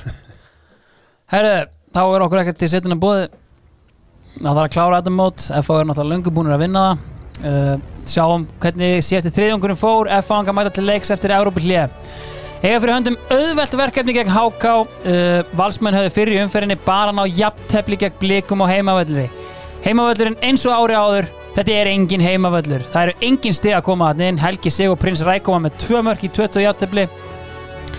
En F-fáingar mistiga sig. Ha, Ná ekki nema jafntefli við HK En því miður Við höfum oft talað um góð og slæm jafntefli. Þetta er karakters jafntefli. Ok. Uh, ekki saman hvernig jafntöflin eru tek ég jafnar á 90. mínútu. Callum Bett með mark fyrir HK alvöru pilla á Óla Jóhanna. Fyrir hann bróðu síns. Já, Já. er þetta var ekki eina pillan því að í leiknum á undan uh, þá spilaði F á leik sem þeir áttu inni já, nei, sorry, þá spilaði þeir hérna leikin sem þeir áttu inni á móti fram. Mm. frambúnir að senda Henry en Vósu svárkvalinn aftur heimti sín með sliti crossband og í stöðinni 3-1 fyrir FH virtist fátt geta gerst en pillurnar eru víða. Hver er í leikmannahópi fram? Jónas Granni Rauðgrani poppar upp með tvö mörg og jafnar leikin mikill vill meira. Óli Þórðar taldi þeir hefði að stela þessu. Þrjú eitt undir gegn besta liði landsins síðustu þrjú ár það munar því og með lélegasta liði í deltinni Herru, það munar því tveimur stigum þegar hér er komið við sögu uh, eftir þessa skitu hjá FH þeir eru leikir. algjörlega já, þeir eru algjörlega búin að hleypa þessu upp. Herru, KR vinna. Gulli Jóns with a captain's goal. Þegar að lifta sér upp frá botninum í fyrsta skipti í tíu umferður Herru, Valsmenn vinna svo Keflavík. Uh, það þarf ekki mikið til því að Keflavík, í Keflavík er hægt að vera Keflavík á þessum tímapunkti. Já. Kristján Guðmunds er bara ennþá með hausinn Já, upp á skaga. FH vinna svo fylki með tveimur mörgum frá Matta Villa og eins og ég komin á þann, það er bara búið að skipta. Haustmatti, hann er komin hann inn. Herru, á sama tíma nær fram í lífslöðsynlega sigur að háká. Óli Þórðar er byrjaður, hann vildi meira mikill fjekk meira. Víkingar og Blíkar gera játefli Gunni Kristján skora beint úr hotspinnu ok. National Team, Eyjólfur ert að horfa? Já. Sko, uh, í fallbaráttunni uh, fá káeringar skagan í heimsók uh, ótrúlega setning. Já, heldur betur. Skæin er enda bara geggjur róli en bara, veist, það er í Já, já. þegar káir eru þarna. Og Gauji virðist vera með enn eina masterskráðuna er að klára leikin 90. mínútu hver annar, Rauðaljónið Guðmundur Pétursson poppar upp. 90 minute equalizer sko, hann ætla sér ekki að falla kongurinn uh, Bjarnólu Lárusson tók einhverja alls slökustu vítaspinnu sem sést hefur á Íslandi. Uh, því miður, það er enn verið að leita að boltanum við, sko, þú veist hefðu ekki annað- stólið þessu? Þið- ekki, Nei, nei, fyrir leiknum. a- a- fyrir Já, leiknum. já, já. Það er Enn er að leita að boltanum, sko. Magnaði 14. umferð Gauji Þórðar, Maggi Gilva Leifur Garðars og Óli Kristjáns fengu allir sekt fyrir ummæli um dómara eftir umferðina og sko hversu slakur hefur Egil Már Markusson verið þegar báðir þjálfararnir fá áminningu og sekt eftir leik? Já hérna hér. Herru, umferð 15 FH 5 KR 1 það var svo Trauma. gott það var svo gott væp þarna en svo mætti bara tannleiknir að skora þrennu pælti það Gummi Sævars og Áskei Gunnar þetta eru svona semi John O'Shea og, Wes, og það er Darren Fletcher Já. sko liðsins Já. þeir eru báðir að hendi í þrennur bara eins og þeir fái borga fyrir það á móti K.R. Fárendar öruglega einhvern seðil en sko, og það allt saman eftir að Bjarnólfur hafi komið K.R. yfir eftir 10 sekundur 2000 miðjumenn þarna í stúkunni. Bjarnólfur með hamar hérna eftir 10 sekundur nei, það var bara ekki nóg. Ásker Gunnar, en þú er skora þrennu þetta ekki málið miðja, græja það bara. Herru, Kári er með 11 stig, þeir eru á botninum og þeir eru á leiðinni niður, við erum í 15. umferð það eru þrýr leikir eftir. Þeim til haps, þá eru vikingar bara búin að fá eitt stig af síðustu hundrað eða eitthvað áleika, þeir eru í skýtnum uh, eru tveimur stigum fyrir ofan þá eftir að skítapa sömulegis fyrir val 5-1 guttnegin eru valur á líginni ennþá með í þessu. Framarar sömulegis með 13 stig og háká á einhvern galinn hátt. Sá þíski er búin að drilla. Já. þeir eru með 15 stig. Ég ætla líka að minna á eitt sem ég búin að gleyma. Það fellur bara eitt lið eins og Addi Gretas talaði um og lofa okkur sóknarbólta og þegar hér er komið sögu þá erum við með botbaróttu og við erum með toppbaróttu það er öllum saman með þessi Evrópasæti og miðjumóðið því að toppbaróttan er ótrúlegt. Þýr leikir eftir FH á þrjú stig og þeim hefur ekki tekist að hrista það af sér Nei. þeir hafa reynd og reynd, þeir hafa rústað leikjum en þessi töpuð stig á móti fram og háká eru að reynast þeim dýrkeift og þeir hanga inn í þessu hlýðarenda piltar og við erum að sikla inn í hádramatík 16. umferð KR vinna háká tap hefði nánast sendt á niður því fram og vikingar náði líka í jafntefli. Nú eru KR með 14 stig fram með 14, vikingur 14 og háká með 15 ég er allur að veðrast upp Já. bara að lesa þessar tölur. Fram með með skástu markatöluna markatala KR og Væks er svona prekar jöfn einhvern veginn. En í topparáttunni þá fáum við leik Breiðabliks og FH það sem FH-ingar mistiga sig. Þeir tapa fjögur þrjú. Nenat, Prinsinn og okkar maður Magnús Gaddem Páll Gunnarsson með mörkin og þetta sjálfsmark frá auðinni Helga sinni eða hvað Magnús? Skoraðir þú þetta mark? Algjörlega. Og ég veit alveg hvenar, ég, ég veit alveg hvenar er snerting og bótt og hvenar ekki. Já, Og hérna, ég er algjörlega harður á því og ég er algjörlega og minnst að hversu alveg sannfærður um það að ef var hefðu verið til þá, þá Já. væri engin vafi á að ég hafi skorað þetta mark. já, En því miður fyrir mig þarna þá, þá er að mér minnir rétt, þá var ein kamera á vellin. já og hún er Og- fyrir aftan ykkur í rauninni Hún er, hún er fyrir aftan og lengst upp í stúku og, og hérna, ef ég minni, minnir rétt líka þá skoraði ég áttamörk og það náðust sko fimm og hálft þeirra á kameru. Þeir voru frekar seinir hérna, með kaffibóllana sína að snúa og, og þurka linsunni og annað.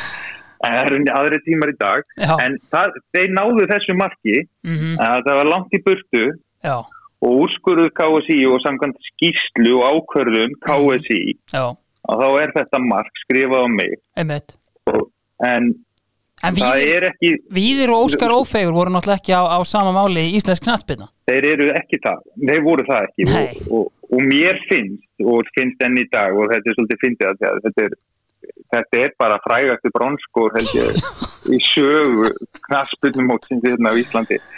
Uh, en sko það er ekki víðir en einn annar fréttamaður sem ákveður hvernig mörg eru skor Nei, nei, það er KSI það hlýtur eiginlega vera. Ég er alveg sammála og, Já, og sko, marki mitt er ekki bara í skýslu KSI, heldur stendur á bronskonum sem er heima hjá mér. Mjög fallegur.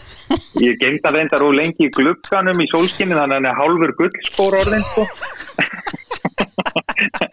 þannig að ég sný honum bara eftir hvernig mér líður. sko. Já, En, en sko, ég, mér finnst þetta fína bækur og hérna víðir, þetta er flottur annall hjá víði en ég vildi bara bókin var í samræmið ákvörðum KSI og, og sjálfsög vildi ég aldrei innkalla bókin en neitt slíkt eða eitthvað svoleið. Ég vildi bara, ég vildi bara annallin hjá víði væri það sem KSI stendur fyrir og gefur út. factually accurate ég, ég Já. alveg 100% gátt að fara sko. og þetta er mjög svona skrítið því að líka ef maður les íslenska knatsbyrnu þetta er einhvern veginn ekkert snert á þessu sem einhverju issue það er bara þarna, þú veist, Tryggvi Guðmunds er bara skráður með 8 mörg og, og síðan hann einhvers staðar í tíunda sæti er Magnús Páll með, með 7 sko, og einhvern veginn, Já. þetta er mjög skrítið allt saman sko. Já, mér, sko mér finnst bara á hverju ári bók og annað að vera í samræmi við skýtlu kási og, og ég vildi bara að því að bróði minn eldri, hann, ég held að hann eigi hverju einu, einu og einustu bók. En, en, en allavega fram að þessu mómenti sko, en, já, en ég vildi bara svona alfræði orða rít um knaspirnu ætti að vera. já en ég- skilduðu alveg góður í símtælinu Já, ég fekk einhverja bók árita, já, já, ég fekk náttúrulega þessa bók Já. árita, ég hef ekki opnað hann held ég, ég var náttúrulega ég var ekkert sáttur sko í Nei. svolítið tíma en, en þetta er náttúrulega bara skemmtilegt upp núna og ég eiginlega getur hvergi farið nema þetta sé rifjað upp og, og, og, og það er bara gaman að því en áttamörk og bronskorinn stendur heima hjá mér og gull, gullfallur og ég er afar stoltur og ánægð með það afrið heldur betur. Uh, það sem gerist náttúrulega er að það er þarna mark það kemur sending fyrir. Auðun Helgason og Magnús Páll eru þarna að berjast um boltan og ég trúði Magga þegar hann var, ég var að tala við hann sko. En, síðan, en síðan horfi ég á þetta og ég sé bara ekki hvernig hann á að geta snert boltan ok En sko einhvern veginn fer þetta í skýsluna þannig að Magnús Páll Gunnarsson fær marki skráð á sig, tvö marki í þessum leik og sko ef það er vafi þá verður sóknumæðurinn að fá njótans ég meina ef KSI skýrslan segir að Magnús Páll skoraði sko ég elska Óskar Ófeg ég elska. Úja. en hann getur ekki með sínar bækur upp í hilli verið að ákveða hver skoraði ef KSI ekki segir annað? Nei, þetta er Óskar.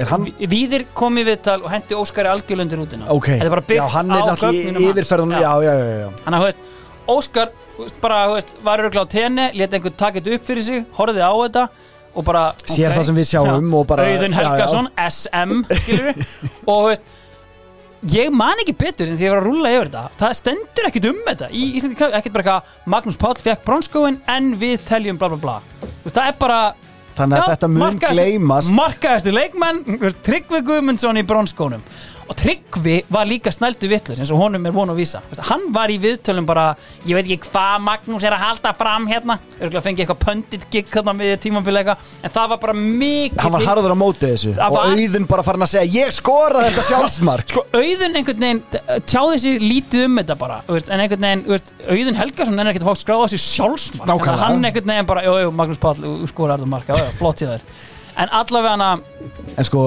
við verðum eiginlega bara að kalla eftir í að þetta verði endurútgefið þessi bók. Ég, finnst þetta hálf bjá Víðir. sko, þú veist, þetta er ekkert bjá eða, jú, mér finnst þetta hálf sérstakt sko, þú veist, eitthvað að fara upp af því að, þú veist, eins og hann segir sjálfur hann er endur enn hálfur guldskóra því að hann stóð í glugganum hann svo lengi. Geðveikur dítill. en hann er með skóin heima hjá sér. Teki er ekki með hann. Magnús Páll Gunnarsson er með hann ég verð að kalla til standa til Já, líka sko að því að þetta er þessi tiltekni bronskór þú er þetta ekki bara einhver svona, on! þetta er svona einhver smá svona Chancellor Palpatine svona tilburðir einhvern veginn? Já, En sá aðteklisjúki Herði, allavega höldum áfram. Ég var bara hérna að, að hérna, Þetta er fá þetta hreint, sko. frábært. Allavega hana, valsmenn Þeir eiga daginn eftir sjens á því. við, Já, við skautum bara fram í því. Blikar, blikar unnu F-fóinga já, Fjögur þrjú, komast í fjögur tvö Mingamun hérna Frábær sigur hjá prófessornum og félögum. Gera sínum gömlu félögum mikla skrávefu. Valsmenn eiga daginn eftir sjens á því að henda sér í toppsætið og stöðva þar með toppsæti sigurgöngu FH í þrjú ár. En heimavöllurinn orri Goddamn heimavöllurinn! Laugardalsvöllurinn er fyrst og síðast heimavöllur Guðjóns Goddamn Þórðarssonar 16 ára gamall Björn Bergmann með tvö mörg Pálmi Rapp á líginni einni á líginni einni nær að halda lífi í einhverjum titilvonum með því að dingla inn jöfnunamarki á 70. mínútu. Það er eitthvað brewing það er óeining í hafnafyrði Allan Dýring, já, hann er ennþá í FH hann er hann að kvartunda því hann er ekki að spila neitt. Örgulega hýrða góðan tjekka en það er ekki nóg. Kvartar undan Óla Jó í fréttablaðinu. Óli Jó segir, já, er hann hérna ennþá? Sendir hann heim, bless.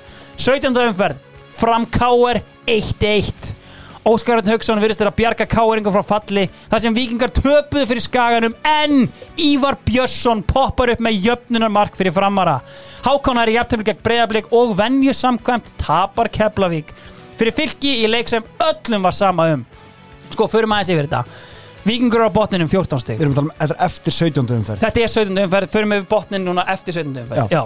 Víkingur á botnin með 14 stig KR með 15, mínus 13 í markatölu Fram með 15, mínus 6 í markatölu HK með 16 og mínus 8 Leiðilega er að ekkert að liðinu er að spila innbyrðis og að fellur bara eitt lið Allavega, í 17. umferð Það er engin að pæla eiginlega í botbártinu lengur, Nei. þó hún sé æsileg Af því að það er búið að ringi í ístak Afsakið, megum fá lánaða nokkra pallettur Það er pallaleikur! 4300 manns eru mættir í kaplakrigan FH Valur. Shit. Tvö stig sem munar á milli eftir að Gauji Þórðar mætt á heimavöllin sinn sem er ekki heimavöllu vals. Og rínum aðeins í byrjunlegin Býtu, F.O. er tveim stugum yfir. FH er tveimur stigum yfir þannig að Valur hreinlega verður að vinna þetta. Hvernig eru markatölunar upp á það er eru nánast upp á staf. Veist, það er bara veist, það er bara það dugði ekkert annað en sigur einhvern veginn fyrir val. Maður sá, ef við Þannig finnum já. bara markatöluna ég meina, þú veist, annar lið sko Valur er samt með, jú Valur er með aðeins betri markatölu, reyndar, það er rétt. Ok, Eh, þannig að jafntefli gæti sett hérna loka umfyrin á skrítinstað jafntefli myndi samt, þú veist, það væri samt tvö stig Já, nei, já, auðvitað, já, já, Þannig að, auðvitað, veist, auðvitað. og það sem að, veist, komum bara inn á núna þú veist, Valur á HK í síðasta leik, FH á Viking Já, já, já. skilur, hann að veist, það eru eiginlega garanterað tvö stig, þetta er bara úslita leikurinn, skilur allavega, ég vil skoða aðeins byrjunarliðin, af því að ég hef borið þetta undir nánast alla leikmenn sem spiluðu hennar leik fyrir val. Mm. og ég get ekki stilt þessu upp. Ég skil ekki hvaða fræði uh, Ok, leiði mér að prófa þetta. Ok, sko, þú veist með Kjartan Sturluson. Hann er sennilega í markinu.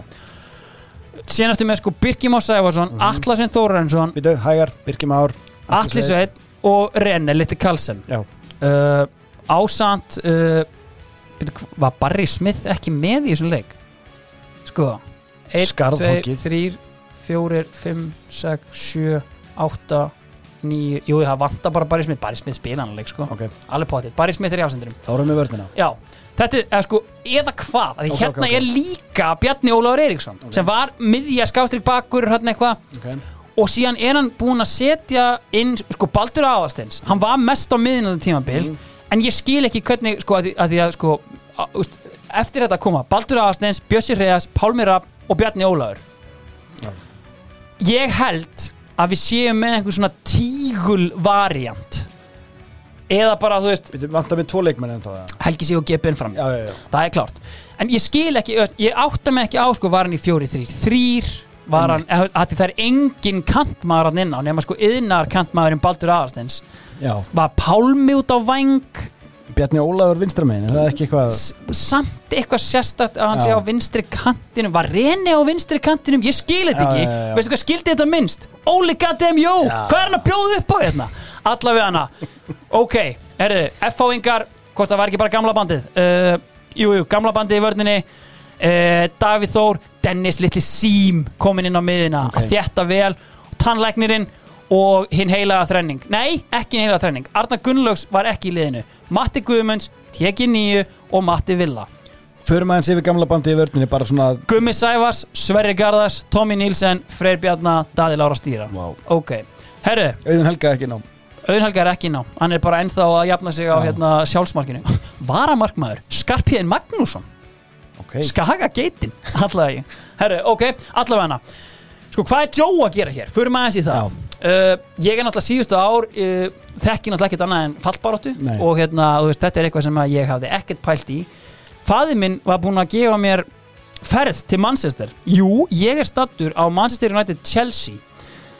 Ég er ekki á landinu. Já, Þetta er fyrir tíma snjálsíma Leikirnir eru nánast á sama tíma.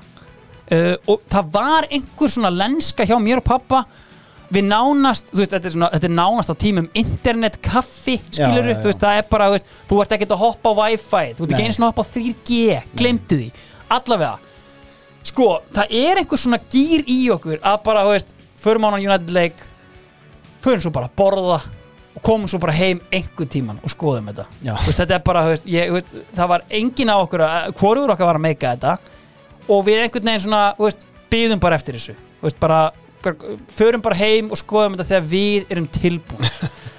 Allavega, aftur að leiknum. Leikurinn hefst. Mattias Guðmundsson hann er ekki að höndla þetta. Hann er engan veginn að höndla þetta. Fær tvo dettara í fyrirháleik en getur ekki klárað þau. Það er haust, laufin er að falla. Hann finnir það á sér, já. Ekki hans leikur. Stál í stál. 39. mínútu. Bostin Bessast á kant, valsminn er í sókn sendingin virðist vera komin á tegin lár bolti í áttina Gumma Ben. Gummi Ben ætlar að hamra boltan í vinkilinn. Nei, hvað er hann að gera? Óli Jó gargar hann á völlin It's a trap! GPN stekkur yfir boltan boltin renn út á depóan. Baldur Ingimar with a chance. GOOL 0-1 let's, let's, let's, let's, let's! Þannig að gengi til leikliðs. 0-1 F-áingar eru gjössanlega harmisleiknir Tígullin hjá Willum Já. Ég ætla að fakta það, Já. þetta er tígull. Ég var að ljúga ykkur, ég veit alveg þetta á tígull. F-áingar leggjast í svo Hvað gera þeir? Jú, þeir henda inn á Sigurvin Ólafs, Arnari Bergmann og Allar Ítla Guðna. Það er allt gert til að sækja. Við þurfum að setja Dennis Bó Mortensen inn á í fyrri áleik út af meðslum Baldur Aðsteins basically örgulega meittist þegar hann fagnaði eða eitthvað. Síðan þurfum við að setja inn Hafþór Ægir, fá smá sprengju Já. Viljum sér einhver svæði þarna. Sprengjum með dagins síðan á 70 og 70 mínútu leikurinn er ennþá 0-1 við erum að halda uh, hvað ringi? Jú, King Kitta Haflega gert þetta allt saman áður unnið deildina, unnið byggarinn, unnið þetta allt. Allavega við erum að sigla inn í síðustu mínútunar og ég þarf að fá final countdown aftur upptak. F-áingar liggja í svo það er leigið á valsmönnum sem samt eru ekki að gefa mikið að færum á sér. Uh, þeir fóru að færa sér framar gefa enn fleiri tækifæri Helgi er að fá færin. Hann er að sleppa í gegn. Hann er að ná en er ekki að ná að koma boltanum yfir línuna. En third time's the charm. Við keiftum hennan mann fyrirgeðu, við letum hennan mann kaupa sjálfan sig til að gera nákvæmlega þetta. Sending inn fyrir bang! GÓL 0-2 Sigurinn er klár. FH eru farnir úr toppsætinu þegar mestu máli skiptir 17. goddamn umferðin. Jem Þeir eru búinir að vera á toppnum. Síðan í tíundu umferð 2000 og goddamn fjögur. Valur eru komnir á toppin F-fáingar eru komnir í öðru sæti. Óli og trúur þess ekki. Átjánda umferð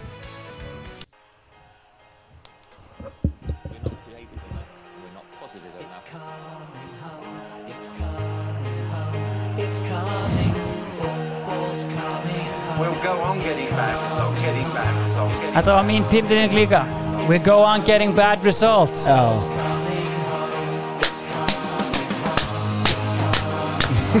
It's coming, football's coming home! Valur klárar HK á ekki heimavellin sinum í Laugardal. 1-0 sigur Atli Sveit Þórarinsson with the captain's goal. Það var enda sko, við verðum eiginlega að fara yfir það. Sko, þetta var, var þægilegu sigur, ég var á vellinum þarna, við komumst yfir uh, ég komið frá Manchester, stutt stopp. Má ég heyra það fyrst? Hvernig þið fóruð að þessu feðgarnir? Hver, hver, Herru, ég ekki svolítið svarið við það, við komum heim og Hvernig fóruð sér Manchester City Manchester Chelsea leikur? 2-1, geggjaður leikur. Fyrsti leikur geitarinnar, Avram Grant við stjórnum hjá Chelsea. Já. John Obi Mikkel með raut spjaldið til einhverja 20 mínútur og hérna, Tevez með sitt fyrsta mark fyrir félagið. Og Saha úr viti, bara mínir menn voru að klára þetta, allavega hana Já. við komum bara heim og, og pappir í einhvern leikþætti. Hann þykist ekki vera að pæla í þessu. Og ég fer bara strax, opna fartölvuna 10 mínútur að ræsa tengjast internetinu og bara Þið vildu ekkert ringi neitt Þið vildu bara, er bara beint, beint frá kúnni takk. Hvað kostaði að ringja hann glimtu þessu. Og síðan sér maður bara, ég bara, ég sé bara valur með nýju fingur á titlinum. Og þú veist Fölelsen, orri, Já. tilfinningin. We've been here before. Nei, ég hef aldrei verið hérna áður Jesus goddamn Christ Ah. síðan ferðið einhvern veginn, þú veist, hákáleikurinn ég hafði aldrei áhyggjur fyrir leik. Ég var bara, ég var búinn að bóka þennan titil. Síðan einhvern veginn jú, komast yfir á 50 mínútu ég bjóst eiginlega við einhverju síningu þú veist, hvort að það var ekki veist, áttum að fá víti síðan setna til að klára hennar leik eða þá hvort það var dæmt af okkur mark eða eitthvað dauða að færa eitthvað, hvort að Bjössi skoraði eitthvað. Allavega, sko í uppbóta tíma þá hérna í uppbóta tíma á móti háká í stöðun 1-0 Já, af því að þú veist 1-0 er engin fóresta Nei, nei. og þetta er engin heimavöllur. Nei, nei. það minna það, við erum heimilist lausir gaddem Íslandsmeistarar F.A. kláraði auðvitað Viking og Vikingu fjall, jari jari skilur, það vissu það allir. Herri, allavega hana. Uh, það kemur sending einhvern veginn úr djúpinu, sá þíski að vinna Já, með diagonal bolta og það er einhver leikmar háka sem fær boltan svona við endalínu út við við vítategslínuna Já. og hann setur boltan svona, þú veist, allar bara svona allir sveitn að koma í árás, bara eins og baldur hérna um árið og vippar boltanum upp og allir í alvöru árás hands stretched Ah. out bara Jesus Christ ragli, ég held bara að fara í lóan á honum en og, og, þetta, og, og dómarinn flautar og ég held bara ég sé bara líf mitt þjóta fram hjá mér í splitt sekundi sem leið eins og heil eilífð. Að því hann flautar. Þá er hann að flauta brot á eitthvað allt, allt, allt annað. Og ég vissi ekkert hvað var í gangi. Og ég, mann, ég bara ég, sko, ég, ég, ég sati hliðin á Magga horfði á hann bara þú ert að grínast. Núna er þetta komið. Já. og það er nú bara eins og þannig. Um, ótrúlegur sigur. Passion gæði heimilisleysi það vantaði ekkert. Þannig að valsmenn Þekking og hraði. Þekking og hraði, getur betur og valur. Þú veist, ef förum bara yfir hvernig valur fóra allir titli, ég meina, ég heldur að við skora svona 70% af mörkunum sínum eftir föstleikadri, Já, viljum bara drillar Já. þetta er ekki, þetta er ekki tilviljun. Þetta er beint af æfingasöðinu allavega, valur eru Íslandsmeistarar vikingur eru fallnir. Ekkert annað skipti máli. Nei. Takk Herru, byggarinn, uh, fara örstnögt yfir hann. Uh, Hann var ekkert merkilegur. Valur vann ekki. Uh, Hérna F-fáingar eru byggarmeistarar, þeir ná þó að klára það. Þú veist, Spoiler alert, Óli Jó hætti með F eftir tímabilið. Kveður þetta, búin að taka þrjá Íslandsmeistaratitil röð Klárar þetta á byggarmeistaratitli sem hann hafði ekki náð að koma yfir línuna. Já, já, Svona já. fallegur endir þrátt fyrir bara galið hjá þeim að tapa þessu niður með alla þessa peninga og allt þetta, allt þetta lið skilur sem hann er með í höndunum Já, já. bara hvað breytist Þetta var ekki venjan hjá þeim. Nei, en hérna uh, vinna fjölni í Bétildaleg rétt, fjölni sko. alveg Hérna erum við auðvitað með þennan hérna fræga, hörru ég er nú bara að opna skýsluna veistu hver er hérna í liðstjórn hjá fjölnisliðinu. Garðar Gunnar Áskersson Nei, Jú, jú, alveg verið, þá hann farin að þjálfa annarflokkin þar. Heldur betur. Og hérna, en málið er að í liði fjölnis þar eru náttúrulega hérna búinir að vera að geitast allt sísonið uh, Heimisnar Guðmundsson í eigu FH og hvað little goddamn fella called Atli Viðar Björnsson? Alveg rétt. Stenglemd að minnast á það. Hann var að koma upp úr crossbandslitum. Þeir sögðu bara líki bara aðeins í fjölni. Hann bara, var jú. Arnar hérna. Já. Garðar Gunnar er mættur hérna. Uh, sko, Hann var reyndar, ég man ekki hvort það var þjálfa annarflokkin Kannski þjálflokkin já, gæti er allana, en sko, veist, Mattias Guðmundsson þú veist, gerir ekkert á haustin en hann gerir allt fyrir the big occasions og hann elskar byggarinn kemur FOI eftir 17 mínútur. Á 87. mínúti penalty to fjölnir. Og hver fer á punktin önnur en örugasta vítaskita landsins og öruglega Skandinavi við erum reyndar ekki í Skandinavi, við erum með Norðurlöndunum. Örugasta vítaskita Norðurlandana Gunnar Már Guðmundsson, herra fjölnir Já. jafnarleikin, overtime. Þá fáum við skiptinguna Dabbi Rú út, Ólaður Páll Johnson inn og við það eru þeir aðeins að færa sig aftar. Þeir vita að þeir eru með góða markmann Kottnungur Dotti Inga í markinu. Uh, og þeir ætla bara að fara þetta á því. Herru, 115 mínúta sending fyrir markið, Mattias Gudmanson Sigur mark FH eru byggamestrar og þetta er fallegur endir. Óli Jó tekur við landsliðinu búin að vinna allt sem hægt er að vinna. Uh, í geggjum gýr takk fyrir þitt framlag. Uh, svo sem ekkert meira um þetta að segja, ef ekki að sömma þetta bara upp. Besti maður mótsins, kosin á leikmönnum og íslenski knattbyrnum, uh, Helgi Sigursson já, Matti Villa efnilegastur. Gulli Gull og Helgi eru jafnir hjá Víði á mokkanum uh, Helgi og Rene Littli Karlsen eftir hjá fréttablaðinu. Svo er liðið Gulli, Rene, Daríó Littli Singel Arnur Aðalsteins, Freyr Bjarna Arnar Gretas BG4 Alexander Littli Stín uh, Fly on the Fra- Wings og fram. Já. Hann er hann uh, tannlæknirinn uh, Helgi Sig og Prins Rækomar. Þetta er helviti skemmtilegt lið. Hvað skora prinsinn á mörgum hann? hann skora eitthvað 7 eða 8 mörg Ok, það er bara fínt rann hjá hann hver er gullskór? skemmtilegt, ég var búin að gleyma í öllum vals hamaganginum uh, Helgi Sig náttúrulega fer þetta með einhver döðafæri og færi og annað og var basically með guldskóin í höndunum Já. þangar til að Jónas Grani laumar inn tveimur mörgum fyrir fram í loka umferðinni og Rauðgrani ekki nóg með að hann sendi pillur í Hafnafjörðin stoppar titilin þar, Já, þá hýrðir hann guldskóin í umurlegu framliði. Revenge segla, body. Já. 100% algjörlega, hefur það gott í uh, Katar í dag. Já, já, já, alveg rétt. Kekkjaða gæði Herru, uh, þá ætlum við bara að uh, færa okkur yfir í Európuleikina Já, Það var eitthvað um að vera þar. Mm, já, voru ekki valsararnir í einhverju Heldur betur, valsmenn uh, fóru í Európukefnina Mættu þar Cork City. Uh, Töpuði fyrsta leiknum 0-2 Kjartan Sturluson Sendir í Livja próf eftir leik. Sennilega verið að skoða hvort hann hafi verið á einhverjum áskinninu lifum Því þetta er einhverju Ok. okay. alversti að framist að sem hann hefur nokkuð tíma sínt hann basically kastaði frá okkur Európa þetta árið. Hann má, oh. frábær allt Já. en sko því miður Já, fór hann með Európu það komu þetta tvær aukaspinn hann basically misti boltan í markið. Við vinnum útileikin, 0-1 við erum að fara að henda kork úr leik. Nei, getum það ekki. Kjartan er bara að klúra þessu, nei ég segi svona. Nei, nei, þetta var líka grátlegt ári í Európu, ég kíkti hans á þetta. Já, uh, Káur Európuleikinir eru auðvitað í búið lengjunar lengjan, lengjan, lökusprengjan, þeir eru geiturnar. Þeir eru það. Já, En sko, Káringarnar eru mjög nálægt í að sest, ná í einhvað skemmtilegt á móti hekken. Já, uh, Ari Freyr mætir þess að gera 0-0 úti. Ari Freyr mætir með, með vinnu sínum í, í hekken hérna, í frostaskjólið hann er ekki að fara að tapa í frostaskjólinu Nei, Nei. þannig að hérna, þeir skora eitthvað lo, loka mínu segumark mm -hmm. Keflugingarnir, þeir eru náttúrulega já, já, en ná samt sem áður að vinna frekar hetjulegan sigur heima 3-2 á móti Midtjöland ok Það það er eini sigurinn þá sem er unnu eftir skagaleg Já. þar var hérna Winston Reed Winston Reed, já, já, Ham okkur. legend Já. já.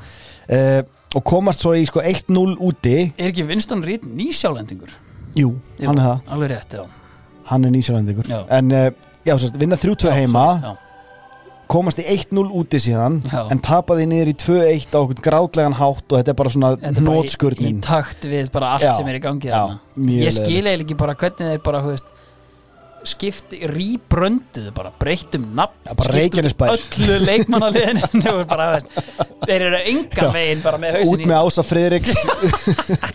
Kit Jensen og fara að stjórna þessu.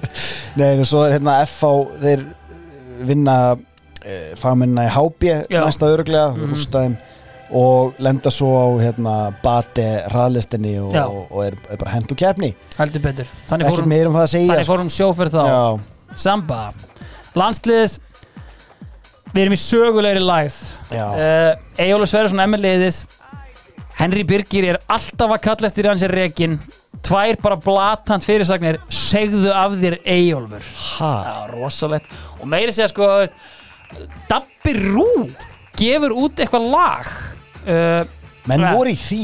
Já, hann sem sagt gefur út hérna myndbandi Gjafar og Gunnarsson uh, og það er sem sagt Dabbi Rú að leika Eyjól Sverrisson.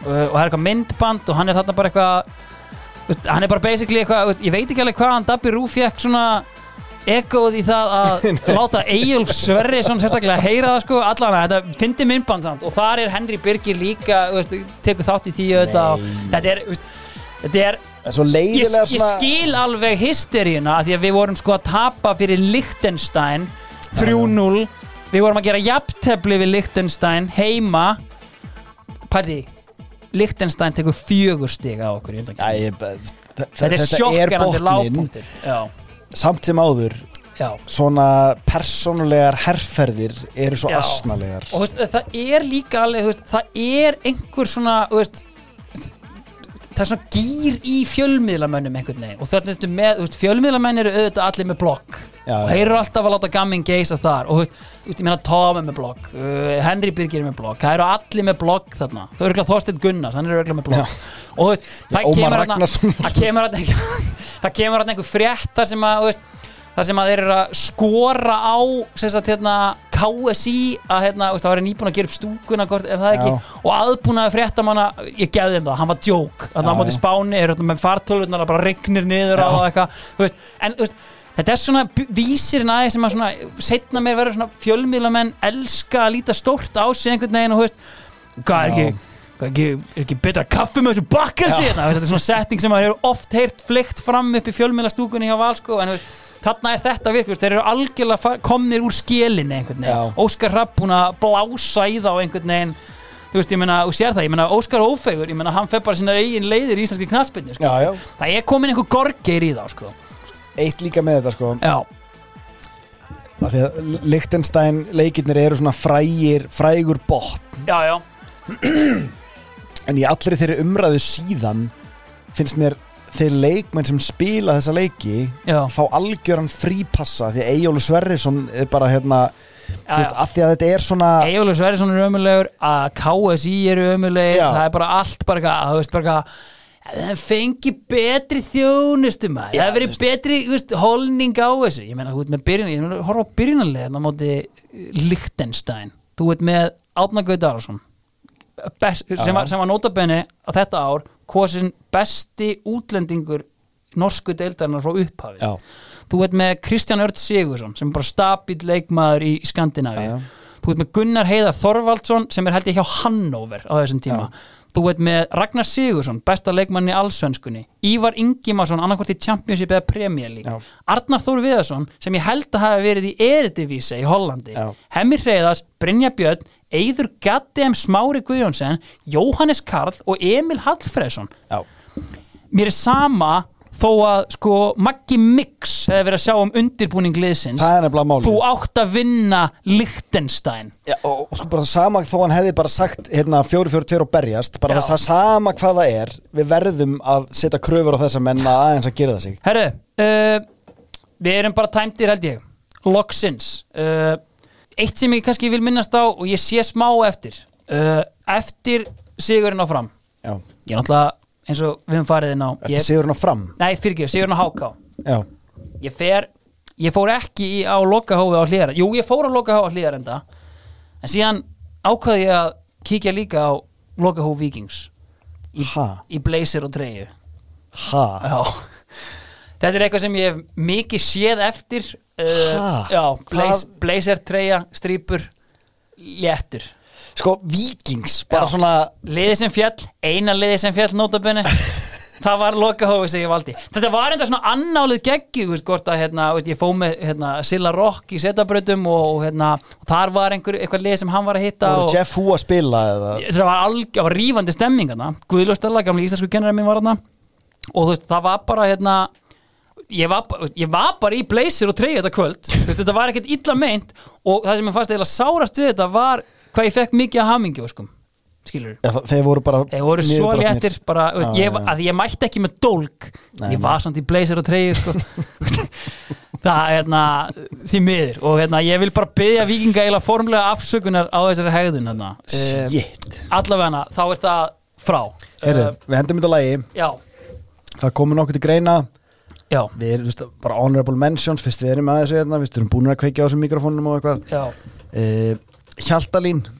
Ekki heimsókn hérna. Heyrðu, ok, honorable mentions ok, hérna, já. Come on.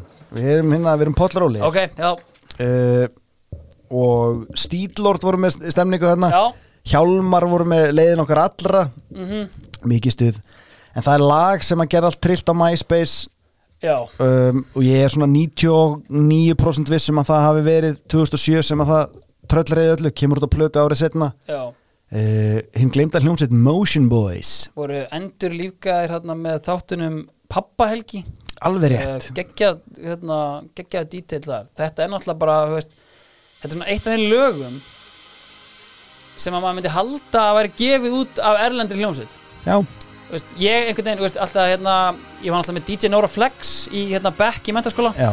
Hann var alltaf að spila þetta sko. Og ég einhvern veginn bara Motion Boys. Ég bara gaf mér að þetta væri eitthvað veist, nýjasta Danskt. nýtt bara eitthvað svo nei, ég, veist, ég held bara að þetta væri eitthvað að risa dæmi Já. en þetta er styrla lag og hérna á þessum nótum Valur Íslandsmeistara 2007 takk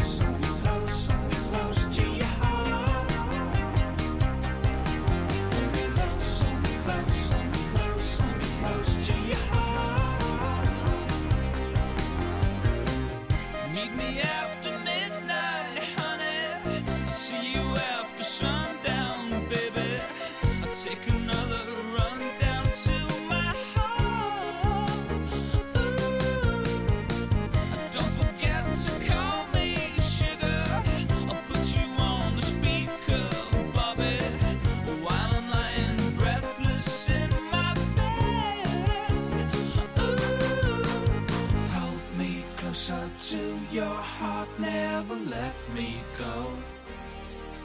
Cause I've been up